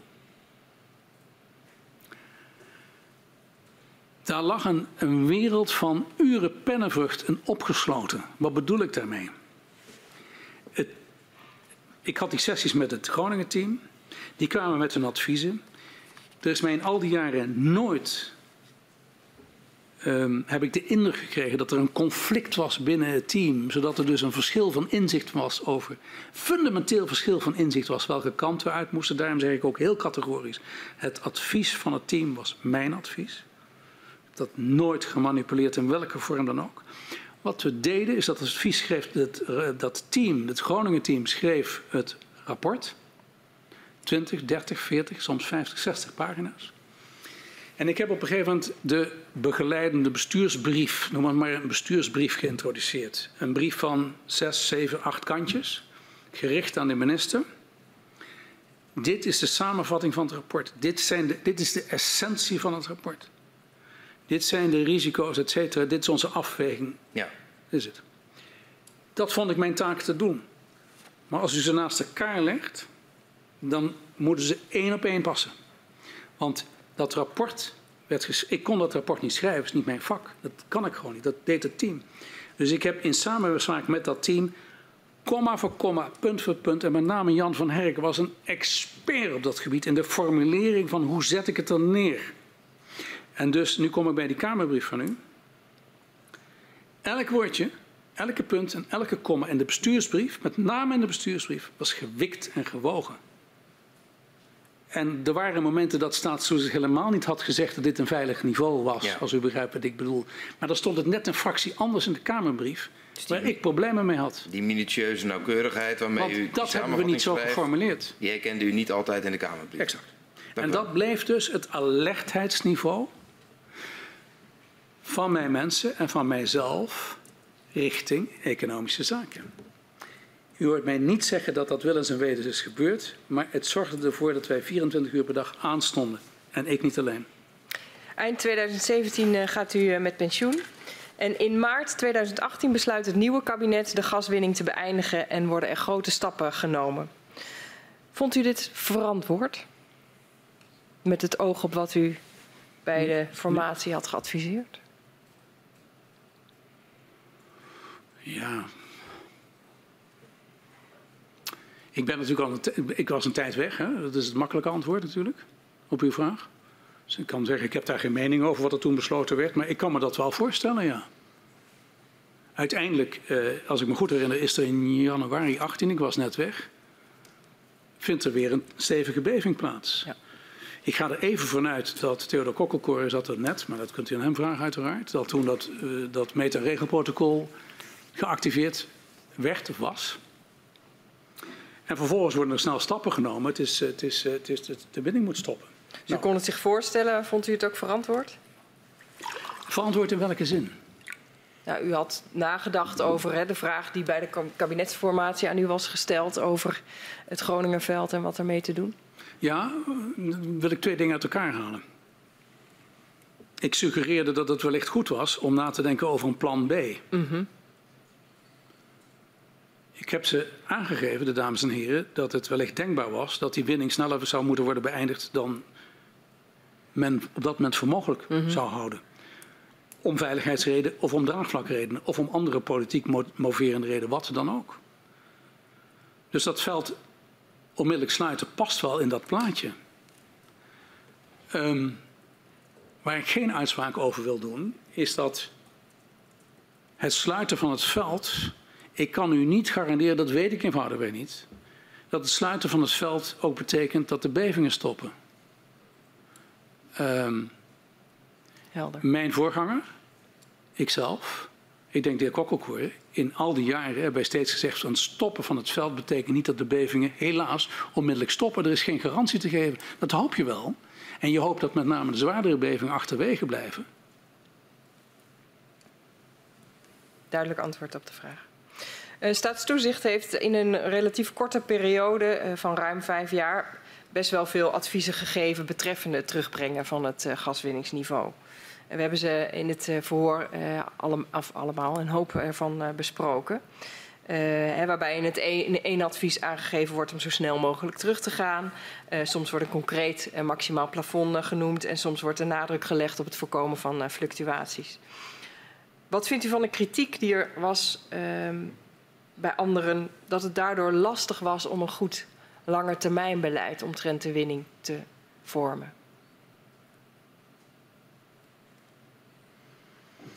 Ik heb die kritiek niet persoonlijk gehoord, wel via de, via de zijkant. Uh, dus ik moet voorzichtig zijn. Maar in algemene zin, als je terugkijkt, zeg van goh, dat waren wel veel adviezen en verschillende adviezen, dan begrijp ik dat wel. Maar um, de realiteit is dat wij werkenderwijs, wat ik u heb proberen uit te leggen, eh, steentje voor steentje hebben gezocht naar een mogelijkheid om het veld te opereren op een veilige manier. Um, de veiligheid te waarborgen. En als ik dan terugkijk, zijn we erin geslaagd. In mijn tijd in ieder geval niet. Want waar in 15 de aantal bevingen enorm terugliep, de sterke bevingen terugliepen, dat zette door tot de eerste helft van 16. Ik heb echt, we hebben echt met elkaar, denk ik, ook het team, in meer of mindere mate gehoopt. Van joh, zou het, zou het te managen zijn? Zou dit kunnen? Zou dit, te, zou dit te hanteren zijn? Kunnen we zo minutieus die risico's afdekken en zodanig opereren? We, dat is de NAM in dit geval. En ik moet constateren dat dat niet kan. Daar zijn we dus niet in geslaagd. En dan gaat het eigenlijk inderdaad over, over de, de uh, manier waarop het veld uh, uh, geopereerd, of ja, hoe noem je dat, Be, beheerst kan worden. Ja. Um, hoe kijkt u er tegenaan dat door veel betrokkenen ook wel wordt gezegd, ja, de staatstoezichtadviezen, ik, we konden er eigenlijk niet mee, omdat ze, niet mee omdat ze elk jaar anders waren? Ja, ik, zoals ik probeer aan te geven, ik heb daar wel begrip voor, maar het is wat het is. Ik kan, wij hebben naar beste eer en geweten op, met de stand van de wetenschap van toen. En met alle experts, ook buitenstaatstoezicht die ons daarin geadviseerd hebben, adviezen geformuleerd. Um, ik zat niet in die positie om een weging te maken of onze adviezen lastig waren, ja of nee. Ik realiseerde me dat die adviezen lastig waren. Ik realiseer me dat de minister op een gegeven moment zegt: ja, wat moet ik dan? Ja, minister, maar u heeft een aantal. U, kunt niet alleen, u gaat niet alleen over veiligheid, u gaat ook over andere dingen, dus u kunt een andere afweging maken. Maar het is niet aan mij in mijn positie om daar rekening mee te houden dat mijn advies weliswaar, dat mijn advies misschien um, eh, anders is dan de vorige keer. Dat is de consequentie van voortschrijdend inzicht. Het was ook een probleem en een asset tegelijkertijd, het Groningen gasveld, wat je niet zomaar lichthartig, luchthartig um, adviezen over uitspreekt. Wij hebben naar eer en geweten gehandeld. En dat dat ongemakkelijk kan zijn geweest, dat accepteer ik. En ik zou waarschijnlijk hetzelfde doen.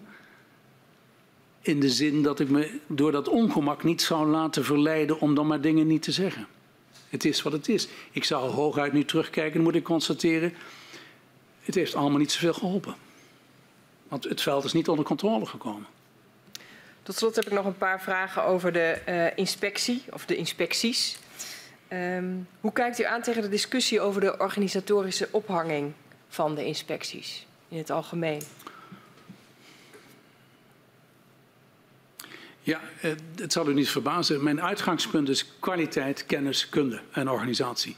Een hele goede organisatie met hele goede mensen, hele duidelijke mandaten, een hele goede structuur. Daar begint het mee. Mm -hmm. Ik zou daar eerst eens naar kijken. Dat is niet overal het geval, vrees ik. Twee, als kennis en kunde zo belangrijk is, specifieke kennis en kunde, en je bent inspectie op de olie en, op de, op de, op de uh, olie- en gassector, dan moet je rekening mee houden dat je in ieder geval mensen inhuurt die iets van die olie- en gassector afweten. En datzelfde denk ik zal kunnen gelden voor uh, de gezondheidszorg. En zo zijn er nog wel een aantal voorbeelden. Dat is twee. Drie, om dan, wat wel eens gesuggereerd is door deze en gene, dat in één grote inspectiemoloch onder te brengen, dan zouden daar allerlei andere nadelen aan kunnen, aan, kunnen kleven. Je kunt het te groot maken. De specificiteit van de kennis en de kunde zou verdwijnen. De rijkwijde, de span of control zou te groot kunnen worden. Dus ik ben daar niet zo'n voorstander van. Het andere punt wat ik met u wil aankaarten is dat. Um, kijk, ik kom uit een school dat iedereen een baas nodig heeft. Dus ophangen onder een SG. Ja, eh, je moet het ergens onder ophangen. Je moet het, onder een, en je moet het in, bij een departement ophangen. Dan is er ook best wel wat voor te zeggen dat je het bij het departement onderbrengt wat ook het beleid bepaalt. Omdat dat die lijnen kort maakt. Maar ik kan eenzelfde argument met u hebben dat je het juist daarom niet zou moeten doen. Maar wat ik belangrijk vind, en daar hebben we het helemaal niet over gehad, is dat die inspecteur-generaal in status, in uitstraling, in wettelijke basis een fundament heeft van een man of een vrouw die er staat. Het zijn wel de poppetjes die het doen, maar tegelijkertijd moet je die man of vrouw ook wel eh, alles geven om die functie te kunnen uitoefenen. Zodat hij die, ik noemde dat een sluimerende oorlog, zodat er is altijd wel een keer oneenigheid. Zodat er op voet van gelijkheid een discussie kan worden gevoerd in een ministerie. Wie zou, dan, Sorry. Wie zou dan de inspecteur-generaal der mijnen moeten beoordelen? Vanuit die gedachte. Dat is een hele goede vraag. Ik sla hem even over. Ik heb oh. nog een andere voor u, als ik dat mag. Uh, sorry, ik vergat nog te melden dat die inspecteur-generaal dus aan de, aan de, minister moet rapporteren en niet aan de SG. Dus inhoudelijk aan de minister en de Kamer via de publica publicatie van wat. Ik heb in mijn afscheidsgesprekken wel eens tegen mensen gezegd en ook in presentaties. Ik was toen inmiddels, ik weet het niet meer, 66 denk ik. De conclusie is verleidelijk om te moeten stellen dat een geloofwaardige en onafhankelijke inspecteur-generaal kun je alleen maar zijn als je geen carrièreperspectief meer hebt of meer wilt hebben, geen DG meer wil worden of geen SG meer wil worden. Want dan is ook degene die jou beoordeelt, dan kom ik terug op uw vraag van wie moet het dan beoordelen. Kijk, ik ben opgevoed ook in een systeem bij Shell van beoordelingen. En we zijn allemaal mensen. En mensen vinden wat van elkaar. En als je nou in zo'n lastige positie zit dat je soms een keer moet blaffen, en dat moet een inspecteur-generaal, dat vindt niemand leuk. Vind ik ook niet leuk om dat te doen. Maar als je dus een onafhankelijkheidspositie hebt door je leeftijd bijvoorbeeld, omdat je nog een carrière wil maken, en daar is niks mis mee, maar daar moet je wel bewust van zijn. En dan degene die over jouw carrière gaat en tegen wie jij ook blaft, dat geeft een spanningsveld en dat is ongemakkelijk. maak ik mezelf helder Ik duidelijk. snap wat u zegt. Ja. Uh, wat is de verhouding wat u betreft tussen aan de ene kant de organisatorische ophanging van de inspecteur-generaal versus de persoonlijke karakteristieken van de inspecteur-generaal in de manier waarop hij zijn werk kan doen? Ja, je zou hopen dat, en ik begon met die talentenpijplijn helemaal aan het begin van ons voor, mijn voor. Je zou bij de talentenscreening voor wie je, wie je dus benoemt in dat soort posities, moet je niet alleen kijken naar iemands kennis, kunde, ervaring, maar ook naar zijn, uh, hoe zeg je dat in goed Nederlands? Ja, zijn personal make-up. Wat zijn, wat zijn de karaktertrekken? He, er wordt wel gezegd, dit zijn de poppetjes die je doen. Ja, wat bedoel je daar dan precies mee?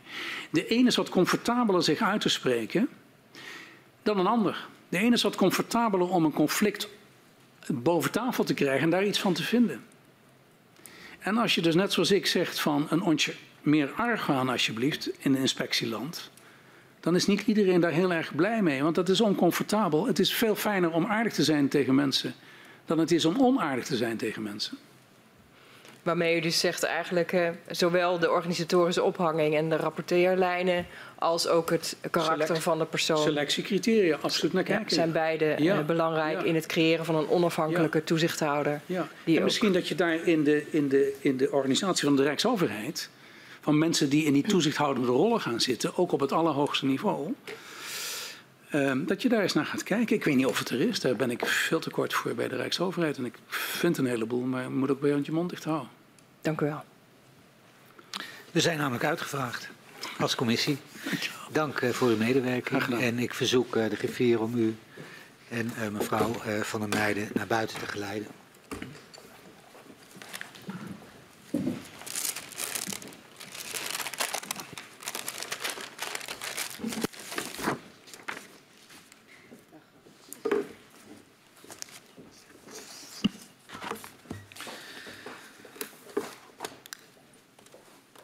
Uh, morgen vervolgen wij onze verhoren en dan uh, starten wij om half tien met het verhoor van de heer Kamps, uh, de secretaris-generaal van het ministerie van Economische Zaken en Klimaat tussen 2013 en 2000.